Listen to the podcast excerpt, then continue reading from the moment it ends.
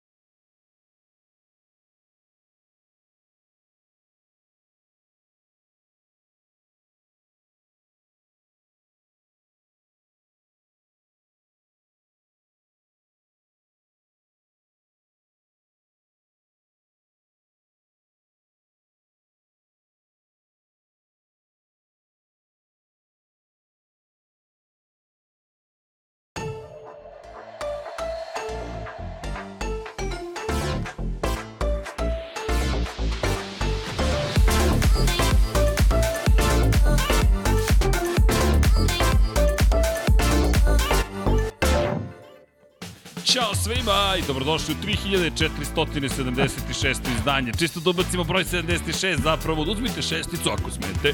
347. i pričamo o Formuli 1 i o tome da li će Max Verstappen osvojiti titulu sada u subotu ili nedelju i tu je naravno ekspert za Formulu 1, gospodin Pavle Živković. Ćao Srki.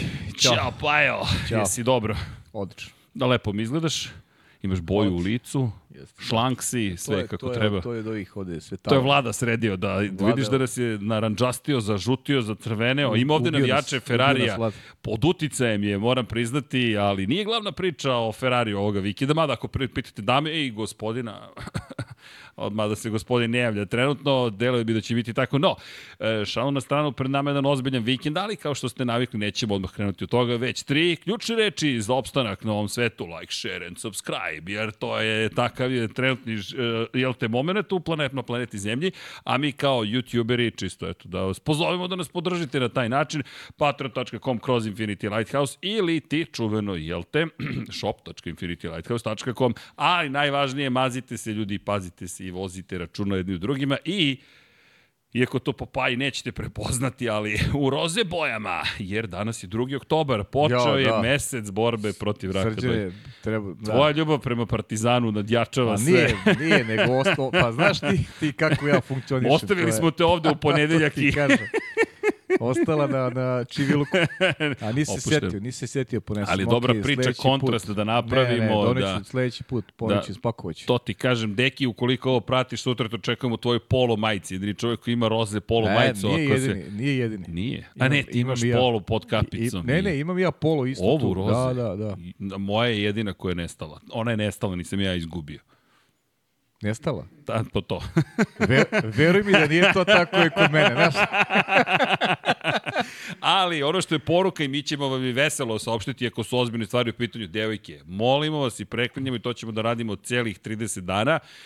Kontroliš, prekontrolišite se. Samo kontrola najpre, potom ukoliko se nešto napipa, a ne boli, pogotovo ukoliko ne boli, molim vas kod lekara, raspitajte se o raku dojke, moguće je pobediti ga ukoliko se na vreme detektuje. Dakle, da bi se detektovalo, da krenemo odatle inženjerski, morate da saznate da li nešto tu postoji. Dakle, ispipate se, to je prvi moment, onda ukoliko nešto, nečeg ima čega ne bi trebalo da bude, kod lekara. I samim tim možete mnogo toga da postignete, jer nama ste potrebne, ako ništa drugo, eto, nema ko da nam klikće like ako nema vas, tako da molimo vas da budete uz nas. I dame ovde pozivam takođe to da obave, gledaju me potpuno onako indiferentno u fazonu šta ovaj priča, ali molim vas to učinite, a vas momke ću da pozivam u novembru, ali nemojte misliti da kancer funkcioniše samo u oktobru i novembru, ne, nego samo tada pričamo o tome, nisu lake teme, ali ljudi, suštinski može sve to da bude mnogo lakše, dakle, budite dobri jedni prema drugima, prema sebi i da pozdravim jednu dragu damu koja me zamolim, možeš da govoriš ljudima i da vode računa o sebi. Molim vas, vodite računa o sebi. Eto, nama ste potrebni. Pogledajte Paju. Paja Kamilica, čovek je poveo račun o sebi i boja se vratila Pa ne, dobro, sve mislim, kako generalno treba. stvarno treba. Ako ne vodiš računa o sebi, onda nisi ni za drugi. To je stara priča. Tako Stara, da, znaš, ali validna. pa jeste, generalno.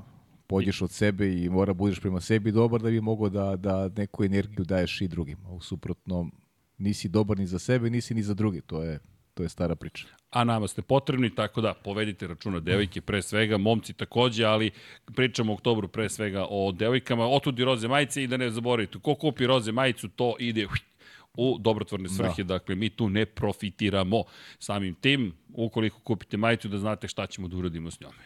I nadam se da ćete, nije bitna toliko majica koliko je bitno da vodite računa I o ne sebi. zamerite moje zaboravnosti, ovaj, To ćemo iskoristiti jesam, da te jesam mlađi, prozivamo. jesam mlađi od srđana, ali prosto mozak mi danas ne funkcioniše. Voleo bih da vidiš osmeh koleginice iz marketinga u ovom trenutku. Pojavio se osmeh. Ona, ona se stalno smeje na moje priče, ali Nema bi, veze. biće i smešno. Biće, polako smećemo se mi za 20 godina. Da. I slične stvari. Inače, da se zahvalimo, dobili smo još jedan poklon, ljudi, nevjerojatna je količina poklona i mi ovo smatramo ljubavlju prema Lab 76, prema svima vama zapravo. Ovo je stiglo, ja ne znam od koga ste. Od Strahinje. Strahinja, hvala. Dakle, stiglo je ulaznica iz 2011. godine, Zlatne tribine broj 3, velika nagrada Mađarske, Hungaroring i ovo ćemo čuvati, bit će i u novom studiju, u kojem inače, ja smem da kažem, smem, i u subotu i u nedelju ili samo, kako smo, šta smo se na kraju, i, i, i, i subota, je li tako? I, i vrata, otvaramo. Pa, Jel znaš tako? kako, treba, da, trebalo bi, mislim. Bio Evo, drže se za ruke devojke ovde. Bio bi red, da. Da, dakle, čekamo, ne zabo... znate kako ono, svešćemo to na majstori majstori. Ja samo, ja samo ne bih, uh, ajde da, da ne budemo neozbiljni, da nešto ne obećavamo napred, pošto ima nekih objektivnih stvari koje, koje utiču grejanje? na pa, mislim, znaš, E, nismo mislim, još uveli mislim, podno grejanje, svašta zato nešto, i odlažemo da, otvaranje to treba novog da se uradi studija. i onda ovaj, Ako imamo, majstori ne imamo, počnu mi, do Da, petka. mi iz neke velike želje neke stvari pričamo, što je potpuno, ja kažem, Ljudski. ljudski, nekako i normalno, ali, Ali, ali uvek ima ta ograda negde ovaj, koje moramo da se uhvatimo, da se dotaknemo te priče, jer postoji objektivni uslovi da nas neko drugi spreči ovaj, na, na, na putu ka realizaciji. Ukoliko ne bude tehničkih problema, ne, A- samo, ne samo vi, nego ćemo i nas dvojice kada završimo to što imamo da, da uradimo. to je neko komentarisanje trke Da, i da, sprinta. subota i nedelja, subota i nedelja svako smo dole. I, Tako je. Dakle, ajmo ovako. Čekamo majstori za grenje, majstori, majstori, jel te čuvena, ali treba da se završi podno grenje. Nismo mogli ranije jer nismo imali pristup prostoru, pa sad se to malo odlaže, odlaže, odlaže, ali ne možemo u zimu da vas pustimo. Ali smo rešili ovako. Ajmo ljudi da se subotu i nedelju nađemo. 18.30, jel tako je... 18. 18. sprint. Ne, 18. trka, sprint je od 18. A skupljamo se u 18. Ok. Pa dobro, mislim, to se, 18.00 misliš, vi se skupljate. Vi se skupljate, mi smo skupljeni. Mi smo skupljeni. Mi smo, da. mi, mi smo u kabini. Mi smo se skupili od pranja, ovo, tučiramo se često. Bukvalno, pa smo se skupili, dobro, ja se baš nisam skupio, ja se izgleda nešto pogrešno radim s tim Dobro, da, pranjem. ali mi ćemo da se pridružimo skupu. Da, produžit ćemo se skupu svakako. Da. Ali, dakle, pratite društvene mreže, pratite i YouTube, pa ćemo tačno obavestiti u koje vreme, ali point je u sledećem, u našem novom prostoru ćemo gledati, dakle, ne možemo baš svi zajedno, ali ćete, nadam se, gledati što sprint, što veliku nagradu, to je glavnu trku. Da je samo velika nagrada, bili bismo u nedelju, ali ovako, pošto je subota, još pride možda prvi šampion sveta će biti proglašen u istoriji u subotu, onda je, pretpostavljam, u subotu, pogotovo navijačima Maxa Verstappena, bitno da se to desi i u subotu. Tako da znate, pratite mreže, za sada ste uh, tentatively pozvani, što kažu amerikanci, jel te oprezno vas pozivamo, ali mi se nadamo tehnički će sve funkcionisati. Televizor je stigao, televizor, čuj, ogroman je, mada na onim zidovima izgleda kao da je poštanska marka, ali dobro. Um, internet je uveden, tele, toaleti rade, vode ima, kafe ima, piva ima, pepsija ima, vode ima, knjaza Ali ima, ljudi, šta god vam treba. e, zvanično ćemo pre, putem Insta- Instagram profila i ovih naših aplikacija da vas obavestimo, da potvrdimo da, da ta priča, to da ta tako. priča stoji. Jeste. Dakle, nemojte sada je primiti zdravo za gotovo, već ćemo vas obavestiti. Ali planirajte sada, pravite planove gde biste mogli da provedete subotu i nedelju, a mi ćemo raditi sve da, da, da, to bude tako. da to bude tako. Da. Jeste. Eto, tako da znate, Strahinja, hvala još jednom. Ovo je mnogo lepa stvar. Dakle, zlatna tribina i to su vaše uspomene suveniri. Biće na, nadam se, mesto koje i služi upravo da se skupe ljubitelji automotosporta i drugih sportova, to jest Jel te, imamo američki futbal, imamo malo košarke, svega ima waterpolo i nećete morati kao da, da, da ako zovete nekoga za kafu kao waterpolo, pošto je samo posluživanje. Kakav trik. U svakom slučaju, nema nas dovoljno ljudi, Ljudi- ništa drugo. Ljudi, ono što je sigurno vaterpolo, evropsko i svetsko prvenstvo u januaru i februaru, znate da ćete gledati ko voli ko voli, neki izvoli, bit ćemo to, tu. da. U svakom slučaju, dakle, na, obavili smo najavu, iako tek sam se sad setio da, zapravo da bi trebalo i time da se pozabavimo i pričat ćemo naravno o onome zbog čega smo se okupili, a to je Formula 1. I apropo toga, da zlupimo jedno zvonce čisto da vladi bude lakše. I inače, znate za koga vlada navija? Ajde da pogodite u komentarima za koga vlada navija. Ja znam. Ja se šokirao, upravo sam saznao, nisam znao da, je, Ja, ja znam. da, da idemo u tom smeru, ali to je sasvim u redu. Ja sam znao odavno za koga navija. Nestalo mi je struje. Zanimljivo, nema više struje. Navija za Liverpool. A navija za Liverpool, da, to znamo, ali za koga navija u Formuli 1? Isto kao i ovaj čovjek što Ispostavilo obično se sedi da- preko puta mene. Ispostavilo se da ima svoje navijače. Ima, a? Upravo sam ostao bez struje. Iz nekog čudnog razloga. Ali dobro, sredit ćemo to. Kako god pogledate taj laptop, trebalo bi da ima bateriju. Nemam pojma, nešto se desilo. Samim tim krećemo sa pričom na pamet, kao što to obično i činimo, a na pamet je da je vreme da pričamo o potencijalnom šampionu sveta, o Maxu Verstappenu. Jeste spremni?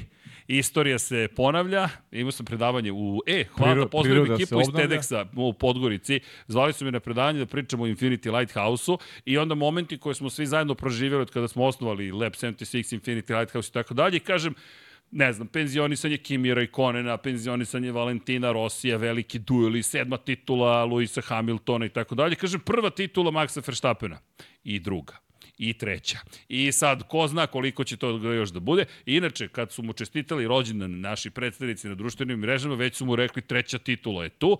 Tako da smo i mi ne zamerite u drugom delu našeg naslova stavili tačku, a ne upitnik. Da li ste spremni za još istorije? Ljudi, istorijska godina, neko mi je rekao, pa kao, znam, ali nije više zanimljivo. Kažem, ne, uvijek je zanimljivo, jer u našim očima će uvek Formula 1 biti zanimljiva, ima mnogo lepih priča. Jedna od glavnih jeste da Max Verstappen dominira ove sezone i to je tako. Ljudi, uživajte u nečemu što pitanje kada ćemo ponovo vidjeti, to popričamo već 15 godina i svake godine se iznova desi. E, kao, ko će, ne, neće niko nikad stići Luisa Hamiltona. E, Mihaela Schumachera. E, evo ga Hamilton. Neće niko stigati Hamiltona. E, evo je 49. verovatno pobeda, evo je treća titula. Ko zna. To je sport. Ali činjenica je da ovo godina u bojama naranđastih, to jest crvenih, ako gledate Red Bull, dakle crveni bik. Znam da ste želi druge crvene dame koje navijaju za Ferrari, pričat ćemo i o Ferrariju. Međutim, Maxova je verovatno gotovi za se titula. Ljudi, 177 poena čovek ima prednosti u ovom momentu. Pa dobro i šta i devojke mogu budu zadovoljne. Ferrari ima najviše titula. Ko će da stigne Ferrari po, po broju titula? E, to je veliko pitanje. je- puta smo to pita, To je, to je teško, teško je stići Ferrari po broju titula. Ali dobro, nije nemoguće. Pa nije nemoguće, ali Za sada Mercedes je krenuo da se približava, pa Ali, ih je presekao pa, da. Red Bull, pa će smo da sada vidimo ko će skoro, da Red Bull. skoro se neće dogoditi, ukoliko se dogodi. Pa dobro, to pokazuje i o Ferrariju govori mnogo toga i o tome koliko je dugo u šampionatu, a i naravno kakva je ekipa u pitanju. Iako već neko vreme se nije osvojila ni jedna ni druga titula, ali sve to, To su dođe. i ciklusi u životu, sve su to ciklusi. Ja i dalje mislim da je Mihael Schumacher najveći krivac za, za nade e, ljubitelja Ferrarija, što i dan danas se nadaju tome. Ali da ne odemo sad na Ferrari, čekajte, da se vratimo na Ne, Maxa ne, ne, da, Verstappena. Max, fokus Ljudi, Max, da. 177 poena. Maksimalno možete da osvojite u nastavku sezone 180. Dakle, Sergio Perez je najbliži rival sa tih 177 poena za ostatka. Inače, čitao sam negde neko, na ne, ne, baš poprilično ozbiljnom sajtu kako je dovoljno Maxu do kraja godine da osvoji 3 poena, čak i da sada ne završe trku ni jedan ni drugi, može u nedelju da osvoji. Ne, ne. Ukoliko trku ne završe ni jedan ni drugi, sve je završeno. Jedina šansa da Sergio Perez postane šampion sveta je da pobedi na svim trkama do kraja sezone, koliko ne, može da bude eventualno sada treće plasirani i onda mora da pobedi na svakom sprintu, imamo ih još dva posle ovoga, na svakoj trci u nedeljnoj do kraja godine i da se nada da Max ne osvoji ni jedan jedini poen. Pa da, pričamo, to je ut- utopijska priča, to je, Bukvalno. znaš, to je, stvarno nema utemeljenja nikakvo osim, osim tih, osim tih brojki, ovaj, čak i da Max ne vozi, možda namaše sa plaže negde u, u narednih šest vikenda i opet bi osvojio titulu, jer prosto Čeko, Čeko ne može da pobedi na svakoj trci i, i to je to. Možemo da pričamo o tome da, da je Max Verstappen tu blizu, blizu treće titule šampiona sveta, popuno zasluženo, jedna vrlo dominantna godina, impresivna u svakom pogledu, možda ima malu neku žal zbog onoga što se dešavalo u Singapuru, ali mislim da ne treba ni za tim da žali, jer opet to je život i ono, ono o čemu pričamo, tim procesima, neko je logično da u sportu neki put vas se malo i sreća napusti, da neki put niste u onom najboljem fokusu, desi neki problem ili ti drugi urade posao bolje. To je, to je nešto normalno, a, a iz mog ugla nije normalno da, da, da je Red Bull toliko ovaj, dominantan i toliko normalan. što je, to, je, to mi je ovaj, glavni utisak da upotrebim tu reč, da se malo, da se malo i našalim, jer Uh, nisam iskreno očekivao da će ovakav broj pobjede imati, imati Max Verstappen bez ozira dominaciju Red Bulla, to samo potvrđuje koliko je on fokusiran, koliko je ekipa dobro radi, u krajnjem slučaju i te trke u Singapuru oni su završili na kraju, znači nisu odustali, imaju, imaju sve trke završene. I, i, i još jedan pokazati koliko je Red Bull stabilan, čak i u tim uslovima ko, koji su a, prisutni cele godine, apropo te kazne koja, koja postoji vezano za, za korišćenje vazdušnog tunela, za prekoračenje budžeta, konkurencija se definitivno nije približila način na koji smo, na koji smo očekivali. To nam je pokazao Japan. Imali smo tu anomaliju u Singapuru kada smo razmišljali na temu da li, da li ovo sada znak neki ovaj, da će, da će i rivali biti uspešniji, da će biti konkurentni, međutim to se prosto Japanu nije dogodilo. Maxi je dom, izdominiraju i toj trci i pokazao da je ovo apsolutna, apsolutna dominacija austrijskog tima i, i njegova lično, jer insistiram pre svega na toj ličnoj njegovoj dominaciji, zato što Sergio Perez uh, definitivno sa nekim drugim ovaj, rivalom unutar ekipe nisi siguran da bismo imali ovakvu sezonu i ovakvu priču vezanu za, za, za Red Bull. Kada je reč o, o, o, o ajde, osvajanju šampionske titule, da budemo vrlo precizni. Dakle, tri sprinta po 34 poena, tri glavne trke po 26 poena, dakle, to jest imamo sprint plus, dakle imamo 25 za pobedu u nedelju, 8 poena imate za pobedu u subotu i plus krug, za najbrži krug a, u nedelju. Ti si kažeš poena. sprint plus trka 34 tako poena je, zajedno, tako, da, a ne sprint 34, tako ali je, dobro, to je, to je broj poena koji možda se osvoji u Kataru, da. Što bi se svelo zapravo na tih 180 bodova ukupnih i kada je reč o Maxu, on trenutno ima najveću prednost koju je Iko ikada imao u istoriji da. Formule 1 na poziciji broj 1. Prethodni rekord, kao što si ti najavljivao, da, jeste 155 poena. Čisto Max nam je priča ove godine. Jednostavno, čovjek je toliko dominantan. U Suzuki su se vratili tamo gde smo i znali da će biti. Priča o tehničkoj direktivi je pala u vodu, osim za Singapur. To je ono što smo i pretpostavili. Singapur, to je druga priča i u Singapuru se desilo, pa gotovo čudo, jedna pobjeda neke druge ekipe i sad se vraćamo na redovan deo posla, otprilike na osvajanje titula, pri čemu smešimo se 49. pobjeda, mi govorimo o potencijalnoj obaranju rekorda po broju pobjeda koji je sam postavio prethodne sezone od 15, sve manje više ukazuje na to da kao što si rekao, da, da će Red Bull nastaviti da bude dominantan, jeste iznenađenje. Inače, Adrian Nju je rekao da je njemu iznenađenje da su ovoliko kon, zapravo konzistentni, da su toliko dobri iz trke u trku, da se ne kvare gotovo uopšte. Pa to, to, to je priča, znaš, I... to je priča da se ne kvare. Oni su i u, i u Singapuru dovezli ovaj bolide u garažu. Ne da su dovezli, Max imao fantastičan tempo u završnici trke. To ono što nismo ignorisali i ističemo zato što je se tada videlo da da da ovaj da da će Suzuka biti potpuno drugačija drugačija priča i, i strašno me zanima iz iz eto pogleda te ovaj završnice godine i i toga koliko će bolidi dalje biti ovaj u stanju da uz te promene, da ne zaboravimo da, da, su, da su menjali, mnogi su menjali motore, to čak u Suzuki nismo mnogo ni kostovali, da je bilo mnogo promena na motorima ovaj, većine tih ekipa iz, iz, iz ovog vrha ovaj, poredka. Tako da ćemo vrlo brzo doći do momenta, verujem, ove godine, e, suočavaće se sa kaznama. I Red Bull, i Ferrari, i Mercedes. Imaćemo tu vrstu priče do kraja godine koja će možda da eto utiče na, na, ovaj, na, na određene trke do kraja i možda eto još neke prilike koje će imati konkurencija da pobedi Red Bull. Ono što mene mnogo više brine, ja moram da upotrebim taj termin, je, je priprema za sledeću sezonu. Znaš, gde su rivali u odnosu na Red Bull sledeće godine? Jer Iskreno, ti, da li ti očekuješ da će se nešto dramatično promeniti na relaciji Red Bull ostatak sveta? Ajmo, ajde ovako da te pitam. Koje su najzanimljivije priče koje smo mi pokrivali u poslednje vreme? Rekordi Maxa Verstappena. Hoće li iko pobediti osim Maxa Verstappena i Tako Red. Bulla? I da li će Daniel Ricardo, to je, da li će Sergio Perez da dobije otkaz ili neće da dobije otkaz. To je čak postalo veća, postala veća tema nego teme na nivou Charles Leclerc, Carlos Sainz, Ferrari, da McLaren nije preokrenuo svoju sezonu, Ja ne znam da li pa, bismo dobro. imali za nekog da se uhvatimo na pozitiv rači, kažemo evo pozitivne priče kod rivala. Znaš kako i Christian Hodner je sada pokrenuo temu oko toga da oni traže vozača za budućnost. Dakle, otvoreno je prvi put rekao da da Red Bull traži vozača od 2024, dakle još sledeće godine, znači u stvari od 2025. traže vozača da. za, za Red Bull. Dakle, otvoreno, otvoreno su pričali o tome.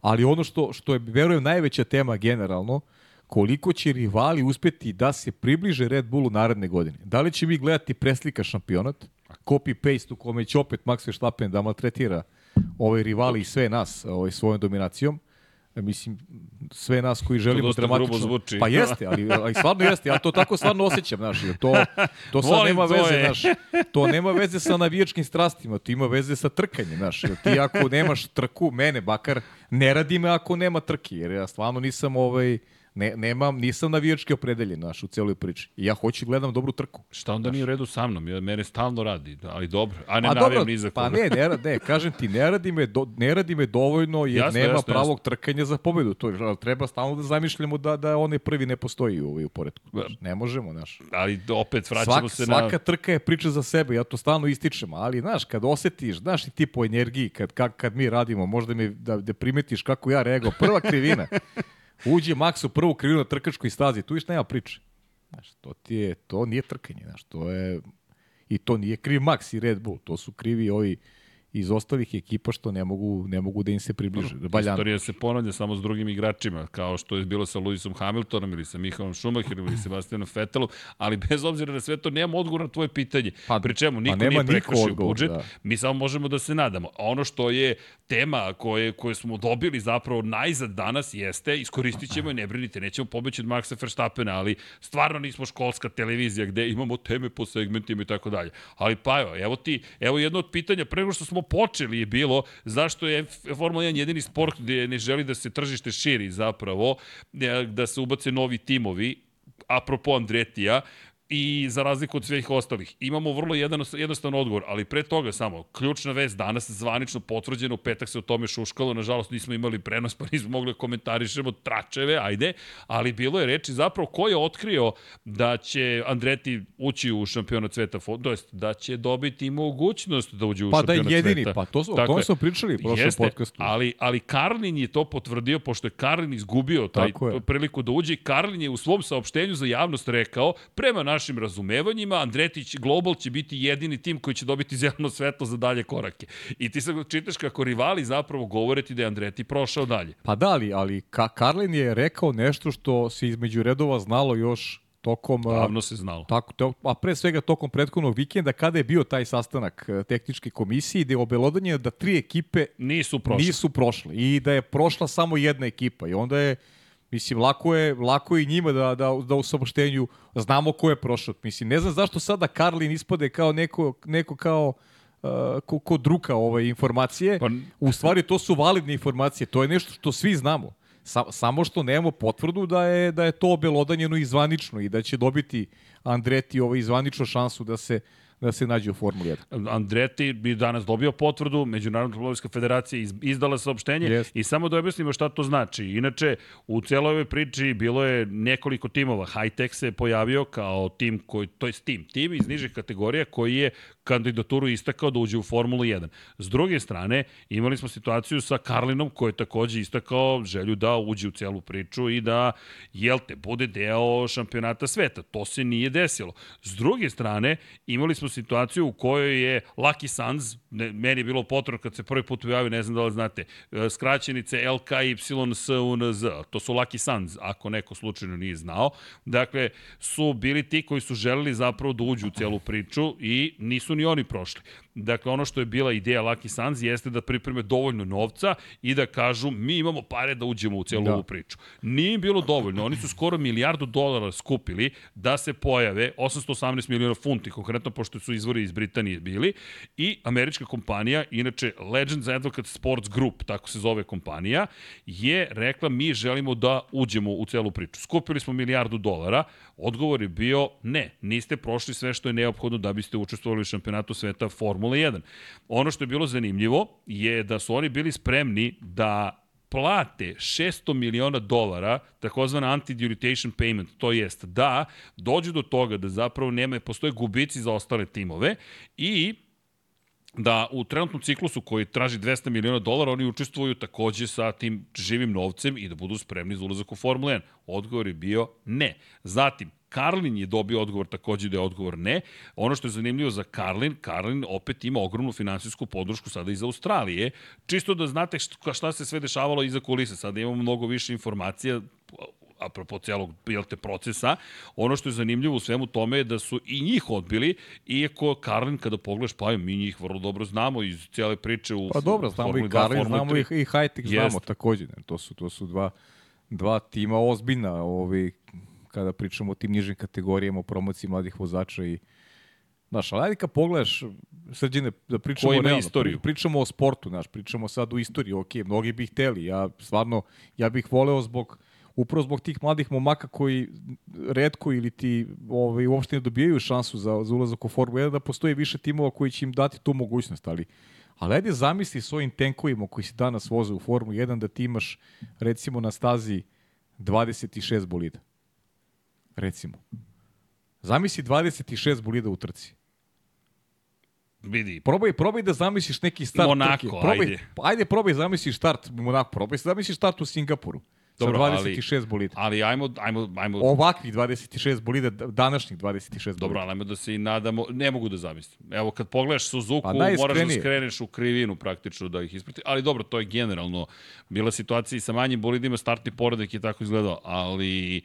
Znaš kako, ja sa manje bolidima, se sa manje bolidima opet, opet drugačije. Sa manje bolidima je malo i drugačije. Znaš. Znam, ali znaš šta to mene brine? Znaš, to je da, da ćemo uvijek naći neko opravdanje zašto ne mogu da uđu. A zašto ne bismo smanjili bolide za početak? I onako se svi žale na veličinu bolida. Upravo ti o tome pričam. Ajde da uradimo neke stvari koje će da doprinesu da imamo ono čemu smo pričali malo pre.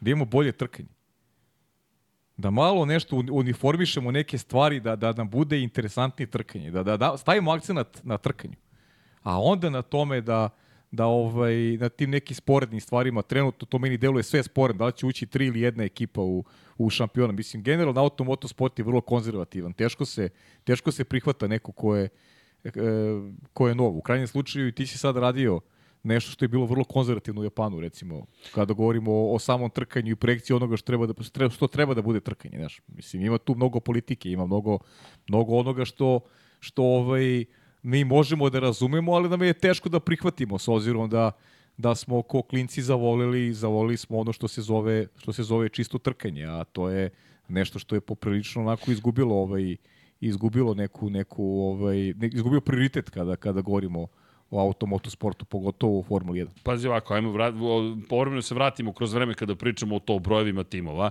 Nekad je bilo nezamislivo da imamo zapravo ovako malo timova. Ti kada pogledaš, mi u, ne znam, 92. godine, ti nisi mogao da se spakuješ bukvalno koliko je bilo vozača na stazi. Kvalifikacije su i tekako imale smisla. E sad, gde ne nastaje problem? Ako kvalifikacije postoje, ti se ne kvalifikuješ, svima, svi, svi, ti kupiš zašto si uopšte ušao u šampionat sveta, ali s druge strane, ako ti ne možeš da se kvalifikuješ, pa zar to neće samo po sebi izbaciti sve one koji ne zaslužuju da budu tu. Što se tiče podele novca, vodećih 10 timova će svakako deliti novac koji se dobija po bonusima, manje više se tu stvari ne menjaju. S tim što postoji sada mnogo više novca u igri svakako, pa ako neko izgubi zato što se pojavio bolji tim, deluje mi da je to veći problem. Pa jesti, veći je problem što, što nove ekipe žele da uđu upravo zbog toga što ima više novca, a ne, ja nisam siguran da je da im je opet inspiracija ovaj, trkanje i sport. Ne, pazi, nekad smo imali po 16 timova, po 35 pre, vozača si imao i više. Pre pet godina smo imali situaciju koju ljudi žele da beže iz Formule 1. Sad imamo situaciju koju žele da uđe, znaš, da, da uđu. To ti, e, je, to ali... je naš sa problem, da, da vidimo šta je. Andreti s tim u vezi ima, ima potporu da, da, da ovaj traži, jer znamo šta je porodica Andreti.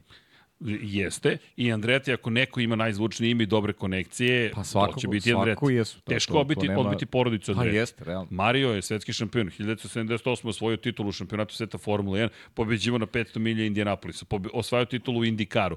Je li pobeđivo na 24 časa? Ali, nisam siguran. Na, nisam siguran, ali je to legenda automotosporta. Ako je neko vozio više disciplina, nek mi neko kaže da je bio uspešan, to je Mario Andretti. Onda dođe Michael, između ostalog, dakle i ne samo Michael, cela porodica.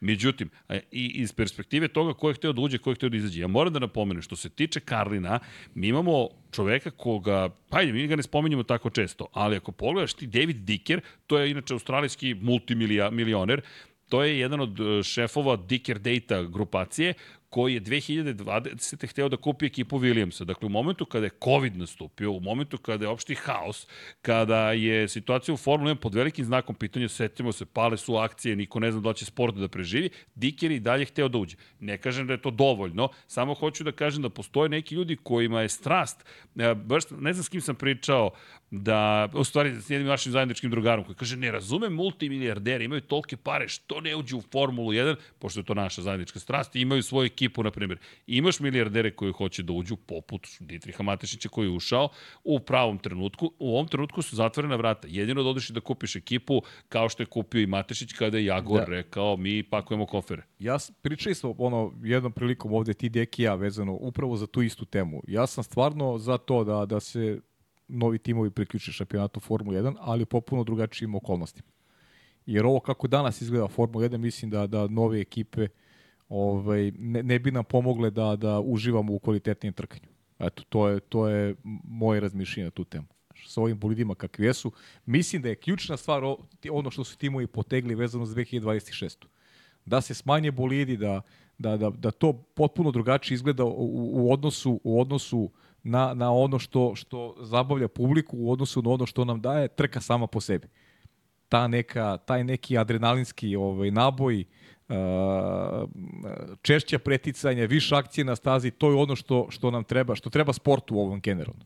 A mislim da je on dosigao neku tačku kada je u pitanju gledanost, kada je u pitanju popularnost, kada je u pitanju novac kojim se ovaj raspolaže, mislim da da su tu ovako sve strane, sve strane koje su onako direktni akteri zadovoljene, ali ajde sada da uradimo više da publika bude zadovoljni on, onim što se dešava na samoj stazi. Jer nisam siguran da u popunosti možemo budemo zadovoljni ovaj, kvalitetom trkanja u posljednje vreme. Mm, kada govorimo, ajmo ovako, da od najlošijim timovima, trenutno najlošijim, Alfa Tauri, Haas, možemo da stavimo i ekipu Williamsa, Alfa Romeo ćemo dodati, iako neki navijaju za Alfa Romeo, da ne kažem za Zauber, za one koje zanima, za koga navija vlada. Uvek je bio veliki jaz između tih boljih ekipa i, i, i ovaj i tih većih ekipa, naš, ali, ali m, generalno kad pogledamo, znaš šta me interesuje, da, da napravimo neko poređenje, analizu a, broj preticanja recimo po, po trci, znaš, koliko je, koliki je ovaj iznos broja preticanja recimo po trci. Koliko imamo tih pravih akcija, e, ali, trkačkih znaš, tih momenata koji se, koji se odvijaju ali, iz nedelju u nedelju. Ja mislim da je to lažna statistika. Znaš šta bih ja voleo? Koliko puta se desilo preticanje bez, za prvu da. poziciju. Da, ne, ne, ne. Ili ne to, ili, ili koliko puta su bili preticanje bez DRS. E, to, to, ne, to mislim da je gotovo nemoguće postalo. Ali ajmo ovako, koliko puta se, pod jedan, koliko puta se desila promjena vodećeg? Ajmo da, da, čak i da je po, po, tokom promjene guma, koliko puta se promenila pozicija vodećeg? Drugoplasiranog, treće plasiranog. Da to bude piramida po prioritetima. Prvi, drugi, treći. Zatim, koliko puta se desilo preticanje na stazi za vodeću poziciju ili za drugu ili, ili za treće. Ili za podijonsku poziciju. Ili Tako za podijonsku Ajmo poziciju. redom da, da to izmerimo. A, da. Znaš, jer ako pogledaš Fernando Alonso ima loše kvalifikacije, onda obiđe 17 ljudi. Otprilike, ko, a, imali smo 35 preticanja. Pa, baš sa to htio za, ko, za koju poziciju? Logičnije recimo iz pozicije Red Bulla. Naš Max kad ima loše kvalifikacije na trkačkoj stazi. Mislim, ajde, treba da računamo to kao neka preticanja. Pa, šta? Znaš, jesu mislim, to razlike, bitke razlike, za poziciju. Razlike pre svega u bolidima koje su ogromne, znaš. Šta treba da, da mu računamo preticanje protiv Nika Hulkeberg i Kevina Magnusena, mislim. To Znaš, je... i da se ne svede izmeni samo na preticanje, neka se svede na to, ajmo i drugu stvar da izmerimo. Kolika je bila razlika između proplasiranog i drugoplasiranog, vremenski gledano.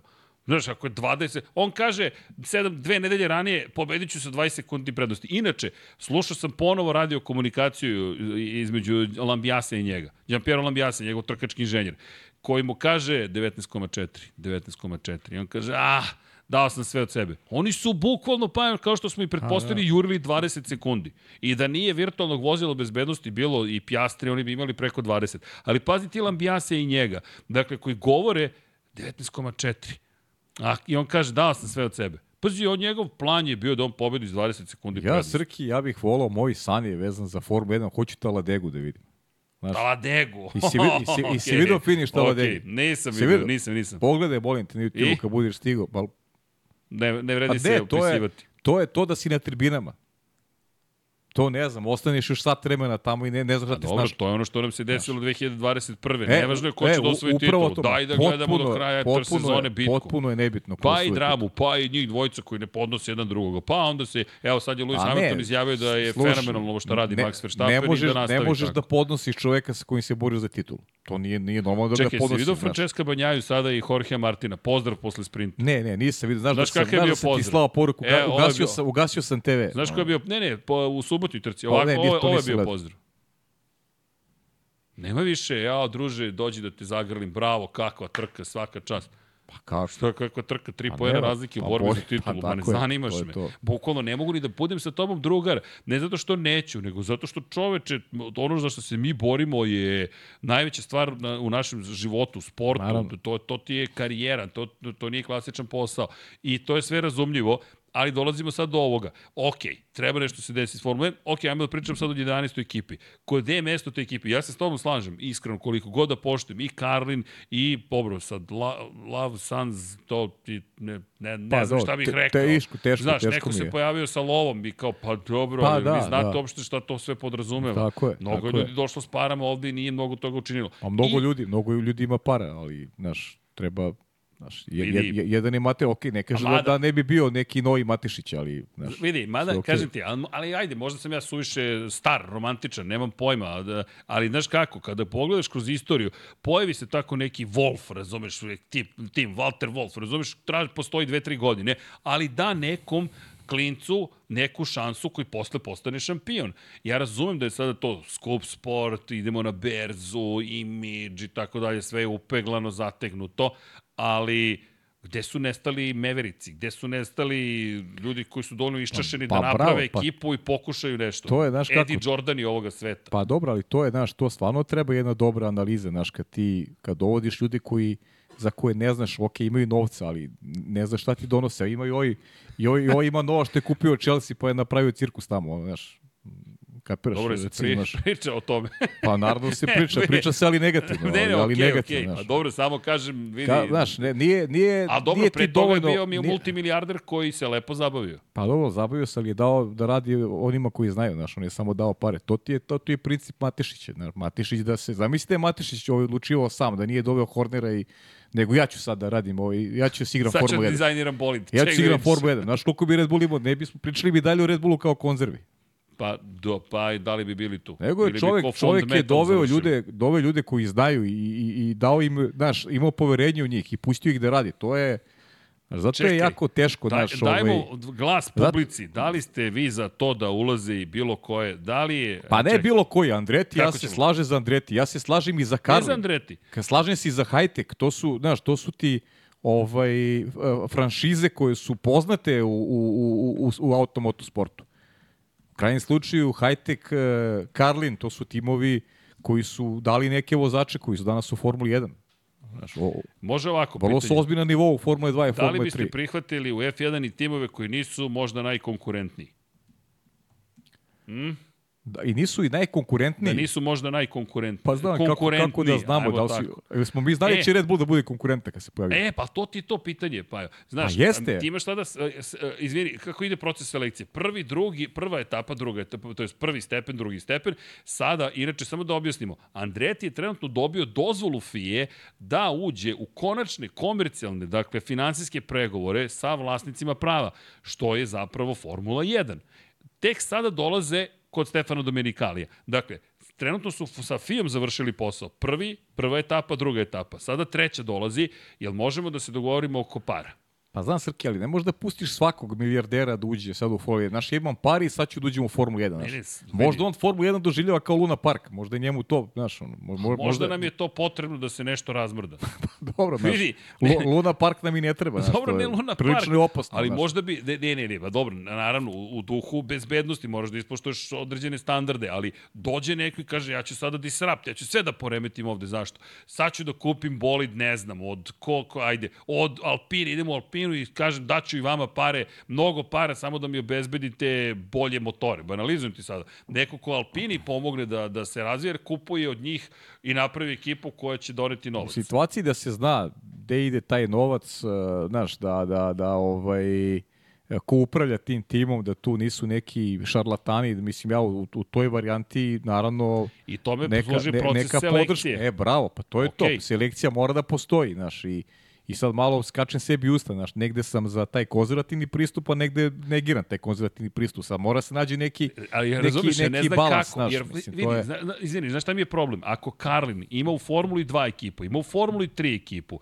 ima novac, ima priču gde je Jamie Chadwick čuješ, da uskoči ja, ja, sam, u... ja dižem dva prsta za Karlin. I, ali oni Diži ne, ne, za pro, oni ne prolaze. Znaš, diži mi za hajtek dva prsta. Meni su to jedan ti- ovi sunčani iz Floride problematični. Pa da, i pa uz mislim, pa, pa dobro, ne znam, pa i ne znam, okej, ne znam, ne znam, ne znam ko su, znaš, ali to je, tu je nek Dominikali, to je Lucky ekipa, Suns, znaš. to je ekipa koja mora da, oni moraju da čekiraju ko su, šta su, ali, Znaš. ali vidiš da su oni već odbijeni, tako da sad priča ta Ne, ne, naša jesu, nema, a, ne, ne, znaš, ali hoću nešto drugo da kažem. Ok, imaš Karlin, oni su dokazani. Imaš Andreti, oni su dokazani. Imaš Hajtek, oni su dokazani. Ne znam, gde više možeš da se dokažeš da ti zaista imaš sposobnost da organizuješ timove, ako ne i u Formuli 2, i u Formuli 3, i u Formuli 4. Znaš kako, Srke, možda je ovo sve step by step, znaš, ajde sad Andre, Andreti koji dugo, Andreti se, ajde da kažemo i prvi prijavio po znacima Jeste, navoda, prvi činjenica. izrazio želju i već dugo mi pričamo o Andretiju kao nekom pridruženom članu eventualno, ajde Andreti pa možda da se sačeka neka sledeća prilika da se uključi još nešto, da vidimo šta će doneti taj, taj test, sa test, nazovi ga, Sa Andretijem. sa Andreti, bez ozira što znamo koliko, šta predstavlja porodica Andreti Formu 1, pa ajde ta 11. ekipa da se uključi, pa da vidimo da li ima potencijala da, da, da se pridruži još neko, jer mislim da je za početak, eto i, i za početak i ovo dobro.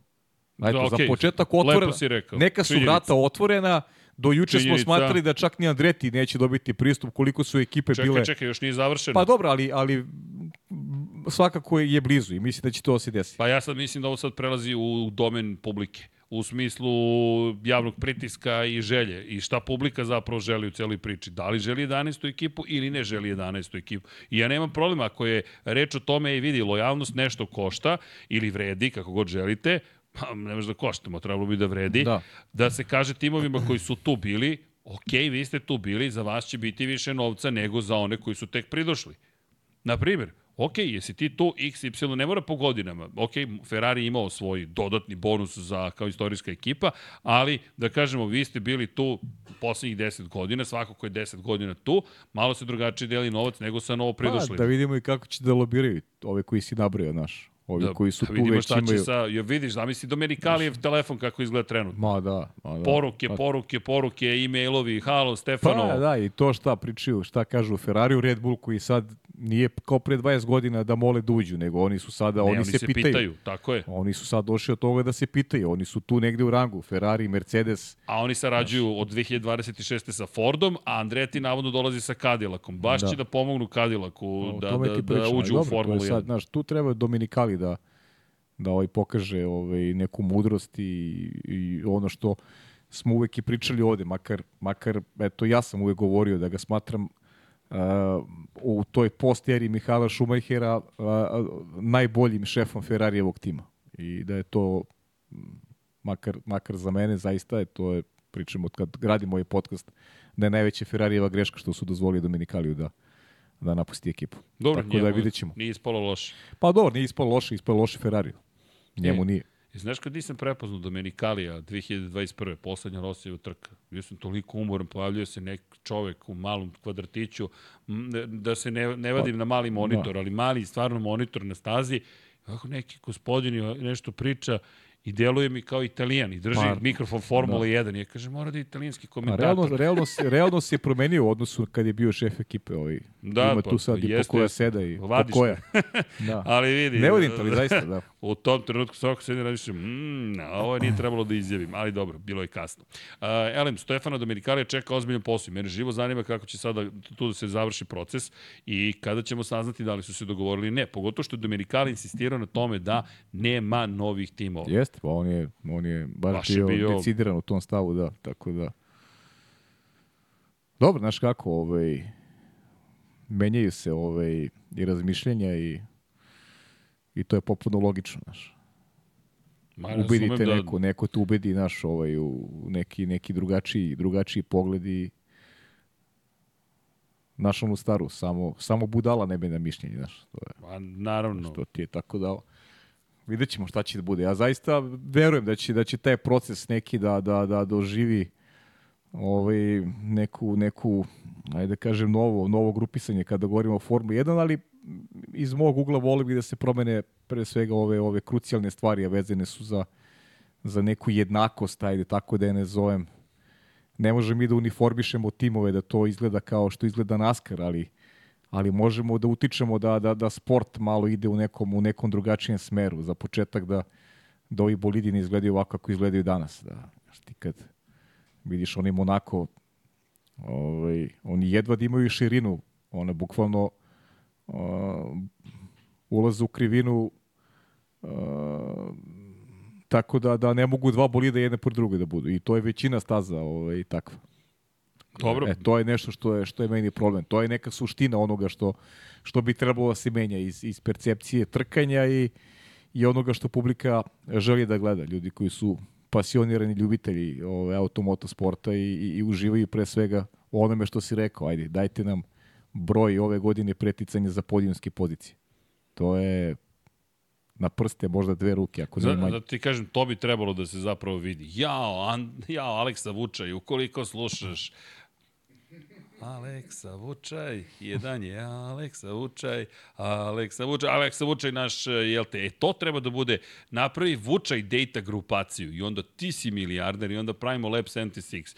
Zadovoljit ćemo se Formulom 2 i Formulom 3 i bit ćemo dosadni. Znaš oni što se stalno pojavljuju kod Domenikali ili kogod, kao dobar dan, dobar dan, mi bismo da spitamo, možemo da uđemo u Formulu 1. Tako da Vučaj Data Technologies, zajmo, napravi firmu, postani milijarder i nemoj da zaboraviš prijatelje.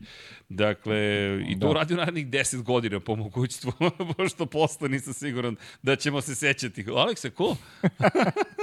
ali, u svakom slučaju, Aleksa, ako možemo da skupimo te podatke pa da vidimo, ali napravimo poređenje, znaš, ne možemo baš možda kroz istoriju, ali da vidimo 2021. koliko je toga. Pa ne, da, ajde, upoređujem, da, Razlika bravo. između 2021. i vodećih 2023. Pa da. I, I koliko je bilo preticanja uopšte. Pa mislim da bližu istoriju, ne treba ni gledati Pa, tamo. pa Sad ne, ne ulaziti možeš, ne možeš. negde u neku, Ne, neku smisla prošlost daleku analizirati. Zaista je, je nevažno. Da.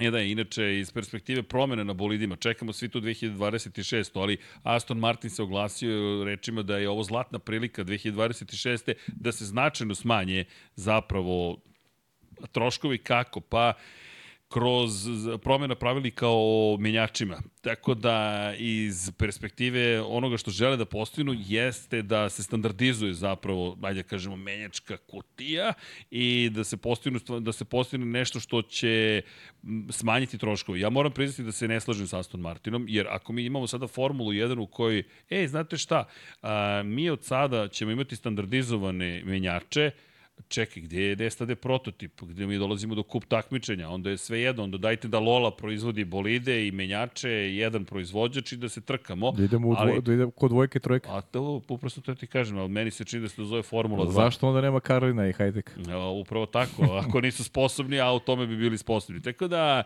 e, razumem da, da, da, da Aston Martin teži tome, pogotovo što Aston Martin sada ulazi u priču sa Hondom, gde leži problem. Aston Martin sada nasleđuje, vidi kako, kako je zanimljivo, e, nasleđuje jednu zanimljivu situaciju.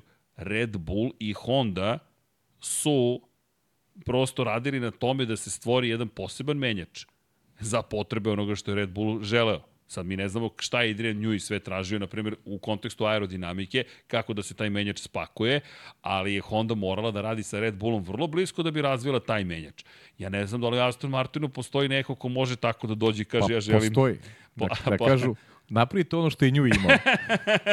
E sad šta je pitanje tu, šta, se, šta sve sme Honda da ponovi od onoga što je naravno. pravljeno. Šalim. Znaš, ali ti imaš vrlo kompleksnu situaciju i ti sad, mi sad govorimo o tome da mi zapravo um, Da. Ma kaži, kaži, završi. Ne, ne, reci, reci, reci. Završi. Pa ne, da nju je, da ne zaboravimo. Ali, da, ajde, reci, seti, pa, odri, odri pa. A vidio si nju i šta je rekao, ovaj, za, za čim ima Za emotivno čim žaljenje. žali? emotivno žaljenje. Za čim žali? Za Ferrarijem i za Lewisom Hamiltonom. Jeste. To su dve osobe, to je dva entiteta s kojima je želeo da radi. Ferrari nije Nije se desilo. Nije se desilo, a Lewis Hamilton takođe nije se prosto desilo. Dok kad je Lewis stigao u McLaren, već je otišao Adrian Newey. Ej, poslušajte taj intervju, ko Obavezno, nije, obavezno. obavezno, zvanični podcast Formula 1 i poslušajte šta ima Adrian Newey da kaže, mnogo toga može Ma da se da, nauči. ma. Ali pre svega taj njegov pogled na, na celu priču. Fenomenalan je, da. I ti jednostavno imaš sada situaciju u kojoj kada ga čuješ šta je želeo, samo dobiješ potvrdu toga To šta su su, ti- su veličine. E, to ti je nekad naš, ovaj, ajde, znaš, mi, mi ovaj, nećemo da zaboravimo nikad, ovaj, čovjek će jednog dana svakako otići u zasluženu penziju, ali a, manje i više to su, to su ljudi koji negde istorija, vreme zna da ih zaboravi, znaš. A, a čovjek je, čovjek je ovaj, genije, neko ko je najzaslužniji za ono što, što je Red Bull danas i u krajnjem slučaju uh, utkao je sebe u ono, uh, mi smo počeli Maxu Verstappenu priču, a uh, Adrian Newey je neizostavni deo te priče. Jer uh, Da li, da li može on- neko da zaboravi Adrian Pa ne, ali kako bi Ne ti rekao, srđane, znaš, pamtit će se, uvijek će se govoriti o tim titulima ovaj, Maxa Verstappena, kao što će istorija uvek da priča o vozačima koji su, koji su osvajali te titule. To je jedna vrlo interesantna tema, znaš, da li ti, znaš, evo sad mi pričamo koliko puta a, krenemo priču o, ne znam, Peteru Collinsu, onim vremenima, vremenima od pre 50 godina kada je, kada je 70. 70 već godina, da. E, Da, da, li, da li mi pamtimo te ljude koji su bili, ovaj, mi ih ne pominjemo, znaš, mi o njima ne govorimo. Da li će za nekih 60 godina neko da priča bio jedan Adrian Newey koji je konstruisao Red Bull, ali će te titule Maxa Verstappen uvek da ostanu ovaj, negde upisane koliko god ih bude, a, a čovek koji je ono, čist genije, možda čovek koji je obeležio tu neku našu eru, ove praćenja Formule 1 u svakom pogledu, ovaj, negde će biti, ostaće negde na, na margini ipak. Ovaj, On je naš Mauro Forgieri. pa, tako je. Mauro tako je. Ali Forgieri eto, je- eto, mi, tako je, mi, a dobro, mislim, Na primer. stvarno je super mi što, znaš, i Deki i ti ste ovaj, pričali, pričali smo, imali smo jednu specijalnu emisiju o Mariju. Jesmo, kad je preminuo, nažalost, Jest. prošle godine u novembru. Čovjek koji obeleži 60. 70. E, buk, on je bukvalno Mario, Čovjek je obeležio bu, eru. bukvalno, je, jest, eru, eru Ferrarija, da. Znaš, i ti sad imaš Adriana Njuja, trenutno svi se plaše Adriana Njuja ko nije u Red Bullu ili ko ne navija za Maxa Verstappena i verovatno su svi se nadali, ali ja sam pogrešio sa Njujem po pitanju Ferrarija, ali to jednog dana Pa ćemo dobro, ali, ali, saznati ali samo zašto. ti kažem, nisi ti pogrešio i, i ti si imao Nisam neki, imao dovoljno ma ne, informacija. imao si neki emotivni pogled na to, Jesam. kao što ga imao, evo vidiš da ga ali ima i očigledno da ga imao i on. Pa, Da, o tome ti pričam i on imao taj emotivni, pa to je ono što o čemu govorimo, Znaš. to je taj zo Ferrarija. Da, Svi imaju, svi imaju taj emotivni, emotivni naboj kad je Ferrari u pitanju. I to je prosto, to ne može da se Šta je u toj zanemari. crvenoj boji? Pa Znaš, to šta je je, u tome? pa to ti je znaš? srk istorija, to je, to je istorija jednostavno, to ti je, to ti je nešto što je inspirisalo mnoge da budu deo da budu deo Formule 1, da, Pa da budu prate bolji od drugih. Pa jesu, svako ko Da gleda Formulu drugih. 1 je deo Formule 1. A da. A Ferrari, kažem ti, ja sam bio ubeđen da će da ode. I mo- moram ti priti sad kad si ovo izgovorio, imam zadovoljstvo, sam sobstvenih reči sam srećan što sam ih izgovorio, jer sam zapravo osetio da je to to. Pa to je, da ti Samo kažem, što nešto ništa- drugo je sprečilo od njega da znaš, ode. Ništa ti govorio tako zato što si negde to pročitao, Ne, ne, ne, zato ne, ne. što je tebe isto to emotivno te navodilo da vidiš kako će izgleda Ferrari pod nekom komadom Adrian Newey. Ja sam Iskreno mislio- ti kažem, pa svi bismo mi volili da vidimo kako, kako bi to izgledalo, znaš. Kako bi Dobro, ne Newey, svi. Verujem Da, da, pa koleginica dobro, okej. ne bi.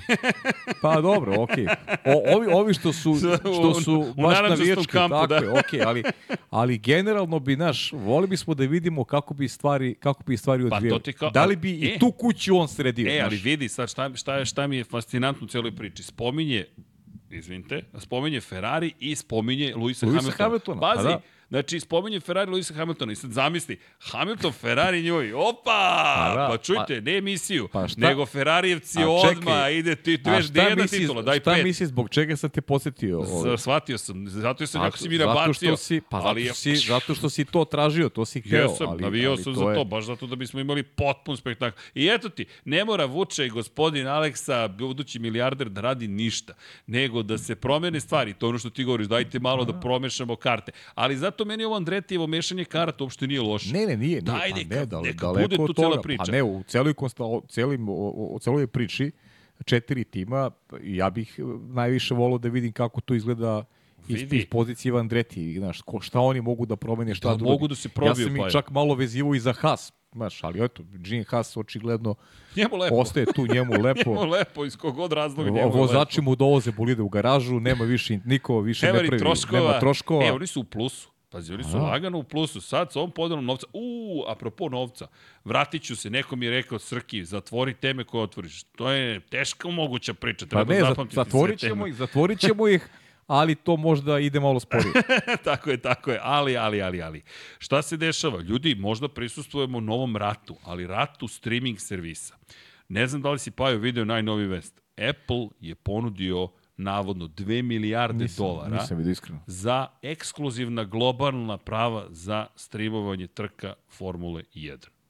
To je najnovija vest. Dakle, kompanija koja ima Apple TV, između ostalog, računare, jel te, MacBook, Mac, bla, bla, bla i tako dalje, iPodove, iPadove, iPhoneove i sve ostalo, softvere, ekosisteme i tako dalje, je izašla navodno, i to se sad sa, i sa sve više strana dolazi potvrda, da je ponudila zapravo da otkupi prava i da bude ekskluzivni distributer za streaming servise na planetarno, globalnom nivou, što bi bila tektonska promjena, to bi bio tektonski Jesi- poremećaj. Ili si iznenađen? Nisam. Ne, apsolutno nisam iznenađen. Nisam video, ali samo sam Nisam čekao video, da, kad da, će da se pojavi tako, tako, je, nešto. Tako je, vidi. I ovako gledam i razmišljam, čekaj malo, pri čemu sad je ljudi to opšta pomama, a, mi iz perspektive NFL Game Passa, ja vrlo sam ljut na da, da Zone i NFL i nisam siguran kako će to da prođe i baš me zanima kako će da se završi ta saga. Zašto?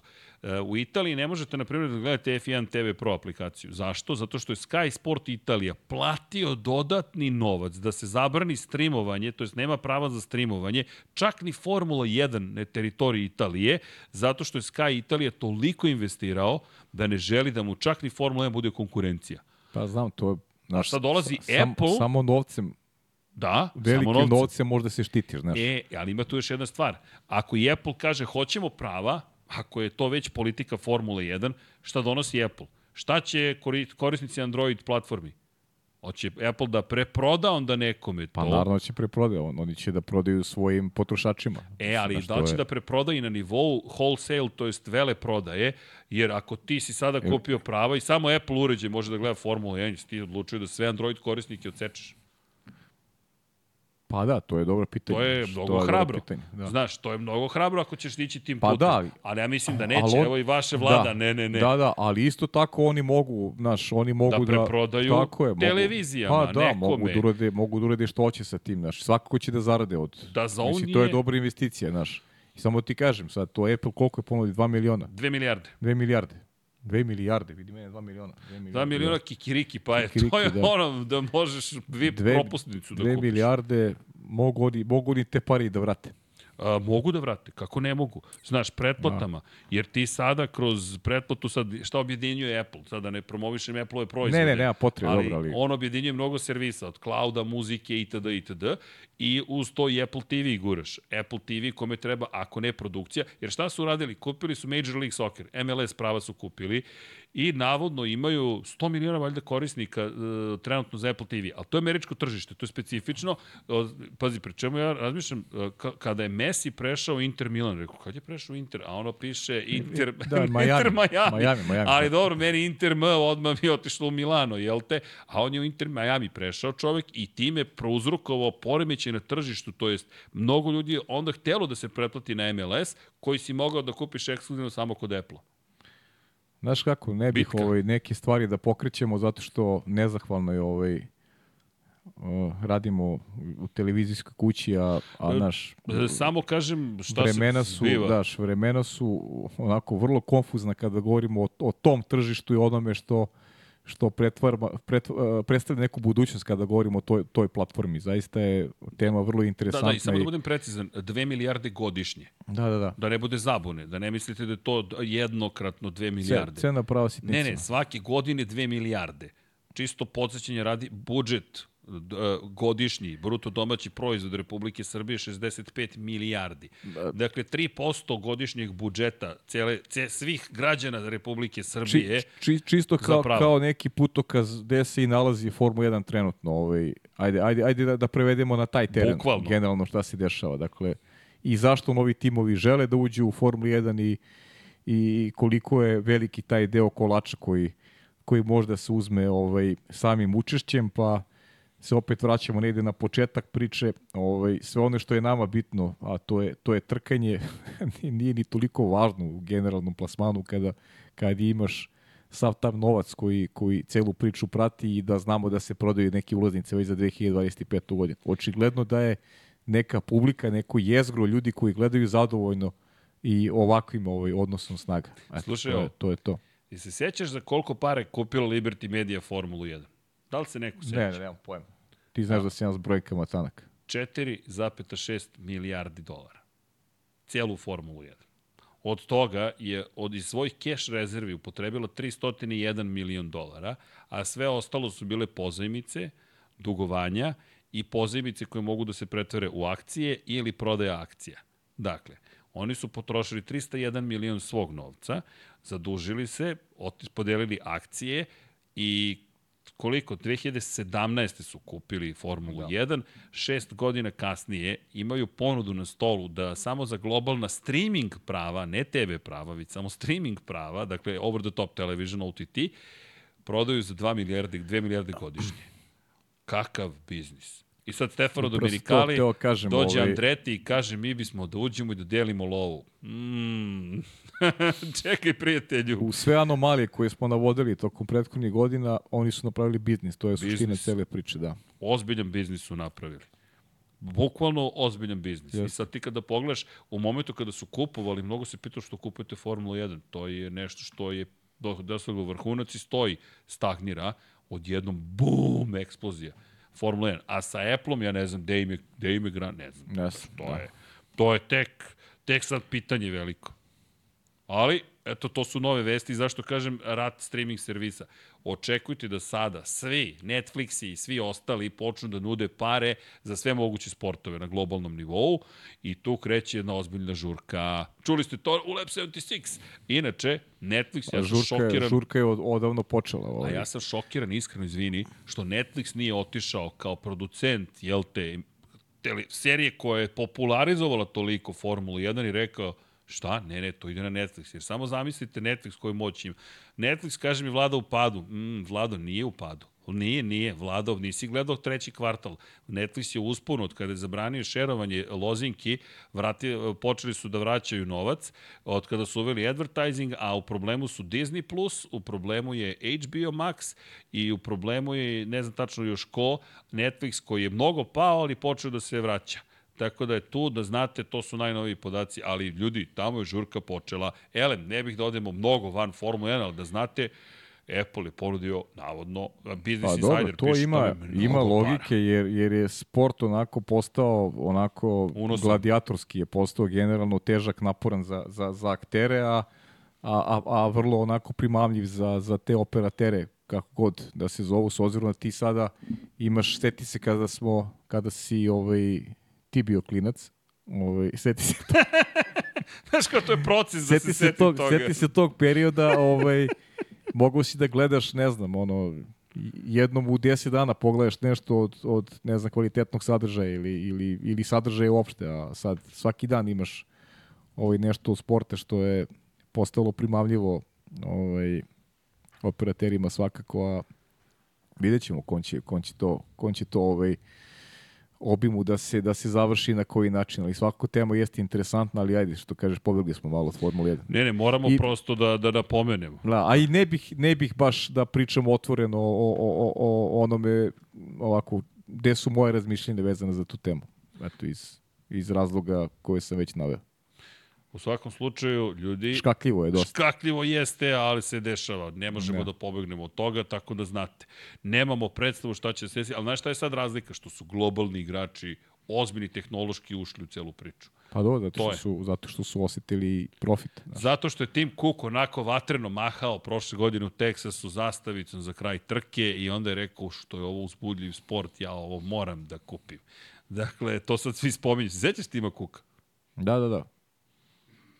Bukvalno to, ne vlada tom brzinom je čovjek mahao zastavicom, ali dok se mi smemo kako on brzo maše zastavicom, pa nema, može kupi pa prava veze, za 2 milijarde. Je, sve ti je ovaj... Tako da je sve okej. Okay. U svakom slučaju. I komercijala je priča.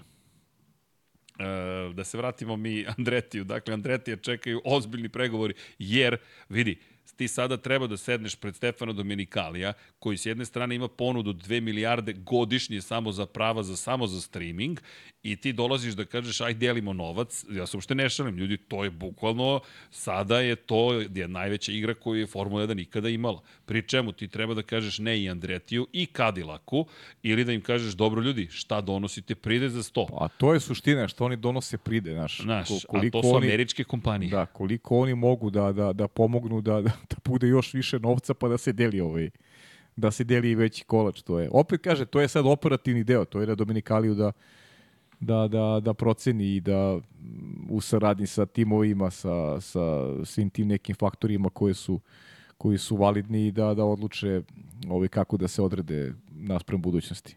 Ono što mi kao ljudi od, od sporta svakako podržavamo neku ideju da se vremenom formula prošira i ne po svaku cenu. Kažem šta je, šta je moj neki uh, moja želja, da, da imamo završnice trka kao što je to bilo sad ovog vikenda u Taladegi da nemamo predvidivost trka, nego da imamo dramu i da uživamo u toj drami. To je...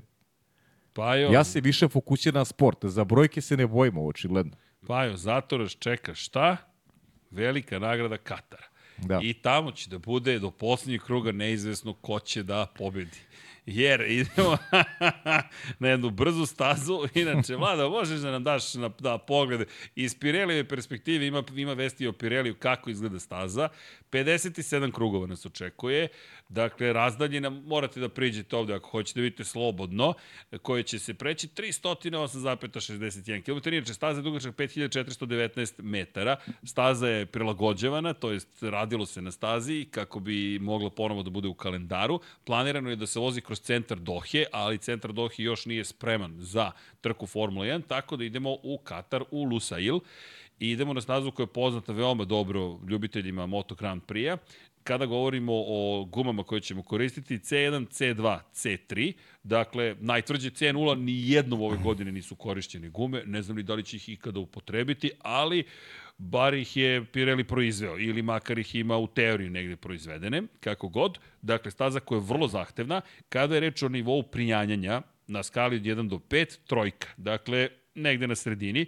Kada je reč o prijanjanju samog asfalta, to je kada je reč o, izvinjam se, traction, da, da ne zborim, dakle koliko vam je potrebno kada je reč o, o proklizavanju, nema mnogo ovde proklizavanja, prijanjanje asfalta je trojka takođe, abrazivnost asfalta je trojka takođe, koliko se staza poboljšava kako vreme odmiče, track evolution, četvorka, ili ti biće prljava na početku, u pustinji smo, ima puno peska, sa idealne putanje kada se siđe, nezgodno je, tako da preticanje će biti malo zahtevnije, mada su bila dobra prošloga puta. Opterećenje gume je čista petica, dakle gume će ovde baš da trpe. Kada je reč o kočenju, trojka na skali od 1 do 5. Kada je reč o bočnim ubrzanjima, petica. Kada je reč o nivou neophodnog aerodinamičkog negativnog uzgona, to jest pritiska, četvorka ili ti to sve možete da vidite ovde, dakle, očekujemo da se gume ozbiljno troše, što nam negde daje nadu da ćemo imati možda više stajanja. Nadamo se, ne znamo. Videli smo da je to bio slučaj, a kada govorimo o samoj stazi, tamo sa mnogo uzbuđenja čekaju Formulu 1. Spomenuo sam to u Moto Grand Prix-u. Staza je čuvena bila po Moto Grand Prix od uvek. Međutim, jedna jedina trka 2021. godine je održana, Lewis Hamilton je pobedio i jedina fotografija koju možete da nađete u zapravo sedištu, u, u, u upravnoj zgradi, kada ulazite na prvi sprat u Lusailu je, sta, je fotografija ljudi koji su učestvovali u organizaciji prve jedine trke Formule 1 u istoriji staze. Nema ni jedne uspomene iz trke Moto Grand Prix-a bez obzira što 20 godina, da, bukvalno organizuju trke Moto Grand Prix-a, toliko je važna Formula 1, tribine su bile pune, očekuje se dolazak velikog broja Holandjana, očekuje se ponovo da sve bude naranđasto praktično i investicija, jedva čekam da vidim u šta je jel te preusmerena, pošto su rekli da su u potpunosti priredili sve što se nalazi iza kulisa. Inače, iza kulisa niste imali ništa Dakle, kada izađete iz garaža, imali ste montažne kućice i to su bilo domaćinstva i to je bilo sve što je Lusail pripremao.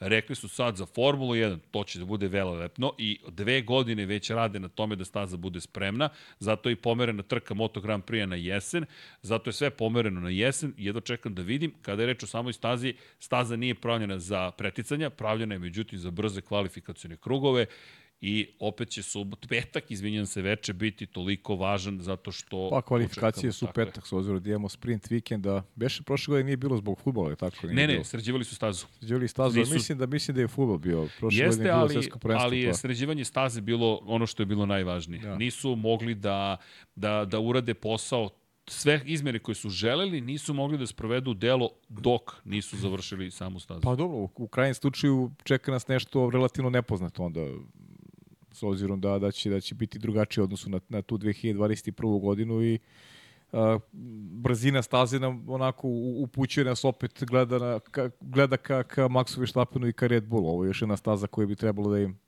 da im pogoduje i da, da ovaj, Max možda i pobedom stavi tačku na sezonu u smislu izvaničnog osvajanja šampionske titule. Ono što je pokazatelj neki iz, iz prošle trke je taj neki napredak uh, McLarena i stabilnost koju imaju sada na različitim konfiguracijama.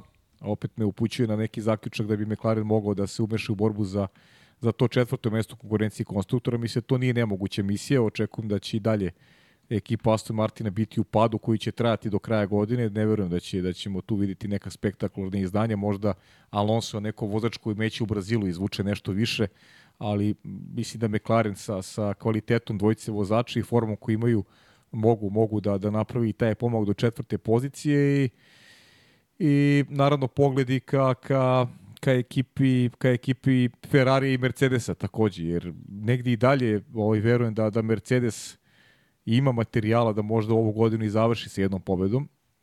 Biće mi interesantno videti Hamiltona i Russella i taj neki odnos snaga koji sada postoji između njih dvojice. Malo smo pričali u prošlom podcastu. Ovaj, pokazuje neke, ovaj, neke znake uh, i nervoze Lewis Hamilton u, u toj prošloj trci i, i neke naznake da bi da bismo mogli da gledamo ozbiljnije duele između dvojice vozača na stazi tako da nevezano za Red Bull i za neki stav koji sam izneo ranije a a, a vezan je za, za trke koje su uglavnom predvidive ove sezone iz pogleda Maxa Verstappena, treba pratiti ove borbe koje se tiču tih pozicija, recimo to treće mesto, uvek je interesantno meni. Verujem da i Lewis Hamilton i Fernando Alonso žele pobedi jedan drugog, to, to sam siguran. Uh, treće mesto, male razlike između Hamiltona i Alonsa. Jeste. A opet imaš i te duele, recimo Leclerc-Sainz, meni je to interesantno takođe, s obzirom da je Sainz pobedio ove godine, a, a sad dolazimo od nove brze staze gde očekujem da prednost ima Charles Leclerc u odnosu, u odnosu na Carlosa, pa me baš zanima kako će izgledati ta neka ovaj, kako, upravljanje trkom Ferrarija uh, u situaciji kada možda Charles Leclerc bude bio u nekoj boljoj poziciji u odnosu, u odnosu na Carlosa. Sve to, sve to Ajmo da dobro da izgleda. Opet sve to dobro izgleda u pripremi onoga što ćemo, što ćemo gledati sledeće godine. za drugu poziciju. Pa da, borbama za drugu. Pa naravno. za drugu je, i treću. Pa to je logično. Pa, budimo realni. To je logično. Ukoliko ne bude neki... I sad, naravno, srđene, treba videti da li će biti, doći do nekih promena motora za ovu trku, s obzirom da je, da je trkačka staza generalno, brza je staza, Znaš, možda ćemo dobiti tu neka neka iznenađenja kada govorimo o, o pristupu trkačkom vikendu. Pazi, ovako, par stvari. Ajmo Katar, videli smo konfiguraciju staze. Možemo još jednom pa, pa, da, pa, slušaj mene, pa, Vlado, da bacimo pogled na konfiguraciju. Samo vrate pažnju na brze krivine. Dakle, mi ovde imamo inače nekoliko snažnih tačaka kočenja. Najsnažnije, to me izneradilo, moram priznati, to je, je krivina broj 6. Očekivao se da će krivina 1 biti najsnažnija, ali za razliku od motociklizma nije, pošto kroz krivinu broj 1 zapravo dosta brzo prolazi Formula 1. Elem, Kada pogledate, krivine su prilično brze, pogotovo u sredini da, da. staze. I, I završni sektor takođe tu će ljudi biti fenomenalno gledati zapravo vozače u tim brzim pojedinačnim krugovima. Ja jedva čekam kvalifikacije. Verujte mi, ok, možda moj pogled na svet je malo tako vatreniji, nemam pojma, ali ja, ja želim da gledam iz njihove perspektive pa do, dinamična, dinamična je staza, generalno, znaš, dinamična je staza. Znaš, baš je, baš je tečna i to samo ide, jedna krivina, druga krivina, treća krivina. Znaš, pogotovo kad dođeš do tog spleta, e, tri krivine u, u za redom. Da, sredi, središnji deo staze Jeste. je baš baš kompleksan, je. da. Kompleksan je i onako, da, trkački i zahtevan naspram vozača, pogotovo što će potrošnja pneumatika biti ozbiljna, tu se u trci očekuje ovaj, zaista svašta. Vidjet ćemo na osnovu rezultata u, u, Ja, ja je nisam u vozio, jedinom, da znaš. Znaš šta je interesantno? U jedinom treningu jedinom ćemo vidjeti treningu, tako je. kakvi su ovaj, Tako je. neke relacije kada govorimo o trkačkom tempu i bit će zabavan taj, taj prvi trening. I sad, jedan sat da se spremiš za kvalifikacije, a onda imaš sutra uh, kvalifikacije za, za sprint, sprint. a onda imaš sprint, a onda imaš i glavnu Pa trku ne, u ja, subo, ja subotu i ne računam, subota mi je ono, subota relaks, kao da idemo Subota na, je kao da idemo na, kao da idemo na piknik. Ne, ne, ali idemo da idemo na piknik, Pa, dobre, ali proglašenje da. šampiona sveta. Znaš, to je ono što je meni fascinantno ove subote. Nekako, neću da reći da to antiklimatično, ali subota, sprint, e, danas proglašamo šampiona sveta. Uh, da, okej. Okay. Jer realno, jedini način da on u subotu ne postane šampion sveta jeste da se zaista nešto čudno desi. Pa da se ne pojavi na trci. Otprilike, jer uh, posle, posle trke, u sprint trke, 172 poena će biti maksimum koji možeš da osvojiš. Dakle, Ma da, Crki, ako je pričali smo o razlika brojkama, da. 172, ti, e, Čeko mora da osvoji najmanje 5 poena, ne, 6 poena ili više u odnosu na Maxa Verstappen. Čeku kako je u formi i da li će da osvoji pojene uopšte. Ne znam.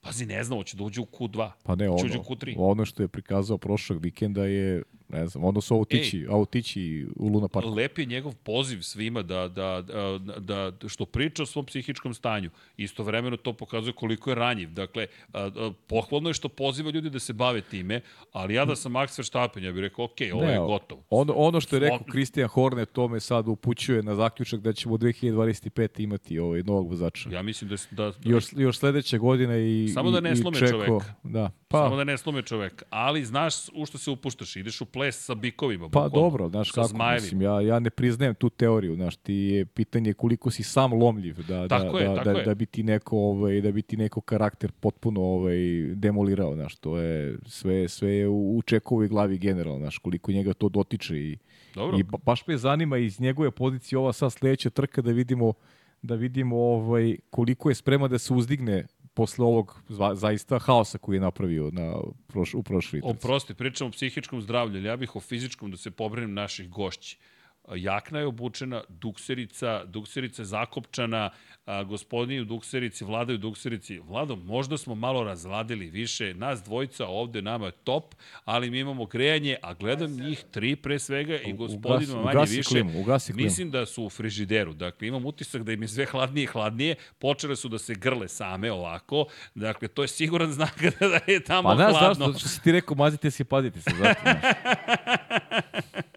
Dobro, da maze se, ali se ne pazi, ima da se smrdam ja se nalade. ne, mi ih ne A mi ih pazimo ne zbog pazimo. klime. Ne, to, ali vidiš, humanost na delu. Devojki, sad će biti Dobro si bolje. primetio, bravo Srđane. E vidiš, to je, Slobodno recite. to je, to je briga o čoveku, tako treba Pa, da bude. Znaš, mislim. Trebalo bi. Neka, neka te klime zaista ovaj, znaju da, da preterano utiču na... Kako, kako? U sredu ste se smrzne, zato ste spremne Da, došle. da, da. Eto, eto. Slobodno recite, ni mi, mi nemamo A pojma. fine Mi- devojke ne bune se. Ne bune se, sve, svi ljubazni, kulturni, dobro, gospodin manje više, ali dobro, on vozi KTM. Šalim da. se, to je prozivka za Marku koji vozi KTM. Znaš, kako, znaš šta je skraćenica za KTM? To smo baš diskutovali. I pozdrav svim vlasnicima KTM-a, samo da- se šalim. da zamislim. Znaš šta je skraćenica? Keep taking money. Zato što jedan ga pravi, trojica ga Šta popravljaju. to, a, to je Marko smisli. A, nije, to su KTM-ovci, to je kao alfisti, znaš. Evo, Marko vodi domaćina. Vole ih najviše na svetu, kukaju. Uvek je kukanje, ali ne bi ih promenili nikada. To Da. ti je ljubav. U svakom slučaju, da, pozdrav svim voza, ljubiteljima auto, motosportova generalno. Nego, da se vratimo na Pereza, slažem se s tobom, samo hoću da kažem, znaš, deluje da kad ti Horner izađe i kaže, ali Horner je takođe rekao da je manje verovatno nego verovatno da će Daniel Ricardo voziti za Red Bull. Pa, Čisto se razumem. Ja, Ja- Znaš šta god to značilo? Manje verovatno ja nego iskreno, verovatno. iskreno ti kažem, ja zaista ne verujem. Izmerimo. Ja ne verujem da će Ricardo Meni se čini da su oni Ricardo upravo rekli, vidi, šanse su baš male. Moraš Pa ozbiljno znam, da se je- potrudiš sledeće godine. To je moja teorija, ne znam da li bih volao da se pojavi. Ne, ja bih voleo, iskreno, da, da Ricardo pokaže uh, do kraja sezone i sledeće da je on da je on kadar za tako nešto. Ja bih voleo, ali sumnjam u to prosto, eto i iskreno samo kažem, ni- ništa više. Vidi, uh, Ne, mislim, nemam ništa protiv Daniela Ricardo. a znaš šta se još dešava? Niko, ja mislim, ni u Red Bullu nije očekivao da će Liam Lawson odjednom da postane zvezda. To je da će toliko ljudi da insistira da, Da. se Lawsonu da šansu. A da li misliš da nisu očekivali? Pa ja mislim da nisu. Iskreno, mislim da ih iznenadilo. Da su želeli da ga testiraju, ali znaš šta se desilo s Lawsonom? ne mogu da verujem. Ja ne mogu da verujem da, da oni to nisu očekivali, zaista.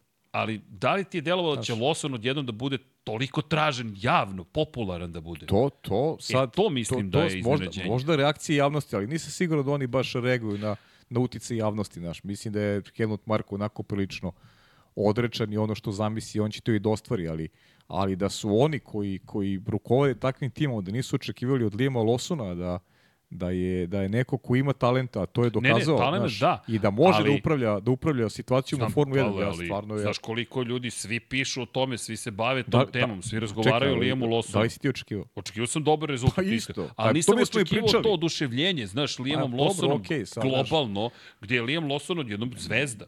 Znaš kako, zvezda ovaj, to je ozbiljan uzorak za mladog vozača, tri vezane trke. To nije nigde vris. Imao si jedan, ispostavilo se incident.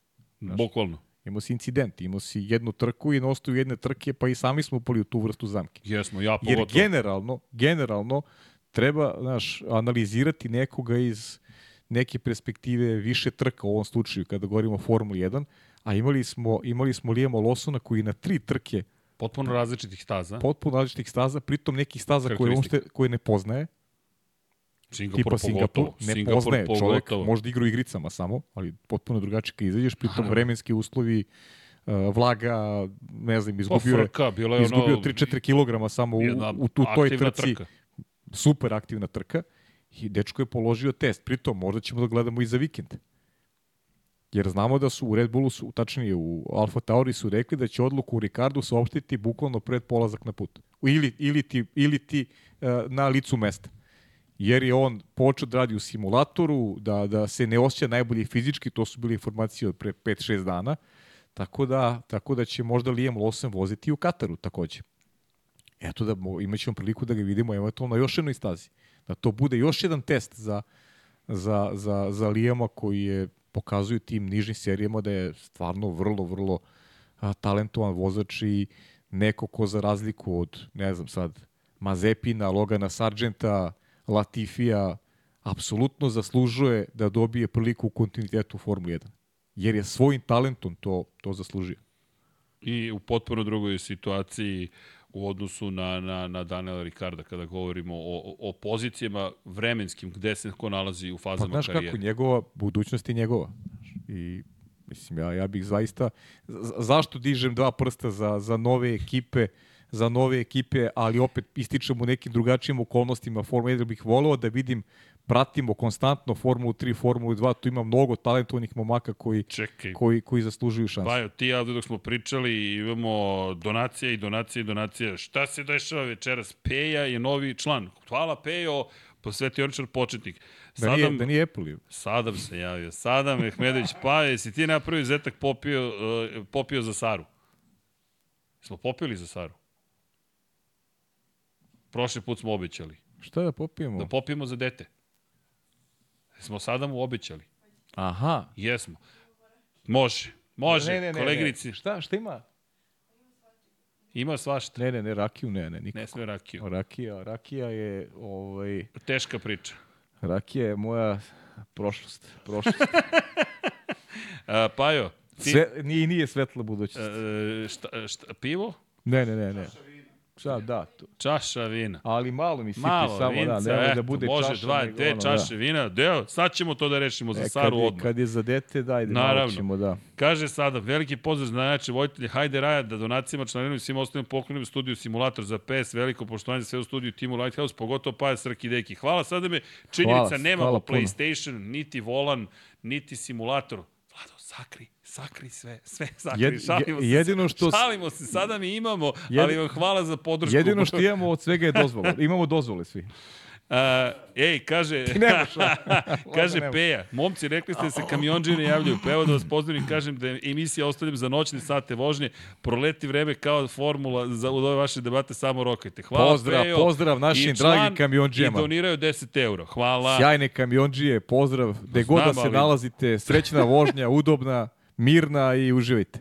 Luka, donirao 5 švajcarskih franaka. Šta kažete na Sainca što je rekao obrnuti poredak za sprint, realno zanimljiva ideja da sprint može da dobije neku svrhu i bude zanimljiv pozdrav iz Ciriha, pretpostavljam ZH Cirih. Pa da, Hvala. to, to ona priča o, o dvojci i trojci, ovaj, to ono što smo pričali. O, priča o parama. Šta Pa. ako se desi incident tokom sprinta? Jer treba da im se poveća onda... Imam, imam odgovor, samo da sve pročitam, pošto je puno ljudi Ajde, bilo. Čekaj, čekaj, čekaj. Calm Relaxing Music donirao je kogod daje 5000 dinara. Hvala. Pozdrav za sve u studiju. Čim završim posao, gledam celu emisiju od početka. Elem, kad će Board of Directors Aston Martina da, da otpusti Lensa Strola? Ovo je čisto mučenje cijele ekipe sramota. Idemo redom. Dakle, prvo Vince za Saru. Dakle, to je prva stvar. Drugo, samo znate, sada mi imamo simulator, ali ne brinite, o novac ćemo uložiti u nabavku Fanateka, da bude baš kako treba sve. I u novom prostoru, nadamo se, pregovaramo nešto i sa nekim kompanijama, da napravimo zapravo četiri volana i da pravimo turnire. Tako da, eto, to su neka razmišljanja. S druge strane, kaže pozdrav za sve u studiju, apropo, dakle, Vratit ćemo se na sve teme, ne brinite, ali da ispoštujem ljudi, nisam znao. Sada ovde pokrenuo do, donatorsko veče. Hvala svima ljudi, ne znam šta drugo da vam kažem. I zaista, i, mi smo još uvijek se snalazimo u tim, dobio sam. Pa je li ovo vino? Ne, Ne. ti si dobio, ti si dobio rakiju. ja sam do, ovo, ovo nije vino, verujte ljudi, Ti si- ali okej. Ti si, ti si dobio, ti si dobio, ti si dobio moje piće i ja tvoje, verovatno. Čekaj, je kako može i meni vino, mo, može i dobijem. Ne, u redu je, u redu je, koleginici, sve. Prva stvar, dakle, nemojte da konzumirate alkohol i da vozite. Dakle, molim vas, insistiramo na tome, pijte odgovorno. Mi ćemo sada da nazdravimo za Saru, specijalno, evo, sada me, kao što smo obećali, pa evo, Ajde. a ovo, ovo je istorijski trenutak. Od kad nisi, Pa, to, dve godine, Ne, ne, godinu dana i kusur. godinu i kusur. Da. Nazdravlje, nek ste vi nama živi, zdravi, Tako je, pravi. tako je. Mazite se i pazite se i vozite i vodite računa jedni u drugima. Ako se promeni tempo mog govora posle ovoga, odgovorno je koleginici iz marketinga. Da, živjeli. I, I ja ako se navučem na alkohol ponovo, kome će se javiti? Da vidim da pod čašicom podcast počinje ove Šalim jeseni. se, naravno. Živjeli, ljudi. Ti živi zdravi. Ok, ja ću da sklonim čašicu sada levo. Sad tavi, tamo stavi time kod. S ovog dalje gledajte 075. Šta si sipalo ovo? Šta je to? Bilo vino. Piše vino u tome. E, je li to vino? Teško da je vino, odmah ti kažemo lejte. Rakija. A da.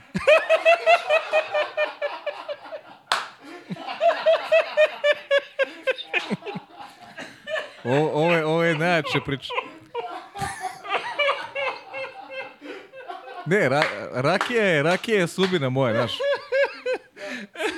To ti je ono kad ideš... Aj mi sad Sad vode, dajte spašavajte čoveka. Izvini, ali to je, znaš, kad ideš negde na putovanje, van prostora Balkana, flaša je vino, vino, vino. A šta vam je ova flaša bez etikete? Možda, Voda za možda, prijatelje. možda piše vino na, na, čaš, na flaši. Ne mogu da verujem. Nikad, nikad, nikad jače vino nisam popio. Vidi, ta Smederevka nije Smederevka, odmah da ti kažem. Da, nije Smeder, o, ovo nije u Smederevu. nije, odmah ovo nije u. Smederevu. O, ovo, ovo što sam ja pio, ovo je neka šumadija. Ovo je sa drveta palo, odmah da ti kažem. Ovo je šumadija neka.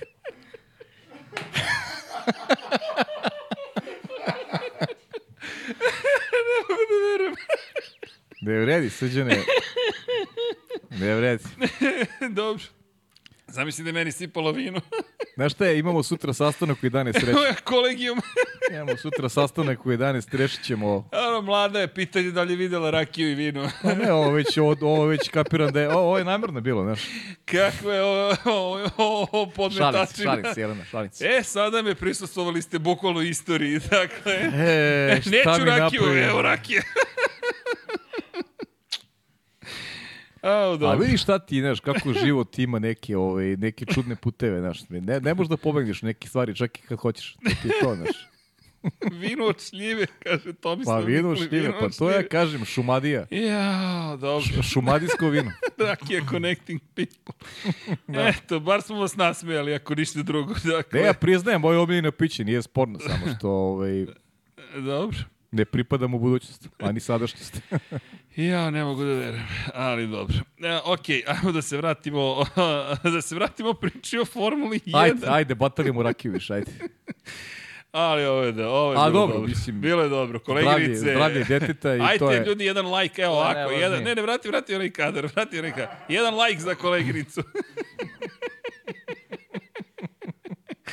U svakom slučaju, nek ste vi živi i zdravi, svi zajedno, to je jedino bitno, sve ostalo ćemo lako da rešimo. Elem, dakle, to smo, to smo, to, to je stiklirano, čekaj, što, što se tiče, što se tiče, što se tiče Saincovog predloga da se da invertni start koristi kao Formuli 2 i Formuli 3. Ajde, ajde, hoćeš da kažeš Pa, ti tvoje... pa ja bih napravio odvojene budžete, bukvalno, jer ne vidim drugo rešenje. Isto, da imaš, isto, pa to je samo to, To. zato što... Zato ako što se u sprintu desi neko Pa, hoćeš- hoćeš ti kažeš šta bih ja napravio? Šta? Pa ja bih ukinuo sprint.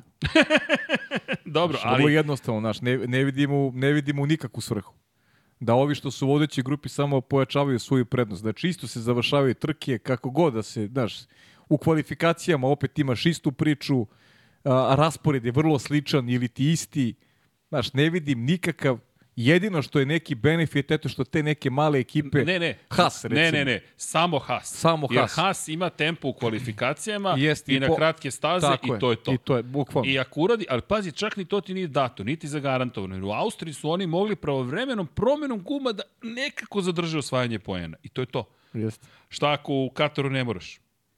Pa ne, bukvalno. Mislim, Znaš, Haas ne, neće izdržati to jednostavno. Ne vidim i svrhu i da ljudi. još jednom. Ne znam kako vama, ali ja stvarno imam neki osjećaj, meni je subota, meni je subota dan koji potpuno izolovan i nije mi zanimljiv uopšte. A znaš šta je problem? Znaš, ba, baš mi nije zanimljiv. Ja znaš, više volim onaj redovni tempo, mnogo mi znači ona, ona tri treninga gde, gde imaš jasnu sliku, pratiš, ne znam, tempo za trku, vidiš određene napretke kroz ekipa, e, na, na račun ekipa kod vozača, znači sve, sve to ima neku lepu priču i neko smo i mi navikli, a verujem i vi sa nama da pošto, ajde da se, da se i pohvalimo, zaista je sport klub i, i prva televizija koja je omogućila da, da, da možete ispratiti bukvalno sva dešavanja vezano za trkački vikend. Ja znam da su mi prijatelji pričali koji su i radili u inostranstvu da, da niko ne radi uz komentare sve, sve treninge ovaj, tokom jednog vikenda. I stvarno mnogo znači u pripremu za trku, u pripremi za trku svih nas zajedno. I meni taj koncept se dopada. A ti kroz o, a da, da dobijemo nešto stvarno epohalno, dobijemo nešto dramatično kroz kroz kvalifikacije za sprint i kroz sprint, pa da razumem. Ali meni je subota jedan izolovan dan, kao da se to ne, ne odvija na istoj stazi i moram priznati je vrlo često e, se zamaram gledajući to. Ne, nemam nikako zadovoljstvo. Meni Najiskrenije. iskreno ostaje, moram ti priznati da mi se dopao sprint u, u Brazilu u, u oba navrata. Pa dobro, I treći put. Okej, da, ali to je jedino. Znaš, To je incident. baš bukvalno mora staza da bude stvorena za, za takvu vrstu takmičenja.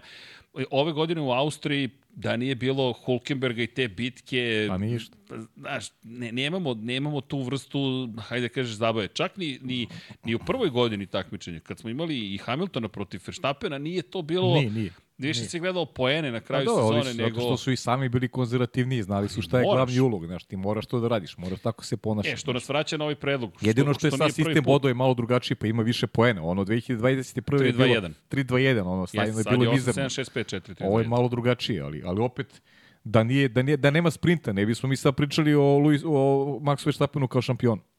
Sačekali bismo još malo da osvoji tu šampionsku titulu. U, da li bismo i Luis se vraćao kroz sprint kasnije. Evo to moramo da vidimo, da, da li se Pa anuliraju. dobro, znaš, ali kako god. Uzo je, uzo je dosta bodova Max kroz sprint sad ove godine.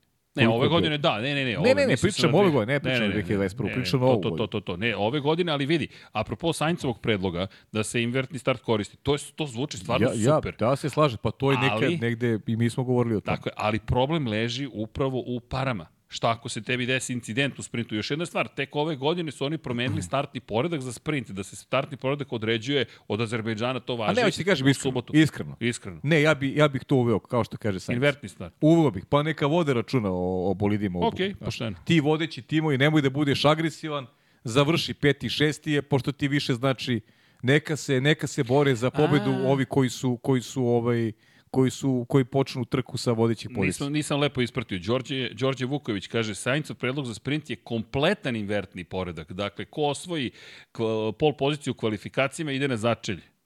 Pa, okay. Aha, kompletno. Nije to loše. Pa nije, nije. loše. Logan Nije. Sargent, pol pozicija, svaki put idemo, Logane! Dobro, ja ne bih bio tako, ovaj, drast, ja bih, ja Vidi. bih ipak 10, ja bih, Zašto ka, ja bih kao bolje? u Formuli 2. Zašto je bolje 10 pozicija? Zato što biste onda mogli, bukvalno da, kad ste manja ekipa, namerno da budete poslednji. Pa da, I naravno. onda sebe gurate na pol poziciju. Ovako, sa polovinom invertnog Ne, starta, ne, polovina je bolje. morate ipak se potrudite. Bolje, bolje. Ti To- si to- ipak, znaš, ne možeš ti da tempiraš da budeš deseti tu, ti se boriš. Jer, Znaš jer, kad možeš? E, malo bi onda promenio samo sistem da ne, nema ono 10 u, u Q3, Nego jer, da ih on, jer, ulazi- jer onda možda budeš namerno u Q3. Nego da ih budeš ulazi 10 u Q3. 8 u Q3, a? Pa recimo nešto. Ili 12. Dalje bolje, Pa više ili 12, manje. možda, možda čak i više je bolje da bi onda bila interesantnije. O, Možda- ne, 12 je bolje, jer Pa onda bolje. moraš, ne smeš da budeš 12, nego Pa se da, boriš da budeš tako među je, vodećih 12, 10. 12, idealno. Au, što me dovodi, do, pa se ovo pointiranje. Au, pa je, ovo nisi ni video. Ovo je sada ono, vraćam je odavde i prebacujem preko lob. Zato nam treba 11 ekipa. Bum! Jer onda u Q1 delu kvalifikacija borba je drugačija. Jer imamo više vozača, 22... Halo Mario, spremi se, Spremi gotovo je. Se, gotovo je, sve, sve smo ti završili. Ali, 22 vozača, 18 ih prolazi dalje, jel tako? I 12 ih prolazi u Q3. Pa dobro, eto, okej, ali... I ali, invertujemo start za A sprint. ne trke. vezi, da bude 20, opet možeš ti to da napraviš lako da njih 12 bude Dobro, u dobro, Q3, ali znaš. vidi, zabavljamo se I sad, onda- vidi gde smo otišli. I, mislim, sviđa mi se, ali ajde, iskreno, govorili smo mi na tu temu ovaj, i ranije i baš, baš ovaj, aludirajući na, na, na sistem u, u Formuli 2 i Formuli 3. Samir nam plače, kaže o čemu se priča u Formuli 1. Šta da radite, Samire, takva je takva partija ovoga puta, ali zato ne odustajemo mi nikad od Formule 1. E, ljudi, kliknite like, ako za koleginicu koja je, jel te, rakiju dala paju umesto vina, nema lajkova, pa za šta će biti, to su oni najjeftiniji lajkovi. Elem, da, da, da ispoštujemo da ispoštujemo sva pitanja. Pozdrav studiju, apropo, jel te, Cam Relaxing Music, čim završim gledam celu emisiju Turiška, Elim, kada će Bordo, da, direktor Aston Martina da natera Tata Strola da otpusti juniora Strola? Ovo je čisto mučenje cijele ekipe sramota. Pa dobro, mislim, Neće znaš skoro. kako. Ovaj, mi se slažemo se s tim i ovaj, definitivno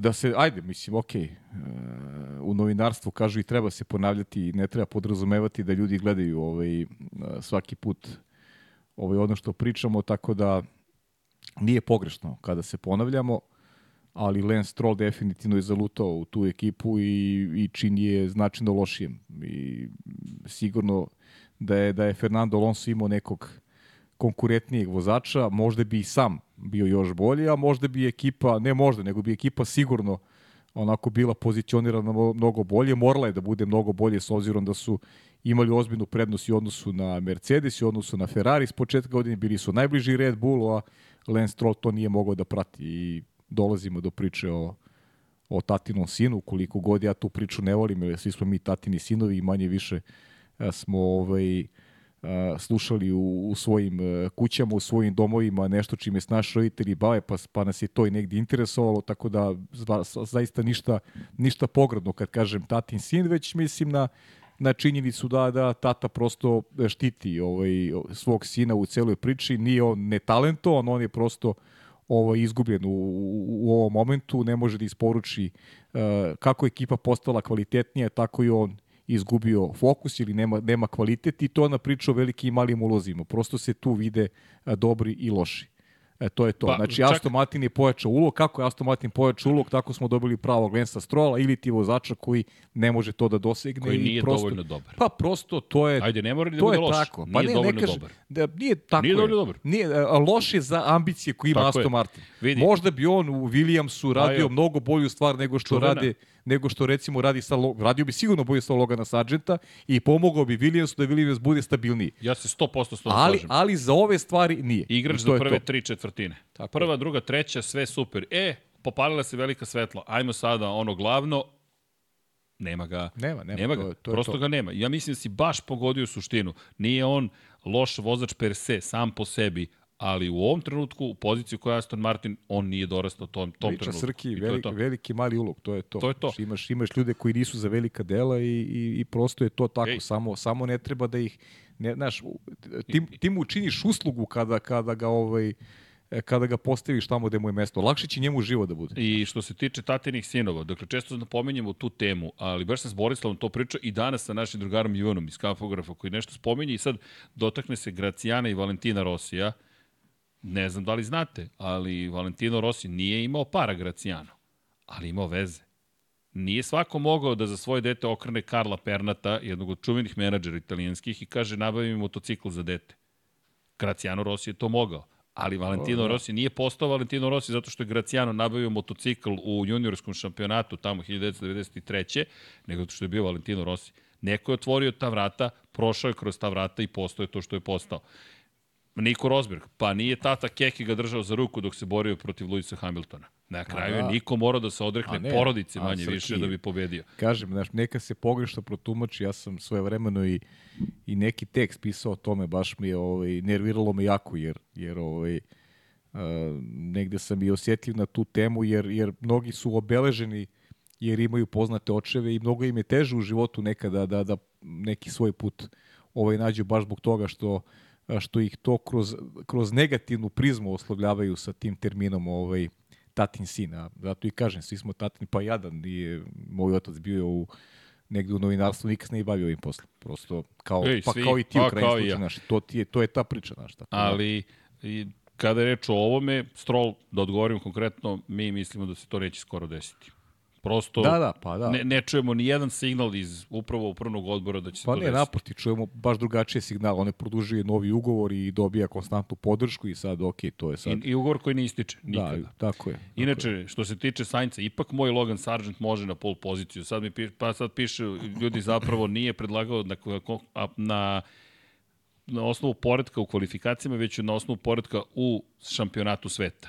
Dakle, u šampionatu sveta koji je poredak. Što isto nije loše, okej. Pa dobro, nije, ali ja, ja, daje. ja bih ipak ovako najviše ovaj, Ima malo- po, poučen onim što se dešava u Formuli 2, Formuli 3. Ipak se ti za nešto boriš, onda ti je zanimljivo da gledaš, a ne Tako da a ne da ovaj u suštini te kvalifikacije e, činiš ružnim u principu da da nećeš da vo- voziš dobre krugove da bi Ne, bio posljednji Vidi, to je to je kako god nije, nije nešto lepo. mora da se menja. Makar da. mi mislimo da mora pa da ili se da menja. se menja ili ili da ili da se ukine Ej. to to je to Izvini, gledam šolju i razmišljam, ja, čekaj. Stoji kao ukras, ali ja moram da je prikažem posebno. Dakle, ko je gledao Moto Grand Prix podcast video? Ljudi, kakav poklon, hvala. Dakle, Da, ovo je fenomenalno. Dakle, Paja Živković, da li jede šolju ili Lando Norris osvaja titulu i Lando kaže ne, ne, ne, ne, za oni koji ne znaju Paja je obećao da će pojesti šolju, da. bukvalno prvo za Maxa Verstappena, sada da će da, ot- da će da je pojede ukoliko Lando Norris ne osvoji. Jesi video najnoviji na društvenim mrežama ma, kratak video koji je Formula 1 postavila? Albon sede, Norris i George Russell. I pitanje je ko će prvi od vas da osvoji titulu. I Albon, Albon je najraspoloženiji. Kaže, pa to zavisi gde sa kim Lando potpiše.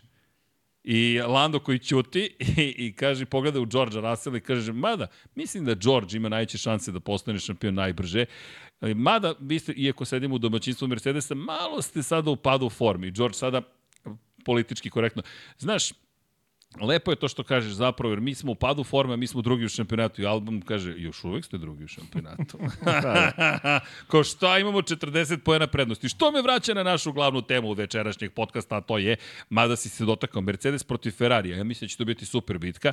I e, ono što je zanimljivo, pričaju bukvalno u ovom momentu u Mercedesu se time bave, da je novi Ferrarijev pod nešto što će možda pomoći Ferrariju zapravo i da su izgubili prednost koju su imali u trkama, plaše se onoga što su videli i u Singapuru i u Japanu, jer iz perspektive Katara, na primjer, videli smo da je aerodinamički pritisak koji je neophodan, to je negativni uzgon prilično visok, gde vi to dobijate, a da smanjite otpor vazduha. Pod je glavno mesto razvoja. To je ono što je Red Bull savršeno radio, usisa se dole lepo, po Ventu, e, jel te, Venturijev efekt, da ne kažem efekt Venturijevih tunela, i vi ste dole prikovani za tlo, a ne koristite površine poput zadnjih, prednjih krila, bočnih krila i tako da, to jest bočnih elemenata, da povećate zapravo aerodinamički negativni, negativni uzgog, generalno negativni uzgog, ne mora ovo aerodinamički. Šta to znači? To znači ako su podunapredeni, oni mogu da smanje veličinu zadnjeg krila, smanje aerodinamički otpor i obezbede sebi podjednako prijanjanje u brzim krivinama. Tako da će ovo biti super test iz te perspektive. Ljudi, bavimo se detaljima, zato što su i važniji, nama zanimljivi. Pa da, Srki, ali znaš, to je sad relacija Ferrari i Mercedesa, gde, gde, gde je McLaren u celoj priči. Oni nisu bili blizu McLarena ni jedni ni drugi u, u Japanu na pravoj trkačkoj stazi. Činjenica. Tempom nisu mogli da pariraju ni, Činjenica. ni, ni u jednom segmentu. Daleko od McLarena. A ja sam postoje pitanje Aston Martin ili McLaren u šampionatu konstruktora, ja mislim da će to biti vrlo brzo Pa, rešeno. Ti, ti znaš da sam... Ja se slažem s tom, ti si to Ja, to najavio pre- još ranije, ja sam da, bio da. skeptičan, moram ti priznati, ali ovo deluje da je McLaren baš To u tom moj smeru. fantazi raste To ti raste. kažem, ali ba, bazi, meni će ovo baš biti zanimljivo da uporedimo Ferrari i bukvalno Mercedes, taj drugi Pa ne, sektor. može Ferrari. Baš želim da, da, vidim. Da, Ferrari može do te, do te druge pozicije. Ferrari može do te druge Jer to su nam bitke koje su potpuno otvorene. Max je u svom, svom filmu već duže, Jeste. ali u ovom trenutku... Za Ferrari je važno što je što je Sainz u, u dobroj formi, ovaj Konstantin ove godine. Ali opet opet se vraća na tu priču o malim velikim ulozima. Ja opet mislim da kad ako Ferrari dođe u priliku da da dobije veliki ulog da će tu Leclerc da bude dominantan. To je samo moj stav. Dobro, to, to je sad isto zanimljiva bitka. Inače, ovo nije najnoviji klip, devojke mi signaliziraju, to je staro, to da. je staro za vas, za mene sa 46 godina je novo. Ali dobro, malo kasnim i za vas, naravno, koleginici, ne Pa zamerite. ne, ali novo je u našem podcastu. Samim tim nije se desilo ako nismo ovde to spomenuli. I pošto je sada razlika 20 bodova između Mercedesa Da. i Ferrarija, samo 20 poena, pazi, šest trka pre kraja, plus šest nedeljnih trka i tri sprinta, to je baš potpuno otvorena bitka. Ali ono što je super, pa i, i na odgovor na tvoje pitanje razvoja za 2024. Mi sada gledamo svaku od tih ekipa kako reaguje, zašto Aston Martin traži da se menjači ne proizvode više da. posebno, da, da smanje troškove kako bi mogli više da investiraju u aerodinamiku. Iako su dodali mi od 2008. nismo proizveli menjač, možda je tu neki problem, a umeđu vremenu su se stvari po pitanju tehnologije promenile. Stvarno. Tako da Aston Martin nam jasno govori gde je polje najvećeg razvoja. Aerodinamika, naravno, ali iz te perspektive meni je ovo super zabavna bitka. Mercedes protiv Ferrari, Mercedes koji nije delovao da je napredovo. Odmah se razumemo, delovao mi je da i dalje ima problema sa otporom vazduha. Tako da, zanimljiva bitka i naravno dolazimo do onoga što si ti spomenuo, 39 poena razlike između Aston Martina i McLarena. Ja mislim da se više niko ne kladi na, na Aston Martin. Bukvalno niko. Pa da. Pogotovo s tu priču o Strolu, jer ostaje Alonso sam kao... Pa Pjastri, Pjastri i, i Norris treba da nadoknade 39 razlike u odnosu na Alonso. Na Alonso, bukvalno. I to je, to je jasna matematika. Imaš dva vozača koja, koji su kvalitetni u, u dobrim formama, imaju i sad dobre materijalije u rukama i, i zaista je teško. Ovaj. Pritom idemo na, na te trkačke staze gde su pokazali ozbiljan kvalitet u Japanu, što je, iskreno ti kažem, ja sam malo iznenađen ovaj, kako je, kako je McLaren izgleda u odnosu na Ferrari i Mercedes. Ma de, ovi, ovi ni blizu nisu bili. Baš ni blizu. I to je nešto što ih eto, profiliše kao tim koji, koji može da, da taj deficit nadoknadi i mora ti priznam da bih i voleo. Voleo bih upravo, upravo iz tih razloga što, što Aston Martin želi da, da ovaj, bude velika ekipa, ovaj,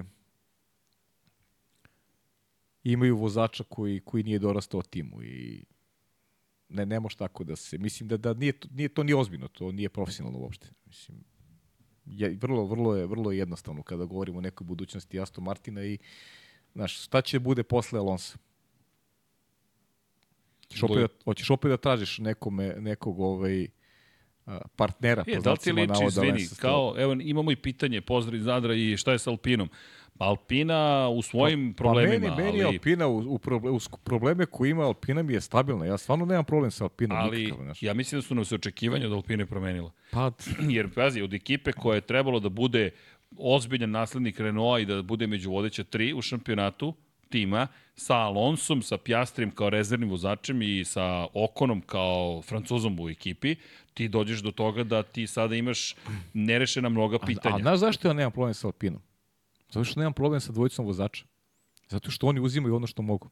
A, ali vidi, vi, više je pitanje, ja mislim da je problem nastao prošle godine, sa Alpinom i da je ovo sada samo stvarnost koju mi prihvatamo Pa, i to pa je to. Pro, problem je, problem je, e, problem je ekipe, znaš, opet, zašto mi da baziramo svoje mišljenje na osnovu, na osnovu nekih njihovih ovaj, predviđanja i obećanja? Jer svaka ekipa govori ovi kako, će oni, kako oni napreduju, kako su naporno radili, kako, znaš, uvek imaš te kliše izjave koje ovaj, možeš pola da prospeš. Ali na osnovu ono što imaju u rukama Esteban Okon i, i Pierre Gasly, mislim da je rezultat uh, super i nema, nema, nema razloga da, da ovaj, budemo kritički nastrojeni prema, prema dvojci vozača. Tim, sad, znaš, da li su neke njihove ambicije imale realnu podlogu ili je to bila izjava samo za, za medije, pritom oni su ostali bez kompletne te vrhuške, govorimo, govorimo o tome već jedan, jedan duži vremenski period i ovaj, mene samo zanima šta će sa, sa ovim, ajde da kažem, novim ljudima, po znacima navoda, u, ovaj, u toj nekoj rukovodećoj struktu- strukturi sa, sa prilivom novca, da li će to iskoristiti na najbolji način kada kada govorimo pre svega o, o, o, o vođenju tima, nekog, nekog dalje vođenja tima i eventualnom prosperitetu. Ili opet pričamo o ulasku u Formuli 1, jer tu će se vrti novac, tu možemo da zaradimo opet neka dodatna sredstva ili nas zanima, Ja samo- ta, ili nas zanima sportska priča. Izvini, to je sada ja, veliko pitanje. Ja samo ne vidim kako i kada će promeniti Alpina svoje rezultate. Pa ne znam, stvarno ne znam. Ne, ne, ne vidim ja. da sad je teško. Pa sezonu. teško je, da, teško nam je. Ali vidi, McLaren je dao jasan put da je to moguće. I to ono što i Aston Martin kaže, da, moguće, dakle, ko za aerodinamiku je moguće. Ono što je moje pitanje za Aston Martin, ok, ako znate da je moguće, gde ste vi, jer ste i na aerodinamiku Pa to i dobro, postigli. Imaš, imaš, to je sad pitanje lju, opet ljudi, opet se vraćamo na ljude. Da li i, i imaju u svojim taborima ljude koji mogu da, da, da pomognu da se stvari poprave? Da li ima Alpina isto? Aston Martin se, ako se neko obogatio ljudima, oni to je su, Aston Martin. Mnogo su novca potrošili na kvalitetne ljude. On, doveli su pola Red Bulla, su doveli, Bukvalno su pola Red. Bulla dobili. ali, znaš, nisu doveli njuje, to im je očigledno. A to, jedan To nju je i pola Red Bulla i više. E, samo da ne zaboravimo, McLaren, kada se već spomenuo, ja iskreno duboko verujem da mi možemo da, da baš pričao si Mercedesu i pobedi. A Zašto ne McLaren ove godine?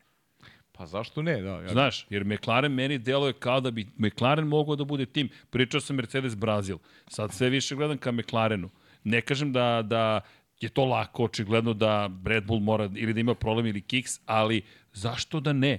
Znaš, zašto da ne dođu do tog momenta da se negde poklope tako kockice, da McLaren može da Pa ugrozi ja sam Maxa? opet, verovatno sam sad u ovom segmentu negde kozirati, ovaj, opet gledam više u, ovaj, ka tim fabričkim timovima, znaš, opet nekako više očekujem da Mercedes može da izvuče iz neke trke. E, I, I nisam siguran da da će McLaren, ja sam sad govorio o McLarenu u toj bici sa, sa, sa Aston Martinom da vidim da mogu da, da dokne deficit. I jesu ovde bili drastično bolji od, od Ferrarija i Mercedesa. Da li može McLaren u kontinuitetu do kraja godine da bude bolji od Ferrari i Mercedesa? Nešto to E, nisam to je pitanje za nešto. 2024. takođe. Znaš. Jer vidi da je Pa ne, McLaren... ne bih išao tako daleko. Ja. Evo, do, do kraja godine da li će oni biti u prilici da, da konstantno pobeđuju Ferrari i Mercedes? Znaš zašto mi je pitanje za 2024. Zato što da McLaren nije imao tako lošu se, početnu, početni deo sezone, da nije bio toliko loš na ali ima ga Srki već koliko, dve ima, godine ima nas. činjenica, ali samo zamisli, da ne, opet ponavljam, znam, zvuči, eh, šta bi bilo kad bi bilo, ali nešto drugo hoću da kažem. Mnogo bi se više pažnje pridavalo McLarenu da je u ovoj formi bio od početka A, godine. to, to smo Čak pričali mislim da je Izvini, Aston Martin mnogo više dobio pažnje na početku. Aston Martin, uh, pobjedničko postoje, Srki, Fernando Alonso. dobio je Hondu. Do, dobio je Hondu, jeste činjenica. Dobio je Dobio je Hondu. Hondu. U momentu kada McLaren izgleda kao tim početnik. Bukvalno. A sad izgleda potpuno drugačije. izgleda, izgleda kao Tim broj dva. svemirski brod. Izgleda kao tim broj 2. I još jedna stvar, McLaren se oglasio i povodom naredbi koji su imali u Japanu i rekli su da će gledati da više ne dovedu sebe u stresnu situaciju toga da moraju da izdaju timske, nar timske naredbe. Rekli su da će kada god je to moguće gledati da to izbegnu, ne žele da, da dolazi do timskih naredbi i rekli su u situaciji sličnoj u kojoj Pjastri, na primjer, ispred Norisa, ukoliko će po prirodi stvari da pretekne Noris, da se ne mešaju u bitku. Ali isto tako i Pjastri priznao da ga čeka još puno posla da razume potrošnju guma. Ja iskreno ti kažem, ja recimo da, da sam, ne znam, u nekoj vlasničkoj strukturi da sam, ovaj, da se pitam ovaj, nešto, ne znam, u Hondi, recimo, ja bih ovaj, e, insistirao na razgovoru sa McLarenom. Čak i u onoj situaciji u kojoj je McLaren bio. Jer bih radije ovaj, da, pravio neku, neki plan na duže staze sa McLarenom, nego što bih ulazio u projekat sa Aston Martinom. Mislim, najjači Aston Martin, ali govorim u svoje ime. A, radije bih uzeo za partnera McLaren. I ja iskreno ti kažem, ovaj, stvarno mi je žao ovaj, što McLaren nije fabrička ekipa. Što I bi... to je nešto što, ne znam kako bi ti rekao, patim za tim što McLaren stvarno nisam, imam veliko poštovanje, moje poštovanje prema McLarenu dativa, datira iz perioda kada je Ayrton Senna bio šampion i nekako vrlo poštojem to, tu hijerarhiju i način na koji su oni upravljali ekipom i dozvoljavali svojim vozačima uh, da se trkaju, uvek imali dva kvalitetna vozača. Nešto što, što druge ekipe nisu negovale kao praksu, oni su to radili kroz istoriju i zaista ih jako, jako poštojem. I evo pokazatelji ove godine, oni su korisnici Mercedesovih agregata, i imaju, Lando Norris ima koliko? Tri ili četiri druga mesta već ove godine. No, što mislim da ovo posle, bilo četvrto. Posle onako lošeg početka. Da, četvrto, mislim da ima četiri druga mesta. Dakle, imaju potencijal, prvo imaju dva super voz, dva talentovana vozača i, i samo im nedostaje ta karika da oni budu fabrička ekipa. Toyota. Pa ne znam šta god, samo, samo da, da, znaš, da, da ne budu u tom lancu Mercedesom. Ili bilo čije. Pa bilo da ne čije, bude da, da pa zato su Mercedes, Mercedes. ma, tamo posle. Govorimo bukvalno Samo da budu, znaš, da budu fabrička ekipa. Jer imali smo situacije kada govorimo, ajde, spomenuo sam Mercedes prošlog puta, čisto da ne bude da zaboravimo i Marka Webera, koji je dođen sjajan intervju, i Sebastiana Fetela, gde je Mark Weber rekao da su da je njemu na kraju priznato, da mu je jedan od inženjera Red Bulla priznao da su mu smanjivali snagu motora svaki put kad bi se približio Sebastianu Fetelu. Tako da nije Mercedes izuzetak u celoj priči u Formuli 1, već je to gotovo pravilo. Tako da Weber je rekao, re- nije ne pravio toga neko preliko pitanje sada, rekao je ljudi, prošlo je koliko godina, preko 10 godina od onda, ali meni je neko prišao i rekao, vidi, mi ti smanjujemo snagu kad god ti dođeš do Sebastijana Fetela. Jer kaže, ja se približim, sve završi se i odjednom nema više mogućnosti da pretekne Fetela. Tako da, znaš, to su neke tajne u Formuli 1 koje će ostati da stoje, ali Da, da. to timovi generalno Ko rade. zna, ko zna šta ćemo ovaj, Ko zna šta ćemo još da čuti još u neko dogledno, per, dogledno vreme, da. Ali eto, to su zanimljive te izjave. Dobro, Bernie Eccleston se inače ponovo oglasio. Sada mu je Max Verstappen najbolji svih McLaren vremena. nije smanjivao ovaj, Nikome nije prosto i seni, snagu, ovaj, da. ne, on ih je puštao da se... E pa to ti kažem, zato, zato stvarno imam ogromno poštovanje, oni su onako prava, ovaj, da kažem, ta trkačka ekipa i, i svašta su ponudili kroz istoriju i falim ta, ta karika. Evo, evo kaže, zato sam i naveo taj primer. Znaš, ja da sam u Hondi, ja bih išao kod njih. Ne, ali da, da Išao razmišljam... bi kod njih jer, bi, jer strateški mislim da bi je mi bilo bolje. A gotovo, sad je Čega, gotovo. pozdravimo KTM-ovca našeg. Marko, vidimo Ćao, se. Mare. Budi dobar, čao. Na, vidi, iz perspektive priča o Hondi. Nažalost, gotovo je. Ne, Znaš, gotovo, ali ne, ne, ali. Srki, dao sam Ali da ti je Hondu, rešenje dao Honda? sam- Idi u Toyota Pa nema veze, dao sam... Pa idi Pa sad ne, u Toyota. pa da radim u Idi- Toyotu, ja bih, ja bih zvao McLaren. Ali ako si Znaš. u McLarenu, zovi Toyota. Pa, U krajnjem slučaju napravili ja, su ja ti kontakt. kažem, ja ti kažem da bih ja zvao, da bi moja ideja ulaska u Formulu 1 bi bila vezana za, za McLaren. Znaš, ja bih težio da budem kod njih, da sa njima pravim partnerstvo. Dobro, ti si to pokazao izborom fantazije, ne šalim se. Kad Pa dobro, si- mislim, okej, nema rekao, veze, okej, znaš, ovo to fantazija verujem. igra, znaš, ovo ti je, ovo su i ozbiljni, ozbiljni Jesu. novci, i, znaš, ovo je, ovo je popuno, popuno drugačiji pogled, ali. Kaži McLaren. kažeš. Ne, ne, samo, te, samo razmišljam, McLaren i to poštovanje o odnosu vozača, jedan i, i Pa ne, to stvarno, manjka naredbi. pa misli, ne- ja i dalje ne- sam skeptičan da da je to put do da titule, ih ali ne poštujem način na koji su Tako pristupili je, ja, ne, ne da sam skeptičan, ja znam da nije to put do titula. Ali dobro, opet imaju svoj Ali, stav, ali svoju imaju priču. svoj stav i zašto meni, znaš, zašto sam negde i želeo, iskreno ti kažem, da, da se prekine ovaj, uh, dominacija Red Bulla ove godine. Jer to nema veze sa onom McLarenovom godinom. To, to, to su potpuno ovaj, suprotne stvari. Ti imaš dva velika šampiona koji se trkaju jedan protiv drugog u istom bolidu. I prave nam vrhunsku zabavu. I imaš ovu godinu gde, gde ovaj, postoji ogromna razlika ovaj, u kvalitetu između dvojice vozača i ovaj, znači nije, nije, to, nije to ta priča. Znaš. Nije to Red Bull na nivou onog McLarena iz, iz 80 i, i, i koje beš, ne, nije 88, nego koja je to godina bila kada su kada su imali samo jedan pored. 88. 88, ne, 88. jeste. Da, kada je Gerhard Berger pobedio za Ferrari. Znači, to Da. su potpuno, potpuno dve različite ove priče. Vidi, samo da napomenemo što se tiče Toyota, dakle, ok, Ryo Hirakawa je tu, dakle, potpisan je kao vozač za Jest, 2024. jest, jest. To je čovek koji je fabrički vozač Toyota. Pored toga, kada pogledamo, ono što je bitno, on će početi da koristi McLarenov simulator. Dakle, mi govorimo o, o tome da će ući u simulator, kao i da će ući u vozila McLarenov iz 2021. godine. Pored toga, pored toga, Toyota je poslala Akija Toyodu, dakle mi govorimo o predsedavajućem Toyota koji je bio u garaži McLarena tokom velike nagrade Japana. Znaš kako? Da dođe predsedavajući proizvođača automobila na velikoj nagradi Japana u posjetu timu Formula 1 tek tako, ne biva. Nije to baš, pojavit će se tek tako. To su jasne poruke Pa dobro, berzi, tržištu Hirakawa je, svima. je najbolja poruka, da. To, o tome smo govorili. Čovjek koji je pobedio i na 24 sata Le Mana i, i svakako da, da, da može da se čita između redova ovaj, taj, taj njegov potpis. I ako je to neka, neka ovaj, ako je to neko razmišljanje, super, jer, jer ovaj, opet mi malo, malo stariji možemo da onako imamo lepo uspomene na, na, na, taj, na tu posljednju epizodu Toyota u Formu 1 koja je bila, koja je bila vrlo uspešna. Ako i oni teže tom cilju, zaista bi bilo lepo da, da, da se vrate i da, da imaju tu ne, da imaju partnera u, u Korak po korak. Da. Ono što je zanimljivo, Stella je rekao da je njima Toyota prišla i tražila da učestvuje pa to je to. u programu. Ok, i, i to je, A Stella je rekao da li i- možemo da proširimo horizonte naše saradnje, i, to je ispravan put. iako je zvanično još uvek ne, ne, ne, pa nema vidiš da to ti Formulu 1. razmišljaju kao ja. Vidim, pa kažem ti, čisto da znaš kakva je ti situacija. Kažem, pa naravno, pa znaš, biraš, biraš pouzdanog, biraš pravog partnera. Znaš, neko ko ima ime i prezime u, u, u, for, u Formuli 1. McLaren ima. I ima Ne, ne trku da ima, pred sobom a koja ne bi da ima, mogla da nego- bude potvrda onoga što smo već videli. Jer pazi, ti imaš Da se, imaš da se naljute, da spektakl. se ne naljute ovaj, drugi, ja sad pričam onako istorijski, pričam, naš, ja uz Ferrari, kada, ka, kada kažem for, Formuli 1, Ferrari je pojam, a, a druga asocijacija na, na, na Formulu 1 mi je McLaren, najiskrenije.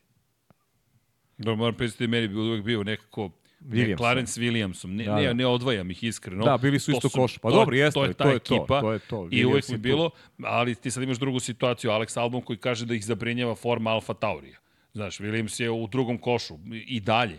Oni su i dalje u nekom drugom Oni problemu. su, oni su neki drugi ešalon Formula 1 definitivno i dalje nadam se da će da će se vratiti u prvi. D- mnogo, mnogo vremena će biti potrebno. I oni neke radikalne promene takođe moraju da izvedu. Moraju, Ali, moraju. ali kako god pogledamo, McLaren trenutno je vrlo zanimljiv i iz svih mogućih perspektiva i to raduje. I ono što je lepo, što su bili na dnu praktično na početku sezone, sad su na vrhu. I to je negde meni daje i dalje veru da ti možeš da promeniš stvari, ali moraš da razumeš šta je glavno polje promena koje, kojim moraš da se baviš u Formuli 1. Svakako. Oni su to razumeli. Sad vidjet ćemo da li to može da se prenese u konstantno dobru formu, jer pazi, ako oni ponove situaciju iz Japana, da su na pobedničkom postolju ponovo, pa Piastri i Norris. Ma super, To je potpuna promena. Stvarno ih, svakako ih vidimo u vrhu, ali Ali Znaš kaže, kako? vrlo, vrlo je nezahvalno je da se bavimo mi, mislim, mi Ne, ne ćemo bavimo reći prognozom. Neku, ne, ba ne, mi ćemo i reći na kraju neku svoju prognozu, prosto to, to uvek radimo, ali opet, sad je ovo nešto novo, Katar je drugačija staza u odnosu na 2021. Ajde vidimo kako će izgledati te promene i ovaj,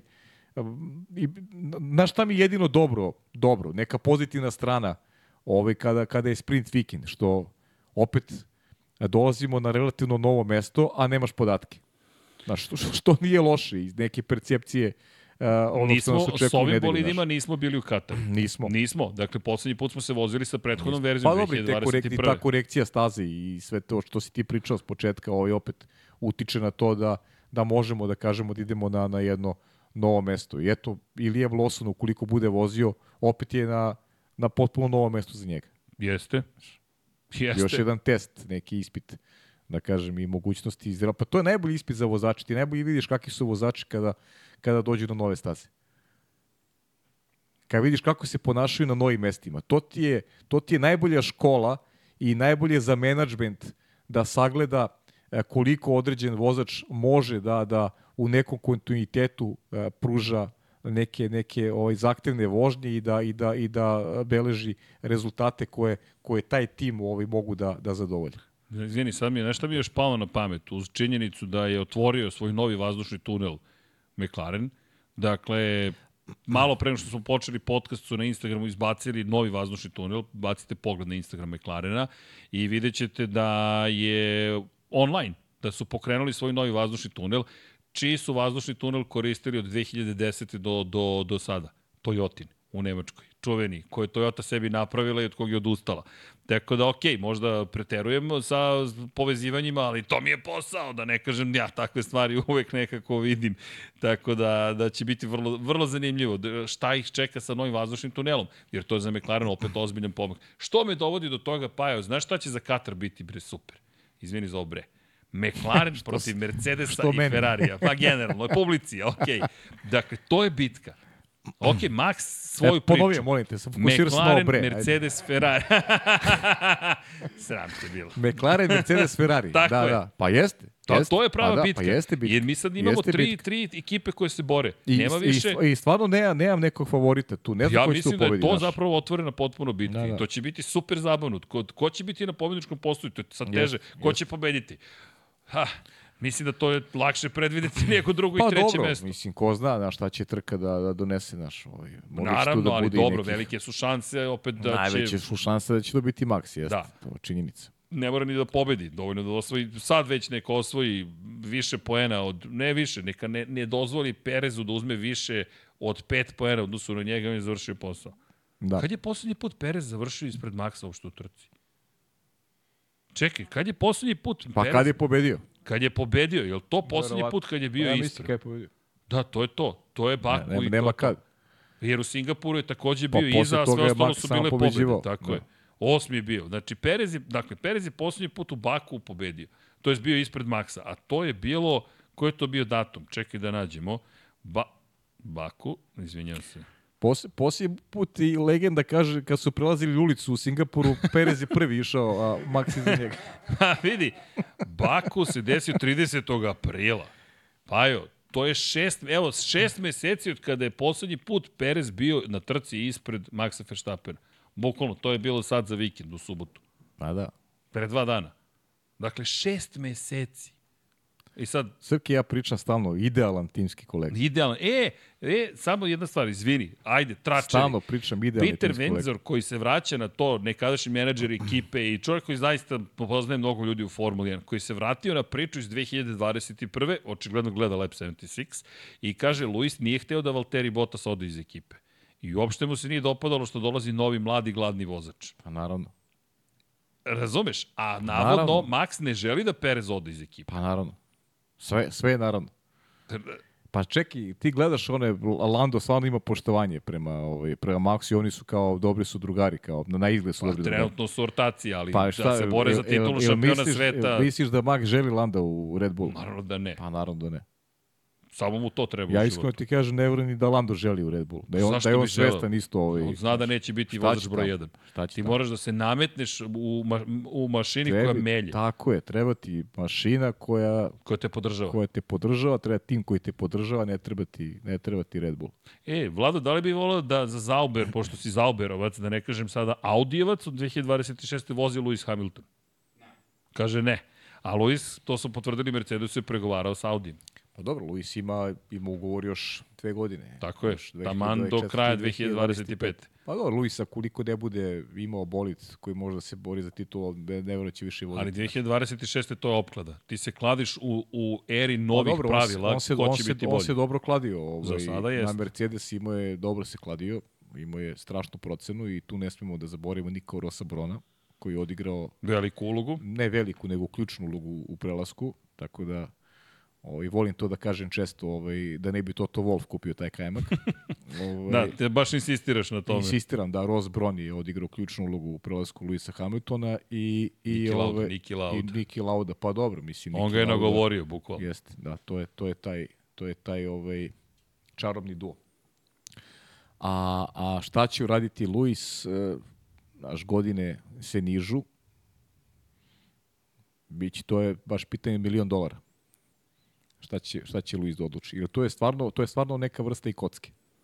Šta, šta nam 2026. je donosi nova kocka. pravila, to je bukvalno, Hoće bukvalno Max kocka. biti u popetu timu koji će biti dominantan. Red Bull Ford. Pa ne, Max će biti u Red Bullu, to je To izvesno, znamo. ali da li će oni biti dominantni, to je pitanje. Znaš. Da li će Max da promeni pogled ka tamo nekoj 2028.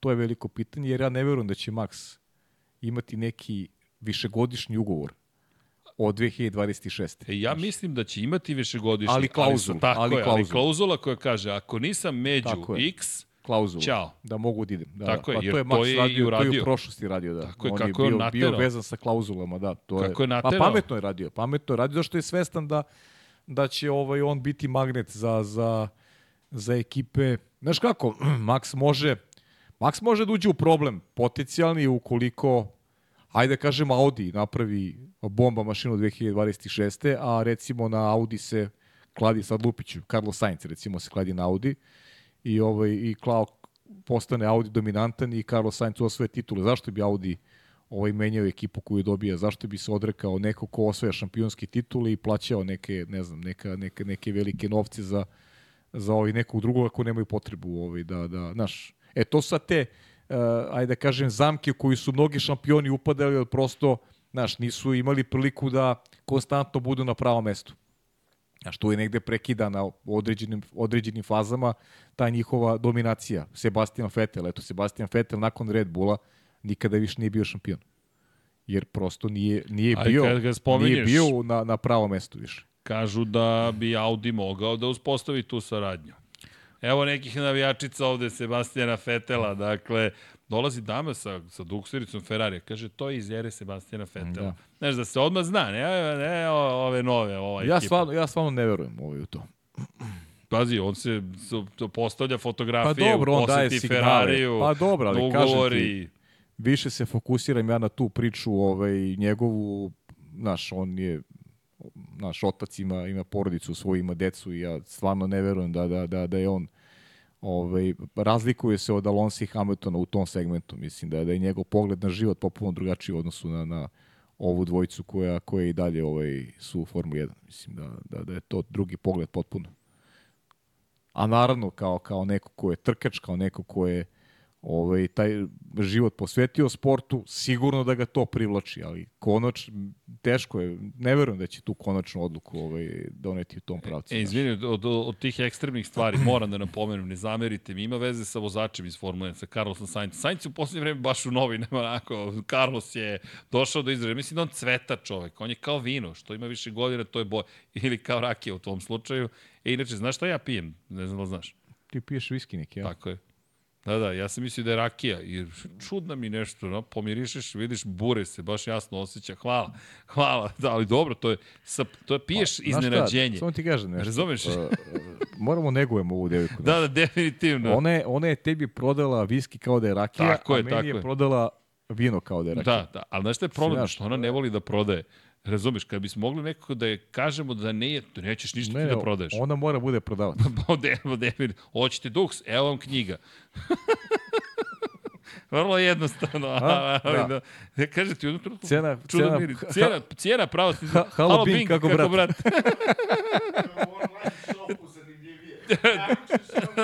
da, da, u online shopu, to, to, naručite i onda mi dostavimo nešto.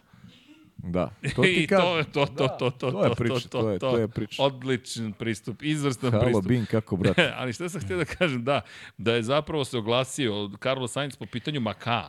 Mhm. ne znam za oni da li pratite nekada trke u Makao, ali to su ozbiljne trke u nižim kategorijama, vrlo opasne. Dakle, pitajte i Miko Hakinena kakav mu je bio susret sa Mihalom Šumacherom još u, u Makao.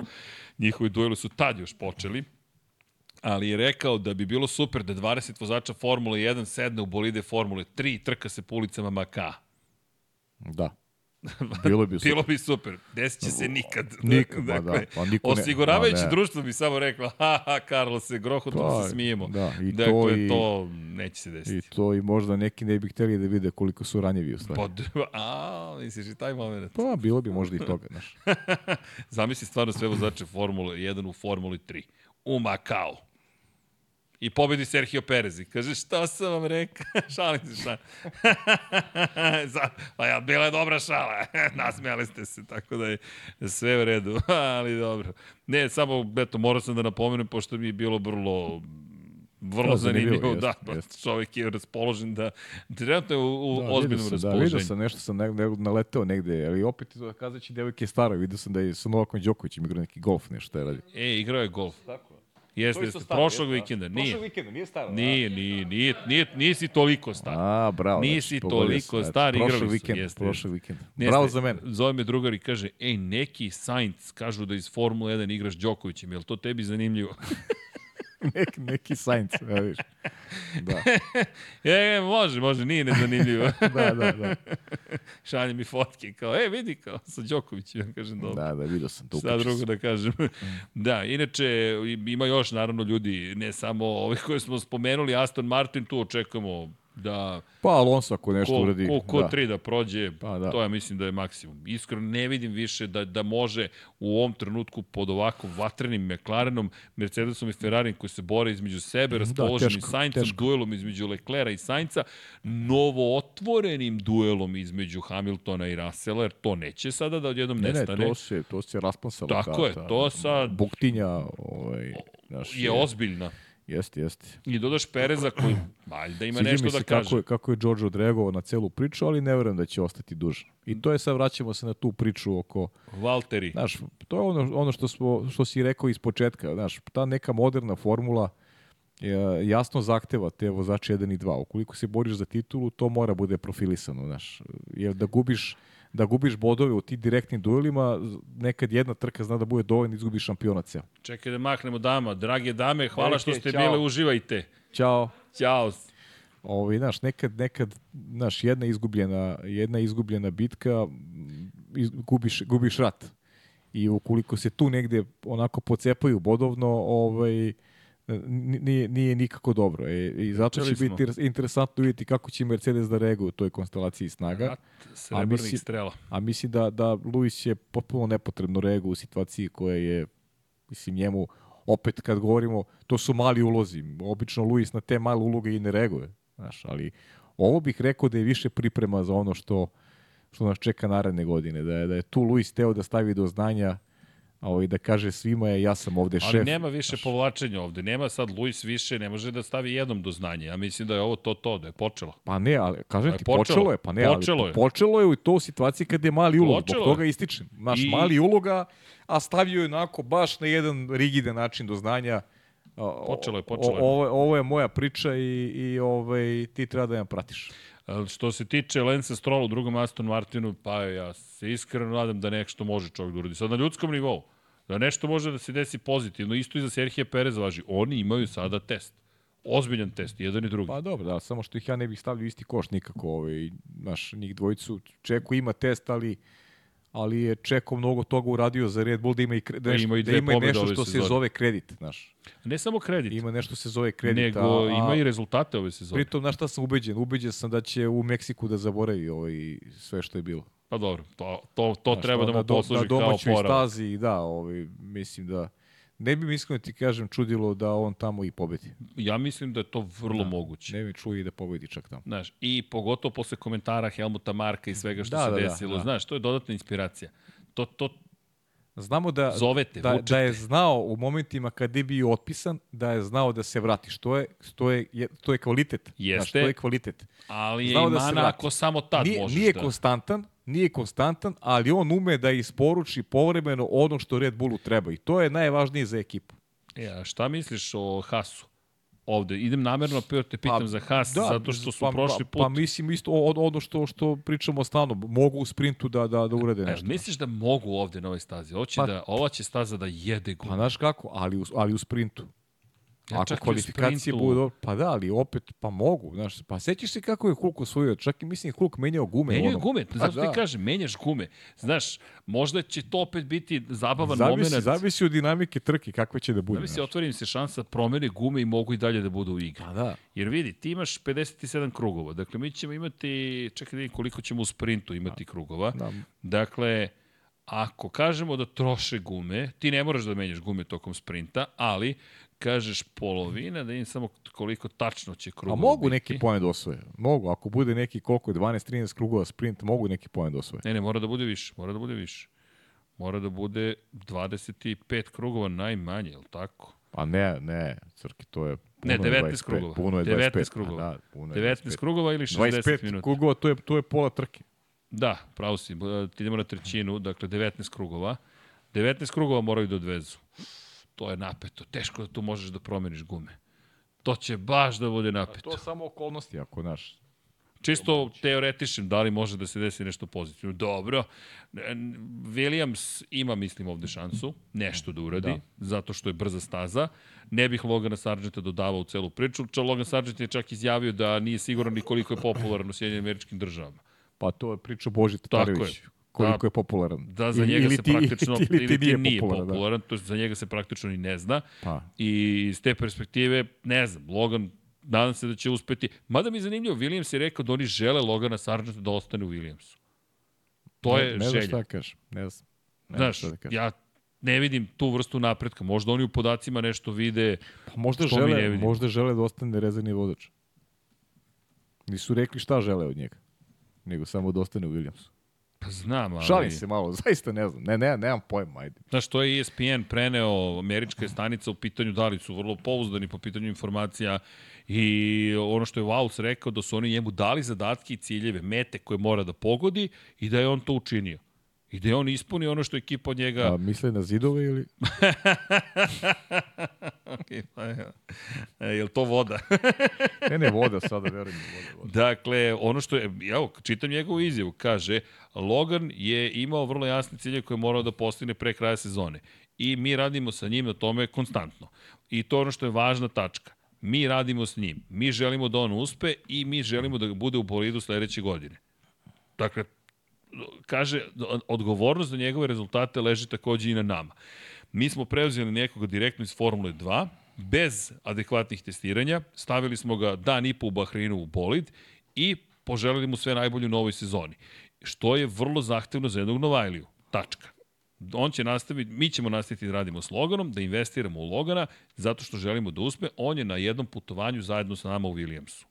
Pa dobro, mislim, možda, možda njema, njima treba neko sa, sa tog tržišta, sa tog područja, bez ozira na popularnost. Ne znam, ne, ne, nemam, nemam drugo ovaj, objašnjenje.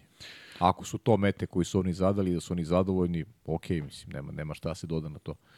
Ili je to prosto neka vrsta podrške koja mu se daje ovaj, do kraja godine, a A nešto a drugo stvari se se dešava. promene, da. Pa mislim, koliko puta smo to gledali ovaj, dobro, u životu generalno. Reći će nam to nešto i o Valcu, u smislu koliko možemo da verujemo kada ovakve izjave daje. Upravo tako. To je za nas sad tako. učenje u jednom Upravo novom tako. šefu ekipe, da shvatimo Jeste. kako on funkcioniše. Ali mogu ti kažem nešto. Ne, Da. bih, ne bih mu ja zamerio ovaj, da, da uradi popularno ne kažem da bih zamerio, samo Znaš, bih rekao da razumemo. Razumem zato što je to ok, ti imaš Ti još... se baviš psihologijom vozača. Tako je, psihologijom, znaš, to je ono, znaš, psihologija ljudi, ovaj, ovde smo, naš četvoro ovde, različiti smo karakteri, znaš, drugačiji pristup treba svakom od nas i to je sad neko ko treba da prepozna kako, ovaj, kako da motiviše e, naš četvoro ovde u sobi, šta nas motiviše, na koji način može najbolje da izvuče iz nas. Hoćeš da. kažeš da koleginici iz marketinga, jel te, vino, rakija, Pa eto viš kako on nas motiviše. Motivisala Pa te. Da, prodaje, Pokre, prodaje, kako da pokrenem paju. kako da paju nateram koji priča kako godinu dana nije popio, popio ovaj, rakiju da nije popije rakiju, da popio kažemo da je rakiju. vino Kažemo i da je vino. donesemo u vinskoj čaši. Totalno A je. Paja koji je očigledno operisan od mirisa, ovaj, naš, ovaj, Zaboravio si mogu Paju, da nije, kažem, nemaš mogu bi više. ti kažem ko je berba. Ovaj, ja nemaš popio, više. Dobro, okej, Nemaš pamtit će više se ovo. taj osjećaj, vidi. Ovo će i ostati Da, da, za ovo time kod će da dobije. Da, da, da, da. Kad je koleginica iz marketinga sipala rakiju, a nazvala ga vinom. Tako je. To- to- I- to je i- najduži i- time I kod sipala ikad. viski, a nazvala ga rakija.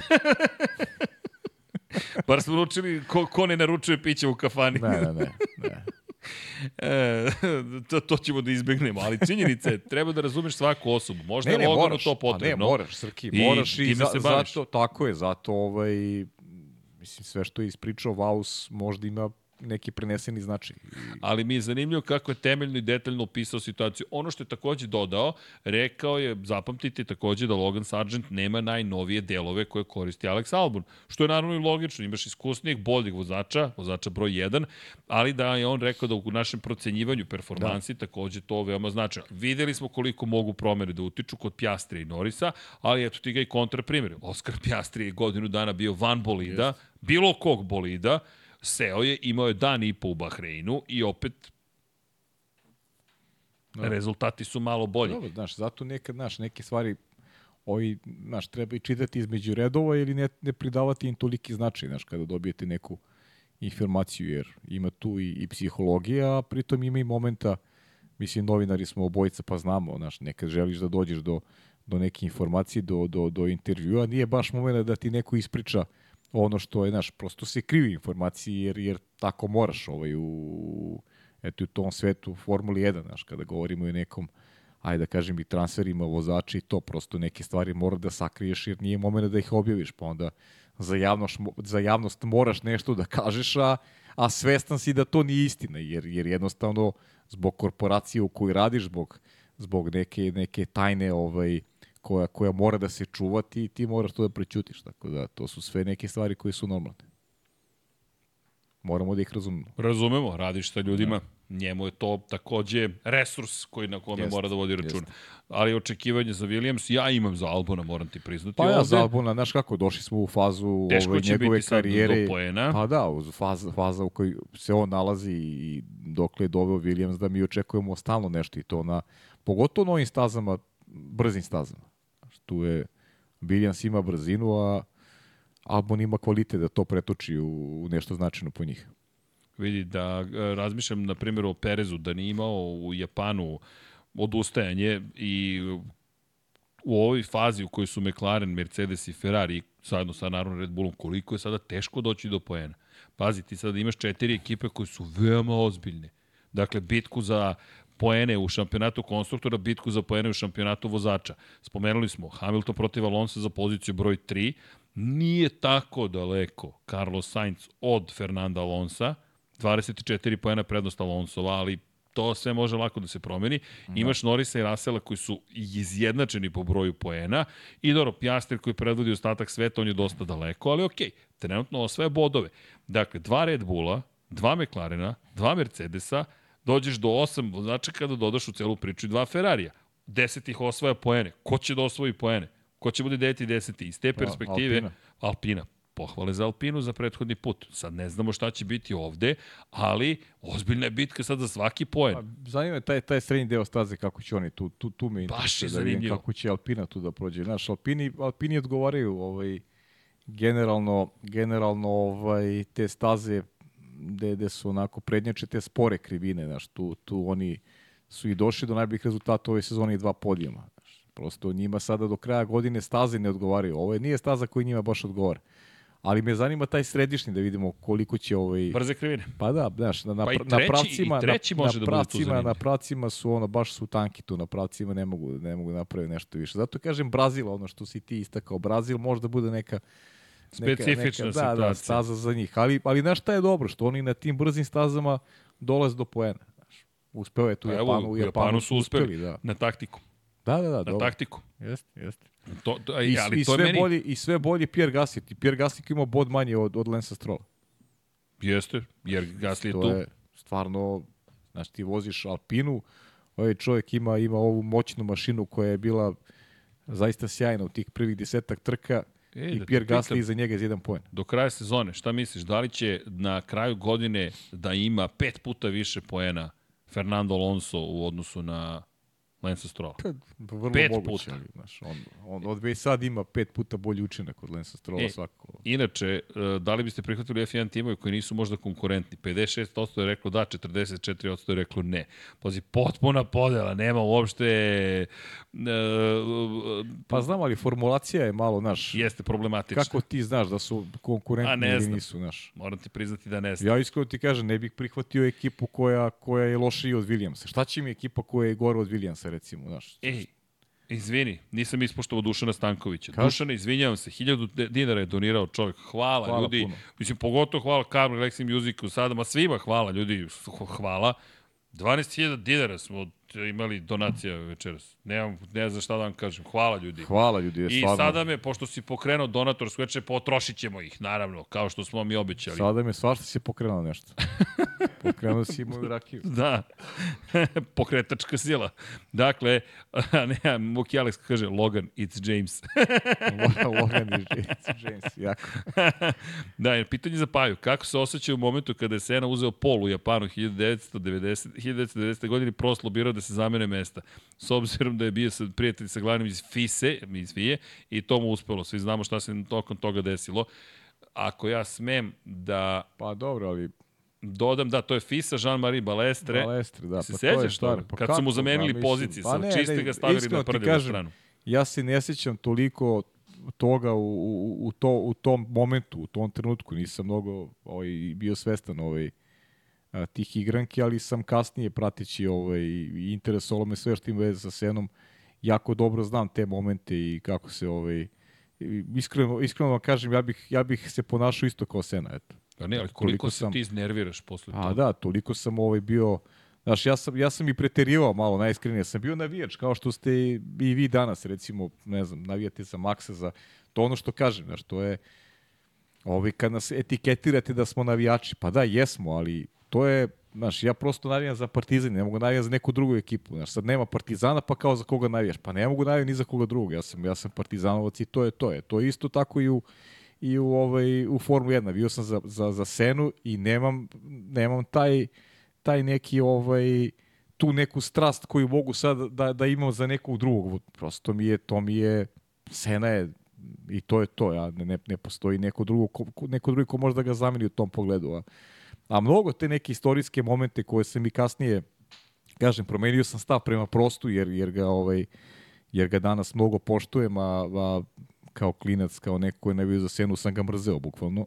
Ovaj, pogotovo i zbog tih veza sa, sa, sa Balestreom i, i znamo kako se, kako se ponašao, u stvari prosti samo koristio ono što je, što je dobio kao, kao privilegiju u tome kako je au- Automoto Federacija, kako je ovaj, funkcionisala ko je bio na čelu. Znao je prosto. kako da koristi situaciju. Pa, znao je da koristi, znao je da koristi. Bio, je- Profesor. bio je odličan vozač, nije sporno, bio je virival, ali pokazuje kakav je čovek. Eto, kada, Izvini, kada, ali- kada je Arto Sena izgubio život i, i ja se sjećam i tih suza i ko je nosio i kovčeg i, i zaista... Tako je porodica odredila da nešto- on nosi kovčeg. Tako je, kao, kao što neki nisu došli, recimo. Sena je, e, izvini, prosti je rekao za dokumentarac o Seni da mu je žao što nisu zapravo promenili način na koji je ispričana ta priča. Jer je rekao, mnogo je dublji naš odnos bio od toga pukog, ja sam loš, ja sam negativac, on je pozitivac. Pa da, da. Ne, konačno u, u Adelaidi, u Adelaidu 1993. godine, kada su poslednji put stajali zajedno na pobedničkom postolju, kada je Sena pobedio, Prost bio na pobedničkom postolju, Sena je pružio ruku Prostu.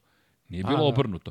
Jer ni Sena nije tako lako prešao da taj incident kada je Senat 1990. godine u trci udario u Prosta, sve je razumljivo. Zamenili su mu, prethodne godine su ga diskvalifikovali, uzeta titula, sada mu menjaju startne pozicije, to nečuveno, dakle sa leve strane se startuje na čistom delu staze, ide krivina u desno, oni pomere na desnu stranu, prljav deo staze Ma da, ma i ti da. imaš unutrašnju stranu krivine kao, kao prvoplasirani. jeste, jeste. Nezapamćeno. Tad su te mogli, mogao je osvajač pol pozicije čak i da bira, ali to su, vremenom, vremenom se to promenilo.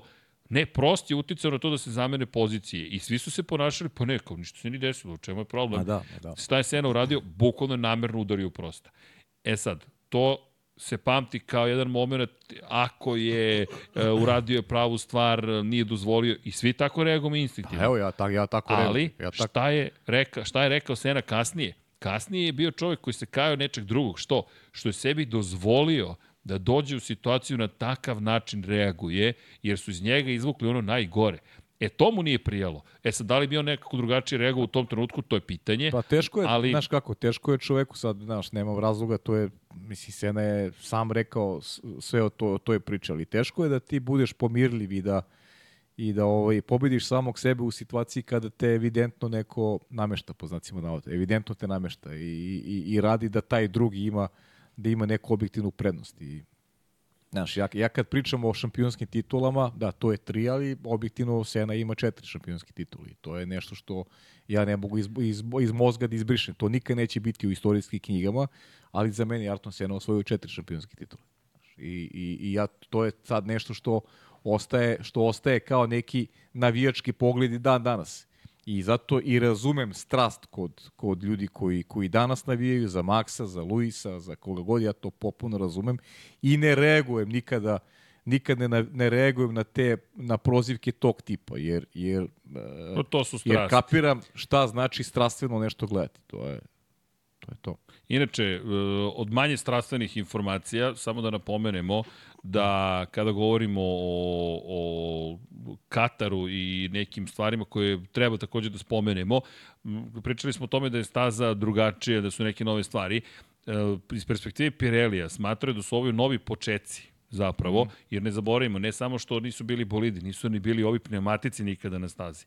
Dakle, mi smo videli situaciju u kojoj je Formula 1 došla sa bolidima prethodne generacije, sa točkovima koji nisu bili od 18 inča, mnogo toga drugačije. Pored toga, kompletan je novi, kompletno je postavljen novi asfalt u mhm. Kataru, izmenjeni su ivičnjaci, dakle sve je promenjeno i ono što smo do sada imali dalje ostaju iste stvari iz perspektive toga da imamo 16 krivina i zaista dugačak pravac od preko jednog kilometra, ali očekuju zaista ozbiljni izazove na nivou Silverstona i Suzuki.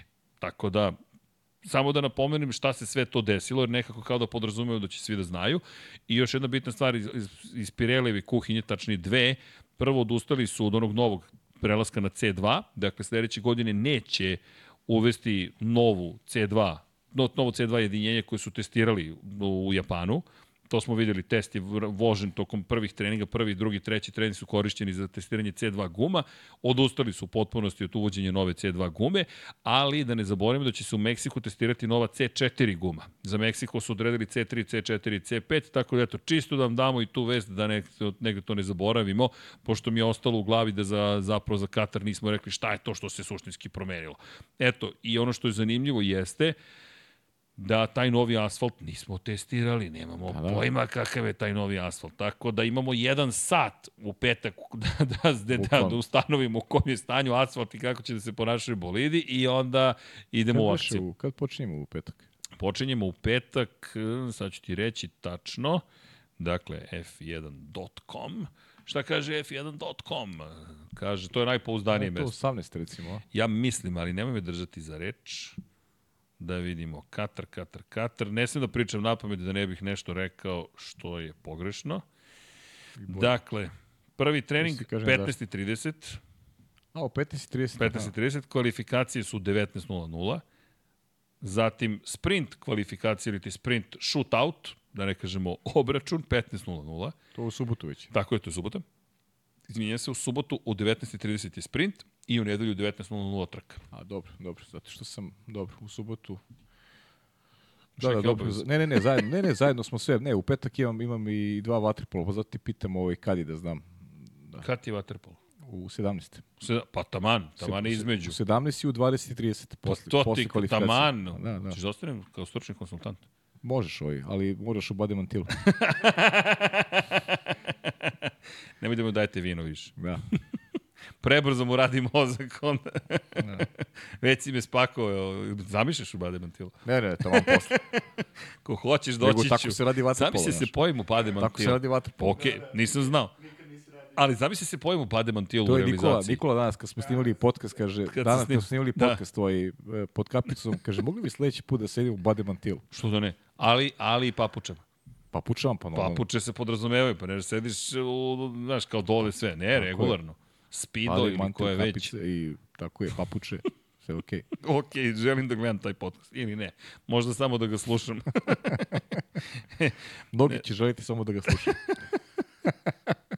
Dobro, ti si znači na maši, u mašini, na traci si pokretnoj. U mašini sam, da, da, u mašini. Dobro. Dobro, neka, to je sve, to je sve Cela zdravo, to, je, tako, to da. je sve za ljude. Yes. Dakle da znate, dakle, malo su, malo su termini drugačiji, ali nema onih jutarnjih termina, meni će prijeti, priznajem, glasam za, za, ovo, pa do, za, jedan, još, za jednu nedelju pauze imamo po još, pitanju. Još imamo Las Vegas od tih jutarnjih termina. Viva Las da. Vegas. To je to još. Pa nemamo čak ni jutarnji termin, on samo završava, on Nije u srki, ponoć kreće. Trka. Trka kreće tipa u ponoć. U Las Vegasu? Da. Misli siguran? Tako nešto. Ja mislim da nije. Ja ne, ja mislim, a ne, ja, ne, noćna ja mislim je trka. da je Las Vegas u ja, 7 pravu si, ne, to je noćna trka. Las Vegas je 7 ujutro trka, a imamo, imamo noć ove treninge. Trka je u subotu da, da, da, u Las ali, Vegasu. Ali, da, subot, da. ali subotu ujutro. Ne brini, ja imam, znaš kako, Formula 1 ovako, E, kraj sezone, za one koji vole. E da, inače, samo da napomenem, nisam sad zapamtio ko je spomenuo, ali spomenjućete Nikola Materaci. E, iz perspektive onoga što se spomenju, da li će se pamtiti Adrian Newey. I odgovor je, ja pamtim i Nikolu Materaci. Za one koji ne znaju, Nikola Materaci je Mr. F40, čovjek koji je osmislio F40 između ostalog. I GTO je razvijao i tako dalje, tako dalje, ali eto, da ne zaboravim samo to da napomenem, video sam ali, u komentarima. Ali Srki, nije to da li ćemo da ga pamtimo ti i ja, ne znam, ove devojke kod nas koje prate i vole Formulu 1 i ne znam, ovi pasionirani svet ljubitelji, generalno. nego svet da li će ga pamti, znaš, sve E, to će, da, znam. sve će da pogleda one brojke, aha, taj bio neki, jednom neki Max Verstappen koji je osvojio titulu, znaš. A nekako sa, sa generacijama koje su, koje su rasle uz, uz formulu sa, sa Adrianom Njujom, nekako mislim da će, da će čovjek vremenom da postane, ovaj, da postane zaboravljen. Znaš. Dobro. Tu smo mi da, ga, da se zapamti. Tako je. Tu smo tako mi. Je. Ej, trening broj 1, 5 časova i 30 minuta. Pa da, znam. Pa to je lagano, daj pa, pa mi u 1.4 otvaramo Pa ne, MotoGP. Srki, ti znaš da ja nemam problem. Ja nemam problem sa tim. Ovaj, ja, Naravno. ja neki, ne, i odgovara mi nekad, znaš, to ti ono, ovaj, lepo pratimo trkanje i posle onako už, Ko- uži, mili uživamo, uživamo u danu, da. Da, ali Formula 1 ove godine, završetak je, samo da vidim, da li su tri trostruka vikenda. Ja mislim, imamo sad tri, Ne, ne, tri ne, ne, vikenda ne, za ne, ne, redom. ne, nisu, dva, dva su, imamo dva vikenda Formula 1, a imamo... Ne, sad imamo tri. Sad, Sa- sad, sad imamo sad, tri. sad kreće triling. Dakle, Ne sad, gde sada? Za dve Od. Amerike. Od Amerike. 22. 29. i 5. Tako I onda imamo os, 18. Pauzu i 25. i onda dva, dva vikenda veze. Da, da, ali ja imam tri vikenda MotoGP-a za kraj, što znači dva dvostruka vikenda na kraju sezone. Ej, da.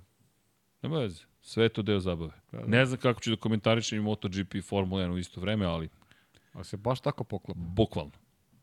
Znači, počinje Formula 1 u 14.00, u 15.00 počinje Moto Grand Prix.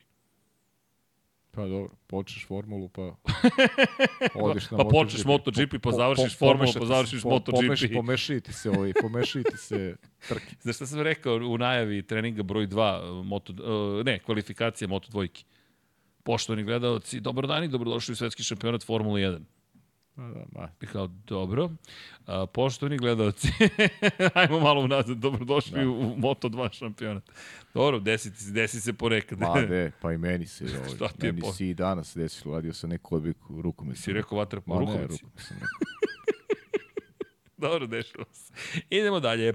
A, pa joj smo, nešto se sam nešto zaboravio. Pa, ja mislim da nismo srki. Mislim, ko zna šta smo zaboravili, Ali jedno, sigurno ima zaborili, još zaborili stvari. smo NASCAR jedino, ali to možemo na kraju da ostavimo. E Stvarno da, je- znaš šta još nismo spomenuli, izvini. E, Nije samo Hamiltona spomenuo Njuji, spomenuo i Alonso. Da ne izbacimo i Alonso iz cijela Pa dobro, da, ali nekako Ali je, ali mislim da baš da stavio akcenat na Ferrari i na, i na, na, na, na Hamilton. Jeste. E, fantasy, jesi to rekao? Fant pa šta, pa šta, šta fantasy sad? Nemamo, nemamo sad fantasy, ali... Brem, Brembo. O, Vlada hoće. Neko je rekao Brembo, samo za vas. Znaš onu pesmu, Vlada hoće Brembo. Evo ga Brembo, ako Brembo? hoćete, bre- ako, ako Lutka hoće Brembo, dobit će Brembo. Dakle, staza u Kataru, ovo je iz 2021. Nemaju, nemaju novih 21, grafika, 21. ali koristit ćemo ih.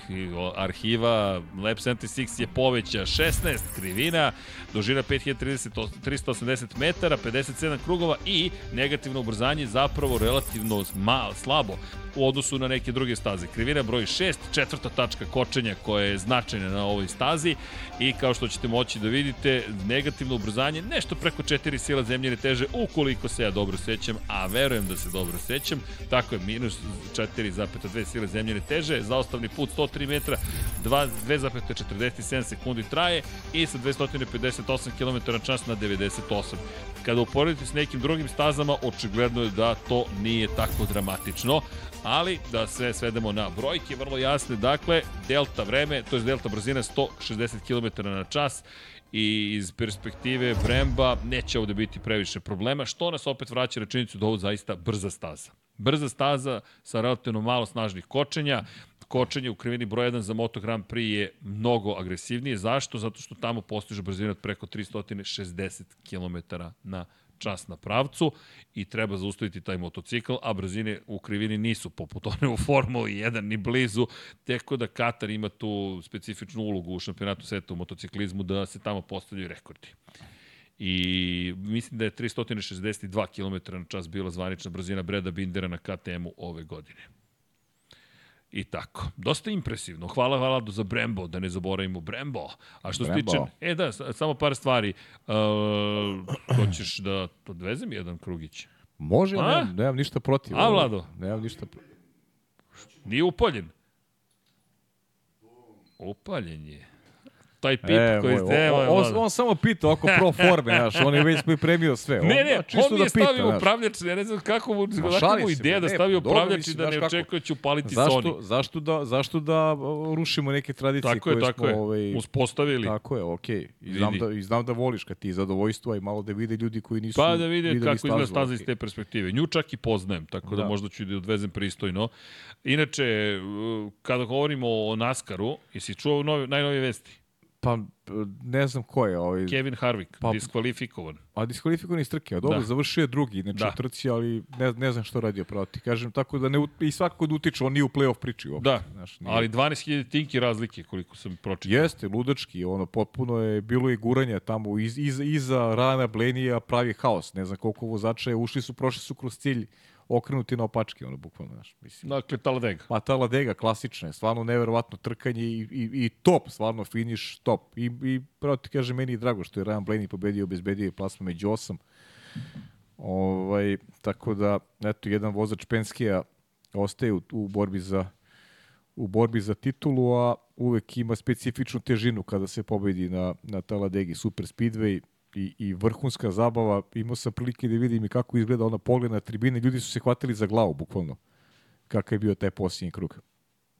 I kao što to ide obično, ovaj na Super Speedway ima neki caution, ono, dva, tri kruga pre kraja i, i dobiješ potpuno ludilo. Četvorosatno. Tako da, eto, pratite svakako. Znam da penzioner gleda redovno, znam da ima vas koji, koji volite da, da, da, da ispratite ovaj, i gledajući trke.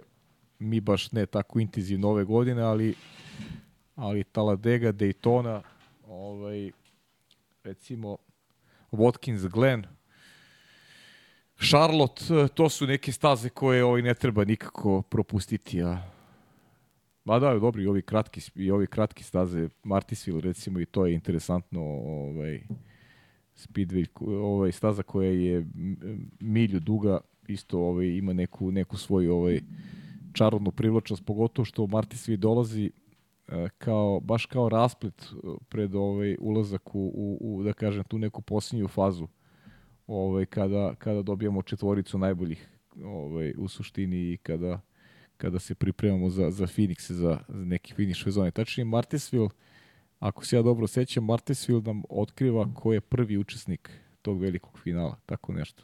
Sad sam ono, malo sam ovaj, možda i zaboravio kako ide tok, tok sezone, ali svako je Martinsville zanimljiv za gledanje. I eto, to je, to je ovaj NASCAR. Možete da vidite tu završnicu. Ko nije gledao, misli da ima i na YouTube-u takođe ovaj, mogućnost da se, da se vidi taj, taj posljednji krug. Ako ništa drugo, odgledajte posljednji krug. Stvarno, stvarno spektakl. Zašto sam mi rekao na početku? Ne u, tom, u toj meri da imamo te incidente kao ko, koje prati NASCAR, ali da imamo tu zabavu trkanja kada se tu nešto rešava u posljednjem krugu ili makar da imamo, što kaže Srki, više preticanja na nivou jedne trke Formu 1 ili tih bitaka koje odlučuju ovaj, te podijumske pozicije.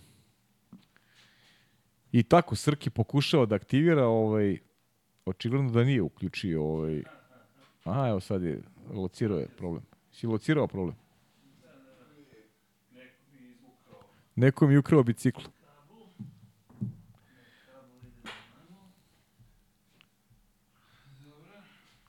Dobro.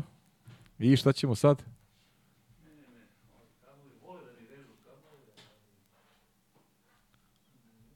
Diraj ti kablove, a?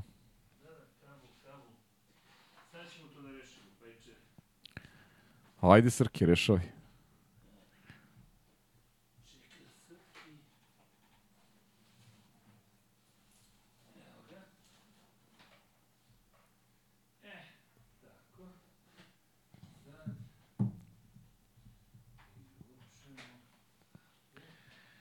I da, mora promeni majicu, znači sledeću nedelju. Pusti me, koleginice. Kao što znate, rakiju da mi sipate. Podsjetite me ovaj za... A? Daj, be, to je sve okej. Pa to se dešava. To je samo dokaz da ti ovaj, ne piješ, nego prosto Opa, ti hvataš ovaj... Oborio, Vlado. Uh, Hasan je poslao poruku, to je stara priča, znaš. šta je stara ako priča? je ako je flaša od Coca-Cole a, a čep od Fante, onda znaš da je to rakija. Stara priča. Mnogo poruka na tu temu, ne mogu sve nije čitam, ali Hasan nije ovaj propustio priliku. Da. Delovalo je originalno. Ne, ne, ne. Koliko godina ti Sve, imaš? sve okej. Okay. Pre, previše. Pre- Ja. jo, daj, daj, tu, Previše. tu, daj, daj, daj violinu. Vidiš što sam pa i pomerio kameru, vukući Molim kablove. te, mo- Violina, molim te, ovaj, Ima 25 godina, nema ni 25 još zapiši, uvijek. molim te, ovo ćemo pustiti, Zapiši, neki, ne, neki ona- Reels mora da ide Ne, ovo. ovo mora da ide na Reels, da.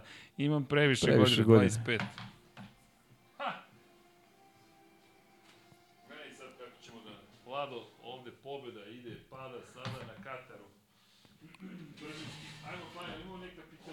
Pitanja? Pitanja, pitanja, odgovori, sve ostalo. Ajde, vidimo sad šta kažu pitanja. Ajde, ljudi, neću dugo da vozim, ne brinite, samo da prođemo. Ovo samo dva sata. E, imamo zvuk, bio je zvuk.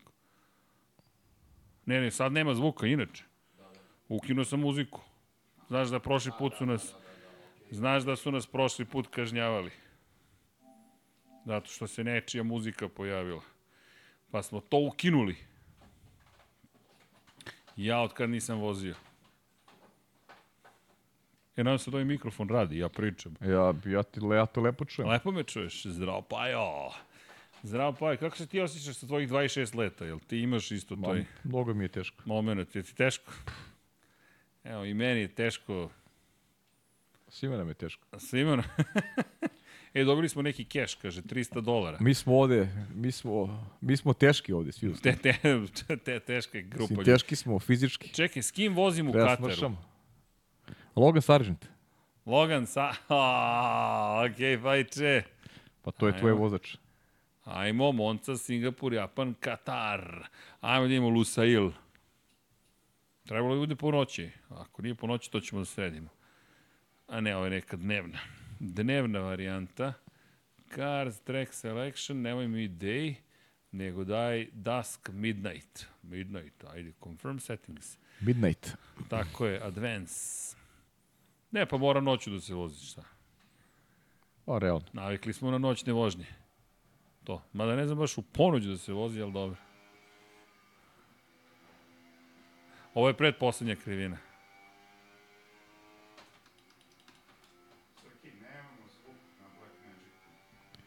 Nema Black zvuka. Magic. Srki, mogu bi da komentarišeš to što voziš ovaj da... Pa znam, ne znam zašto nema zvuka, Vladice. Stavio sam ga da ima izlaz na TV. Ovo je ta prva krivina. To je ta prva krivina. A Druga je vrlo oštra, ali mnogo, u stvari na mototoru je oštra. U, formu, u, u Formuli 1 to mnogo bolje ide. Ali čekaj sad malo samo da, vidim, da, da rešimo pitanje zvuka. Ne zamerite, sad o tome razmišljam. Pa Vlado, ja sam poslao zvuk na, na sistem. Uh, ne, opet mi je prome... Ne, ovo je output. Output je 100% na, te, na HDMI otišao. Evo sad ćemo, uh, promeni kadar zato što ću da ga sada resetujem. Hard reset će da padne. Pa evo u kadru. Pa dobro, ne moraš, zašto? Šta, šta ću ja u kadru? Pa nemamo kolegini. Da. Aj sad, probaj sad. Jel sad u redu? Pa je u kadru si. Pa evo nisi u kadru. Idemo. Ali dobro.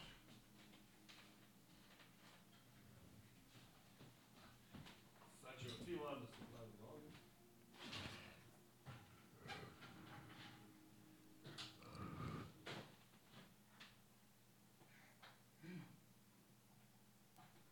Šta je bilo? Šta se desilo? Nema crnog, sve u redu. Aj sad, jel imaš zvuk? Nema zvuk, ne znam, ne mogu sad da pomognem, ali Pa ništa, vozi, ajde, kakve veze ima sad, ajde. Ljudi, nažalost, bez zvuka ćete morati da uživate u mojim bravurama. Odradi Dakle. trku i...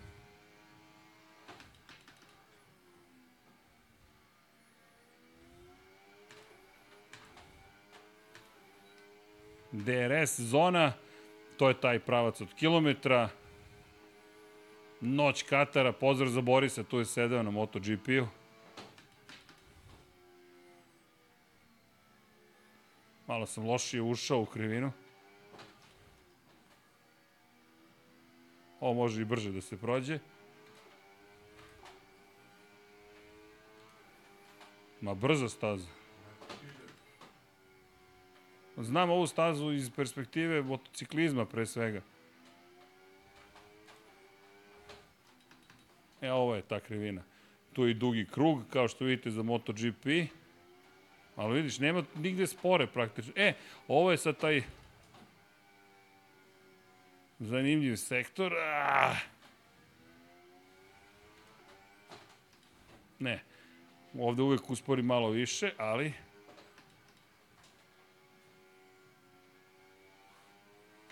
I ovo je sad baš brza krivina u levo. To je ono što čekamo Ferrari i Mercedes.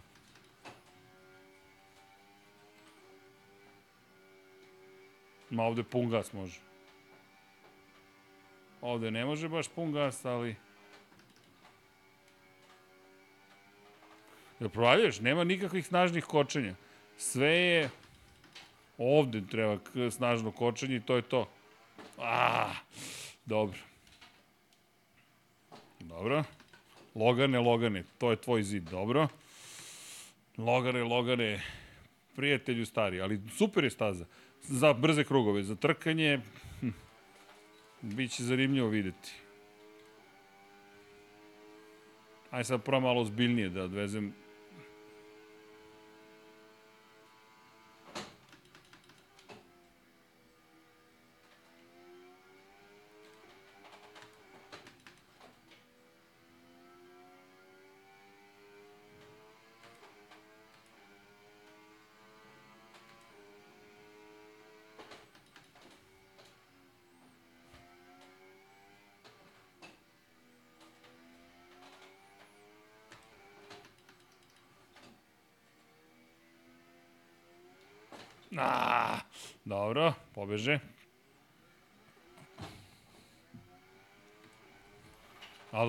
bio loš ovaj krug.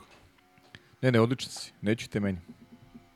Hvala pa, ja bih ušao u tvoj fantazi. To hoćeš da mi kažeš. Pa. Logan Sargent teško fantasy. A Srđan Erceg? Srđan Erceg pre nego Logan Sargent. To ti kažem, pa evo.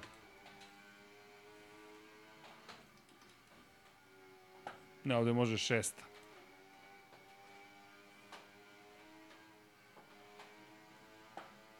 Dobro, ovde mora se oduzme malo više gasa.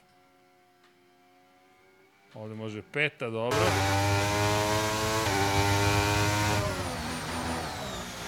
Šta bi? Dobro.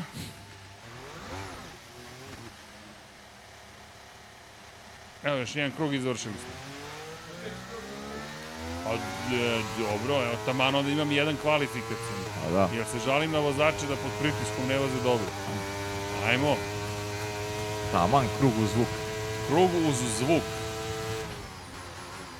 Ili zvuk uz krug.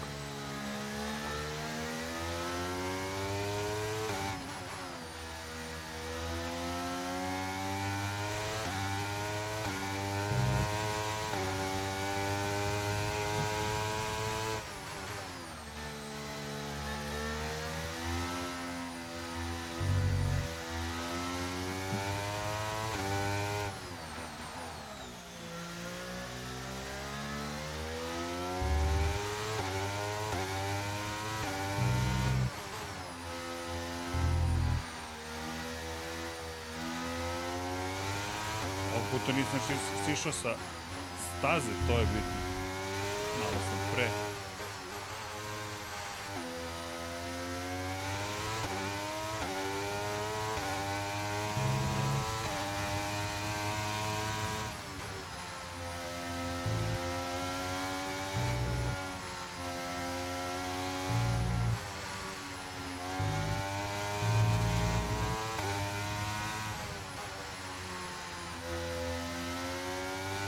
A, sam ovde bio spor. Vidiš, agresivnost se ipak ispod. Da, da. A, dobro. Dobro. Ali ovde je završio Logan. Haha, Logane, brate. Brži sam.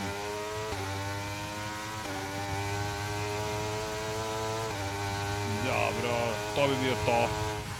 Lep krug, ne moj, ali Misliš, lepo izgleda staza, to što kažeš. da, le, lepo izgleda krug.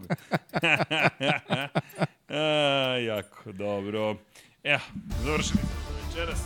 Dobili smo neki keš, ja mislim.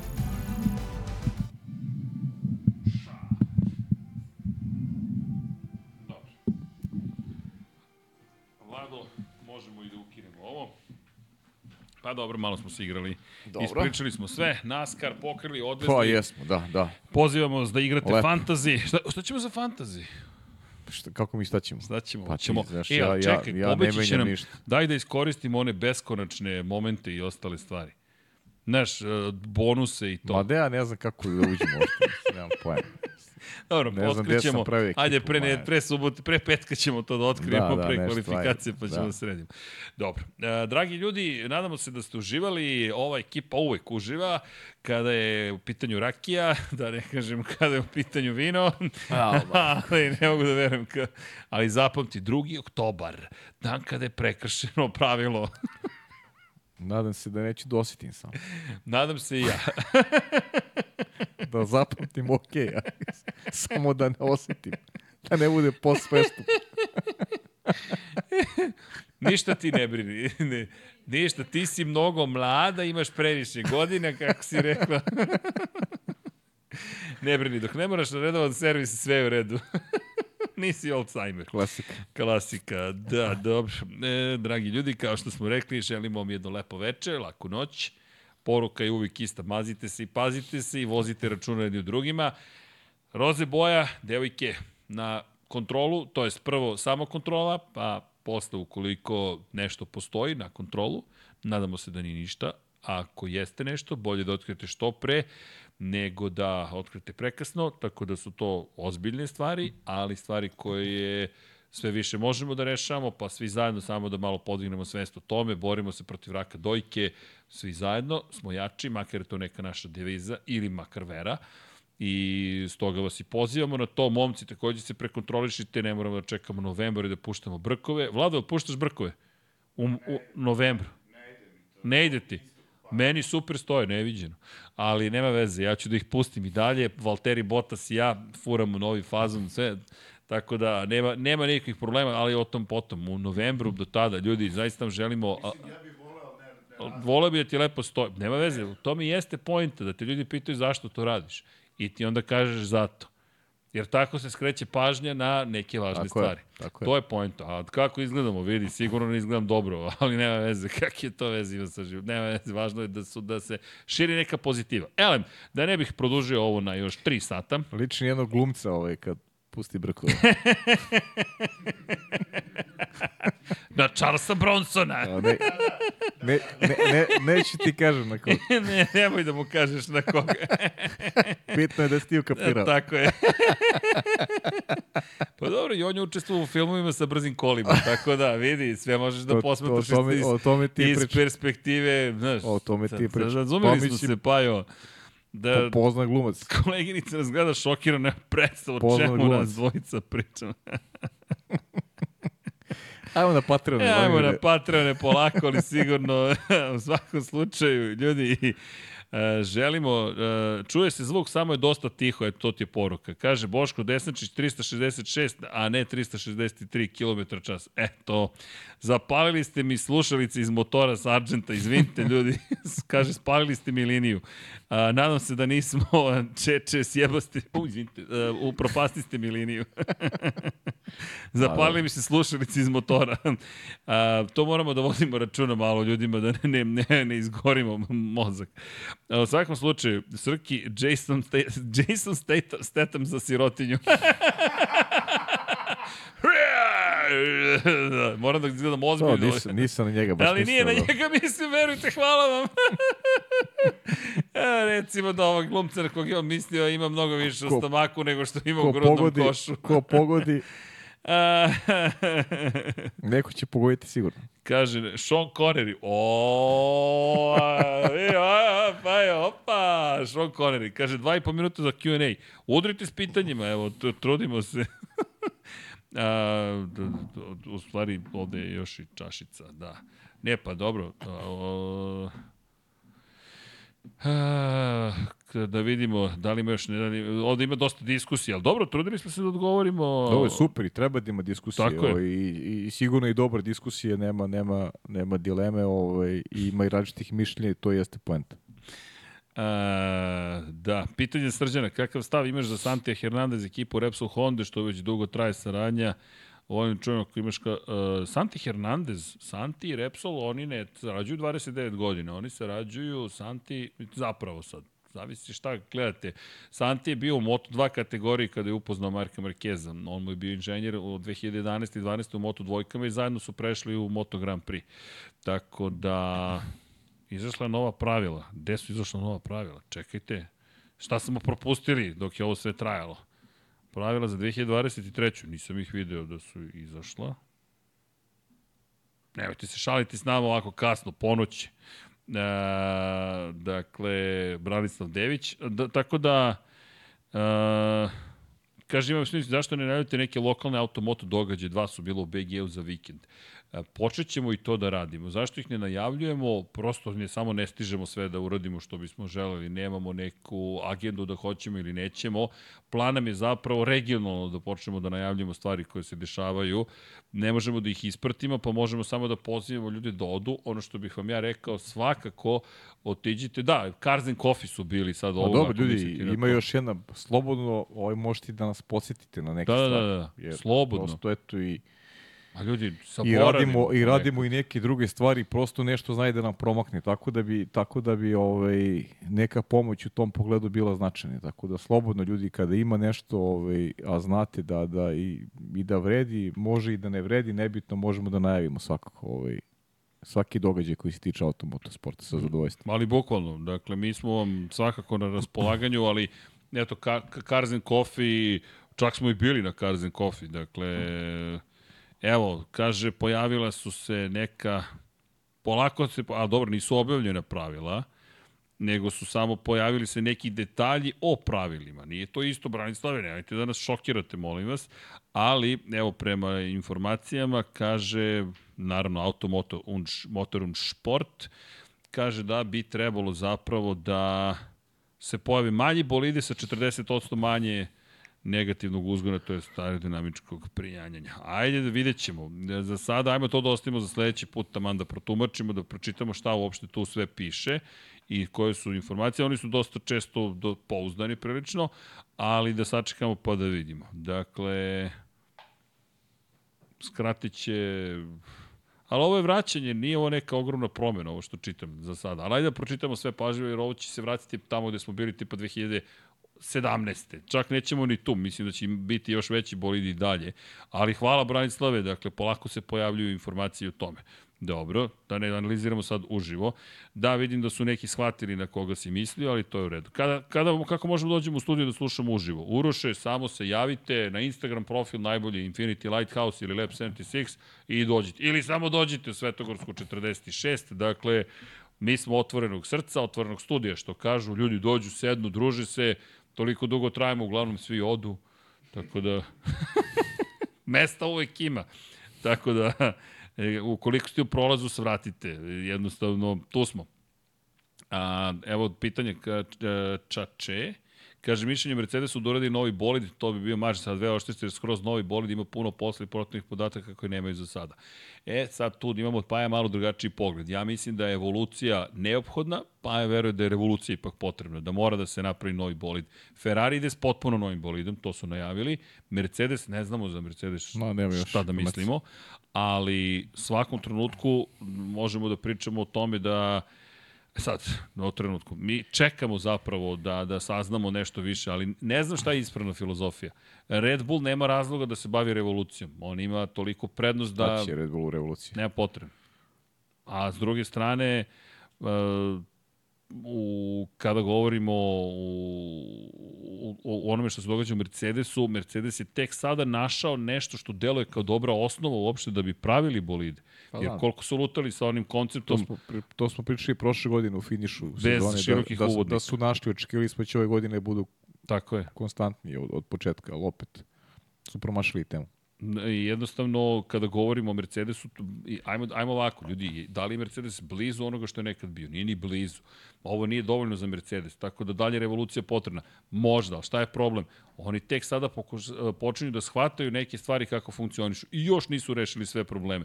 Konačno veći je uspeh ostvario McLaren u razvoju bolida nego Mercedes. Tako da Mercedes pitanje da li zaista razume gde leže problemi. Ferrari tvrdi da razume i da je sad samo pitanje pravljanja novog bolida. McLaren rekao bih da dosta dobro razume na osnovu rezultata i onda ostaje pitanje Mercedesa. Jer Mercedes da, da bude taj koji će biti već tu drugi ili treći, ne vidim da je to ono što će zadovoljiti takvu ekipu.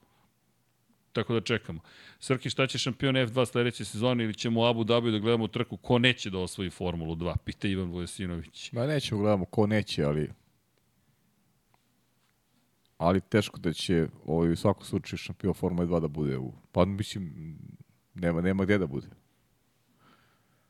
Pa Teo, nema gde. Teo Pušer, misli, ali dobro, Teo Pušer ima svoj put. Vidi, on će Za kao razliku od Frederika ja Vestija. On ima svoj put. On će malo da biće tu i mi verujem da će ga uključiti, mislim, ta priča. Kako je Piastri išao? Pa da, bio pa rezervni je- vozač jednu sezonu? Jeste, jeste. Sedeo je u Alpininu i garaži i na kraju potpisao za McLaren. Iskreno, ja, strane, ja stvarno mislim da bi to bio prevelik zal- zalog mislim da Teo Pušer još nije spreman za Formulu 1. I da, da će on težiti da osvoji šampionsku titulu i upravo, upravo ono što si ti naveo. Pijastri. Biće tu u garaži i pripremat će ga za neki period, da li sledeće ili možda 2026. Svako ima budućnost Formula 1, a Frederik Vesti da osvoji titulu, ovaj, mnogo je manje izvesna ta njegova budućnost. Da, ja čak ne vidim da će Vesti, ne ne Vesti, oprostite, ne vidim čak da će Puršera Renault slati, to jest oprostite, Ne Renault, Alfa ne, Romeo, Alfa to je Romeo. Zauber, Pa da, to pa, je Zauber u sledećeg godine, da će ga slati negde kao što Red Bull ne, je ne. poslao Liam Pa ja u mislim Japan. da će on da će on u toj eri Audi eri da će dobiti ovaj priliku. Možda čak 2026. Možda će čak i dve godine čekati. U, to će baš biti dobro Ili čekanje. ili Gvanju Joe, znamo da Gvanju Joe i Valtteri Bottas imaju ugovor na godinu dana. Možda 2025. bude u stvari pripremna zona što će ga čekati 2026.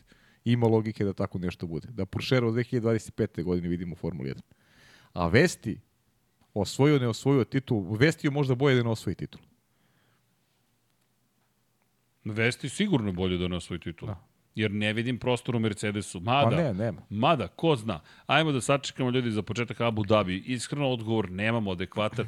Pravilo je po na, našem mišljenju, prema Ma našem ne, mišljenju loše. Glupo, glupo pravilo. I potpuno. pukolo glupo pravilo, ali nije prvi potez koji je po, loše povučen. Dakle, kada pogledaš, meni iskreno i dalje nedostaje ta cijela Pa, priča znaš, imaš, imaš absurd, imaš, znaš, neko ko osvoji titul i onda se izgubi, znaš, nije ti tu više na, Pa gde je nije Felipe ti na oku, znaš, a imaš opet neke primere poput Luke Đota koji se, koji se čak i vraća u šampionat Formule 2, sad, sad 28 godine zna da vozi Formulu 2. Mislim, znaš, to, je, to su stvarno je pravilo bez veze. Ali dobro. E, ljudi, e, da vidimo da li imamo još neko pitanje. Ko je ostao posle moje vožnje? Svaki put kad sedne za volan, ljudi se razbeže, ali Piastri će biti bolji. No, očito, da, Čače kaže, očito je pobeda u Brazilu prevela Mercedes za ovu sezonu i taj koncept bolida. Pa, ima istine u tome, ali ja mislim da čak nije ni samo ta pobeda, već generalno i ta pobeda i rezultati i očekivanja, baš su imali velike očekivanja od tog Jesu, koncepta. jesu. I u krajem slučaju, zamislite da su uspeli. Ej, da, da ne zaboravim, e, e, Italo Niš, evo ovde se javlja ekipa, čekaj, imamo, imam jednu obavezu prema ekipi da uradimo neke stvari. Ako ja dobro tumačim, ko se to meni javio? E, E, čekaj, čekaj, čekaj, čekaj, čekaj, čekaj, čekaj, čekaj, čekaj, čekaj, samo da vidim. Gde su ljudi, javili su se, samo da vidim, da pročitam celu informaciju. IT Liga Niš, dakle, Marko Petrović se javio i šta se dešava, prva, isto, prva trka u istoriji organizacije IT Lige Niša, tako da znate da će biti održan IT Grand Prix Niš, šta to konkretno znači. Dakle, to će biti, koliko sam ja shvatio, jedno humanitarno takmičenje i iz te perspektive hoćemo da podržimo celu priču. E sad samo jedno pitanje, dakle, humanitarni IT Grand Prix. Moram da vam e, kažem da moram da pročitam pažljivo sve što su mi dostavili i Marko i ekipa, pa da vam onda pročitam. Čekaj, Marko, da nađemo. Gde mi je Marko? Marko, IT Niš. Evo ga. E, tak, tak, tak, sad ćemo. Eto, to je još jedan događaj. Humanitarni IT Liga Niš. Zašto hoćemo? Pa evo, pitali ste nas šta se sve događa. Ima trkanje svugde, svašta se nešto događa. Evo ga, Humanitarna liga. Dakle, to ovde je mala i mali futbal, ali će sada ići i trka kartinga, koliko sam ja shvatio. E, Liga, e sad, gde mi, evo ga, IT Grand Prix, trka u kartingu, prijave su zatvorene, ali možete dodati na trku koja se održava 7. oktobra, sada za vikend u karting centru Jagodina. Broj učesnika 32 i iz perspektive onoga što će se dešavati, svi prihodi će ići, jel te, u humanitarne svrhe. Tako da znate i nešto vam dugujem, poslaću vam to sutra, koleginice zna šta treba da uradim, tako da 7. oktobra karting centar Jagodina. Ali javite se ljudi, ovo što kaže Pavle, ne stižemo ni mi da pohvatamo sve, nije da nećemo da, da, da nešto saopštimo ili da pozovemo, naprotiv, eto, Cars and Coffee, to je bio događaj u Gastrošoru. Verujte, mi smo tu komšije, mi smo u Gastrošoru sada. Dakle, sišli smo dole, upoznali ljude, videli automobile, vozili se u Fići, da ne zaboravimo. Fiat 750 zastava. Tako da ćemo rado da podržimo sve što možemo i ne samo u Srbiji, u celom regionu. Zašto? Pa ideja jeste da što više širimo informacija o tome šta se sve događa. I evo, dobio sam finalna verzija promo je stigla. Tako da Marko preuzeto, evo, uživo u sred podcasta. U svakom slučaju, dragi ljudi, mi ćemo sada da vam poželimo lagano jednu laku noć. kada je reč o najavama za sledeću nedelju, pa ja cenim da ćemo pričati o Maxu Verstappenu i njegovoj tituli. Mislim da će to, mislim da će to biti da će to biti situacija. Naj, najverovatnije, da. Da, i kaže Hara, M, Srki spremljen sa, za sutra sa Dekim, koji komentar o Superbajku, ljutnja kvartarara prema Nahije, nula bodova nas ljuti topraka u Superbajku, bez brige. Inače, Srki, pa može li info vašeg vašeg size majice sledeće leto kad dolazimo do BG, neke poklone donesemo iz USA. Hvala Lazare. U Majamiju čovek. Pa, koje su majice? L. Pa dodajte 2x na tom. e, ali nemojte, američki modeli su malo veći, čak i za nas. Dakle, XL, mislim da smo mi tu ok, zato što stvarno u Americi kad kupim XL i čak i meri ko će bence, tako da, da ali ne morate ništa da kupujete, samo vi dođete kod nas, Lazare, da se mi družimo, to je najvažnije. A, ukoliko ima još nešto što, što, e, da, prognoze. Vladimir Antić kaže Sainz pozicija broj 1. Šta ti kažeš? Da, neću da igram na maksa. Pa ja ću na Landa, ajde. To sam teo, vidi, vidi kako mi je ruka krenula. Vidi a mora, kako ja moram je. zbog ovoga. Je Lando Norris. Ja, Kakav poklon. Da, fenomenalan poklon. Ja zaista duboko verujem da, da ja isto mislim da Norris da je došao trenutak da, da, da na brzinu pobedi. Zaista čisto, na čistu brzinu da zabeleži pobedu. Pa eto. Ali, pa pošto... Pa šta ovdje igrati na Landa? Kak je igramo Norris. Opa, od kad nismo pa, da. spojili najavu Lando što Norris ne? for the win. FTW, tako da znate. Mi tipujemo na to. Malo smo odužili preko 3 sata i malo smo dodali da, i pitanja da, i odgovore, ali to je naravno, moramo da ispoštujemo i želimo da ispoštujemo vas, tako da znači. I da, inače, sad prihod ide za kupovinu novih ginekoloških stolica za kliniku za ginekologiju i košerstvo u Nišu za IT ligu Niš. Tako da znate, pa eto, ko hoće neka se raspita IT liga Niš, humanitarni karting, humanitarna karting trka biće u Jagodini 7. oktobra, tako da eto, uživajte i napišite naravno i u komentarima ko je stigao do ovde, ko pobeđuje sada u nedelju, u subotu znamo ko pobeđuje, šalimo se, ne znamo ni ko pobeđuje u subotu, ali u nedelju je glavna trka tu da vidimo ko će da pobedi. Budite dobri jedni prema drugima, mazite se, pazite se, volite se ljudi, život je lep, uživajte u trci Formula 1.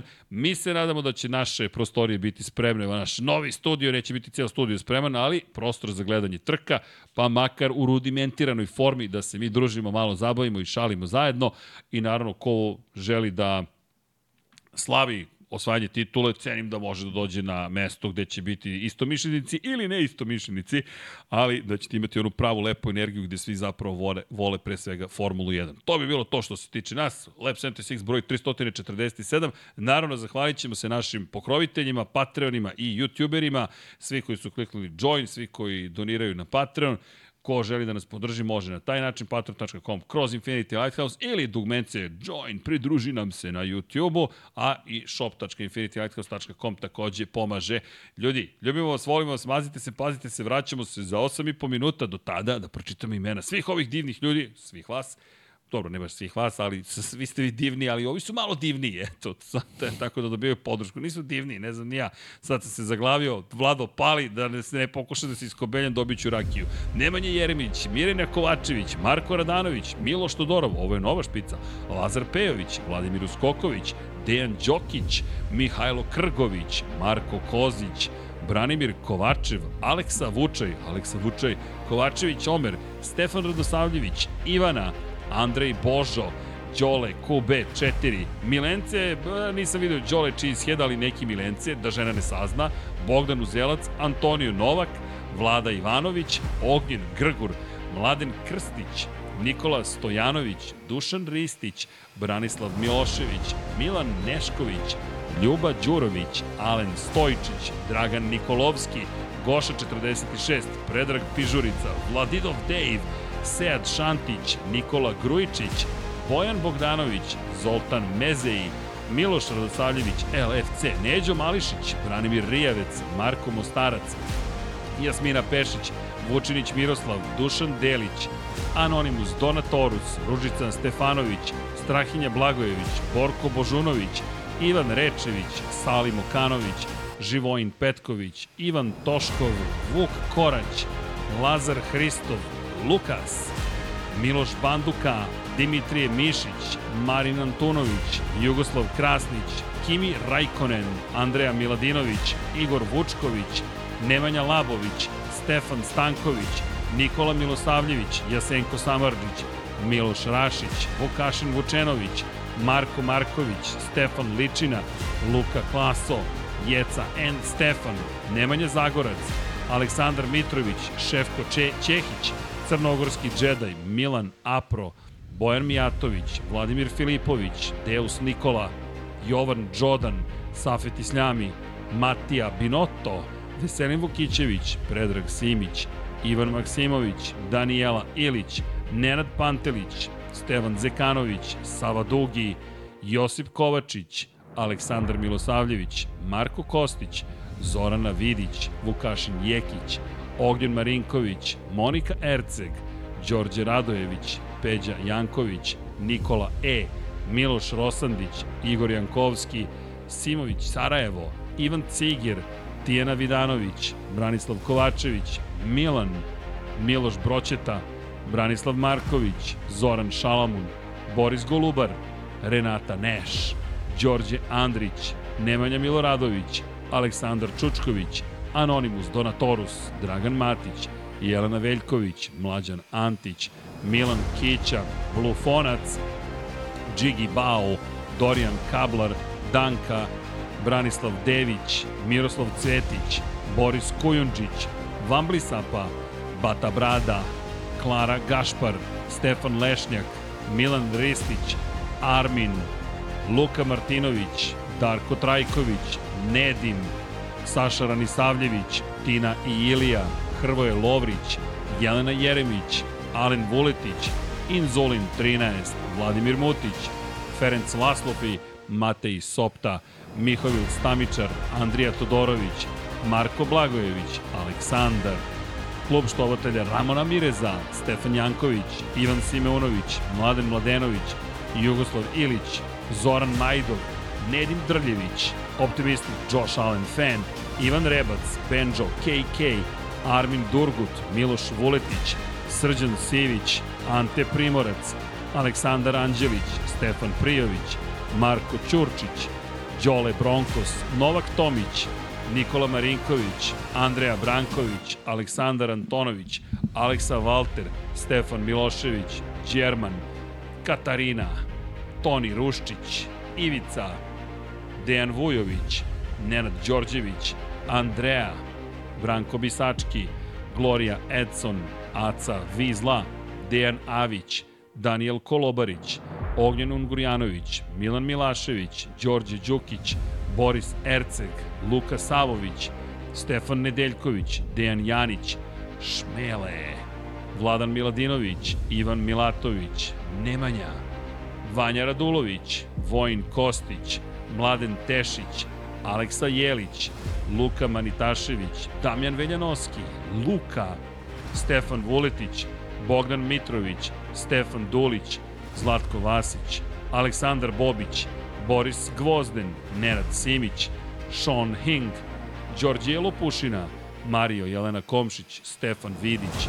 Marko Petrekanović, Borislav Vukojević, Anonimus Donatorus, Laslo Boroš, Bojan Majstorović, Đurđica Martinović, Petar Relić, Boris Radović, Životić Jovan, Lj. Đurović, Dušan Petrović, Vladimir Stojedinov, Zoran Cimeša, Pavle Nj, Dejan Avić, Marko Horg, Milan Paunović, Nenad Ivić, Martin Gašpar, Ivan, Matija Rajić, Aleksandar Banovac, Nebojša Živanović, Emir Mešić, Jelena Mak, Vladimir Petković, Kristijan Šestak, Ivan Panajotović, Aleksandar Jurić, Denis Špoljerić, Aleksa Lilić, Petar Nujić, Nikola Božinović, Nedo Lepanović, Žarko Milić, Strahinja Brajanoski, Žorž, Borislav Jovanović, Ertan Prelić, Grgo Živaljić, Marko Bogavac, Marina Mihajlović, Bojan Markov,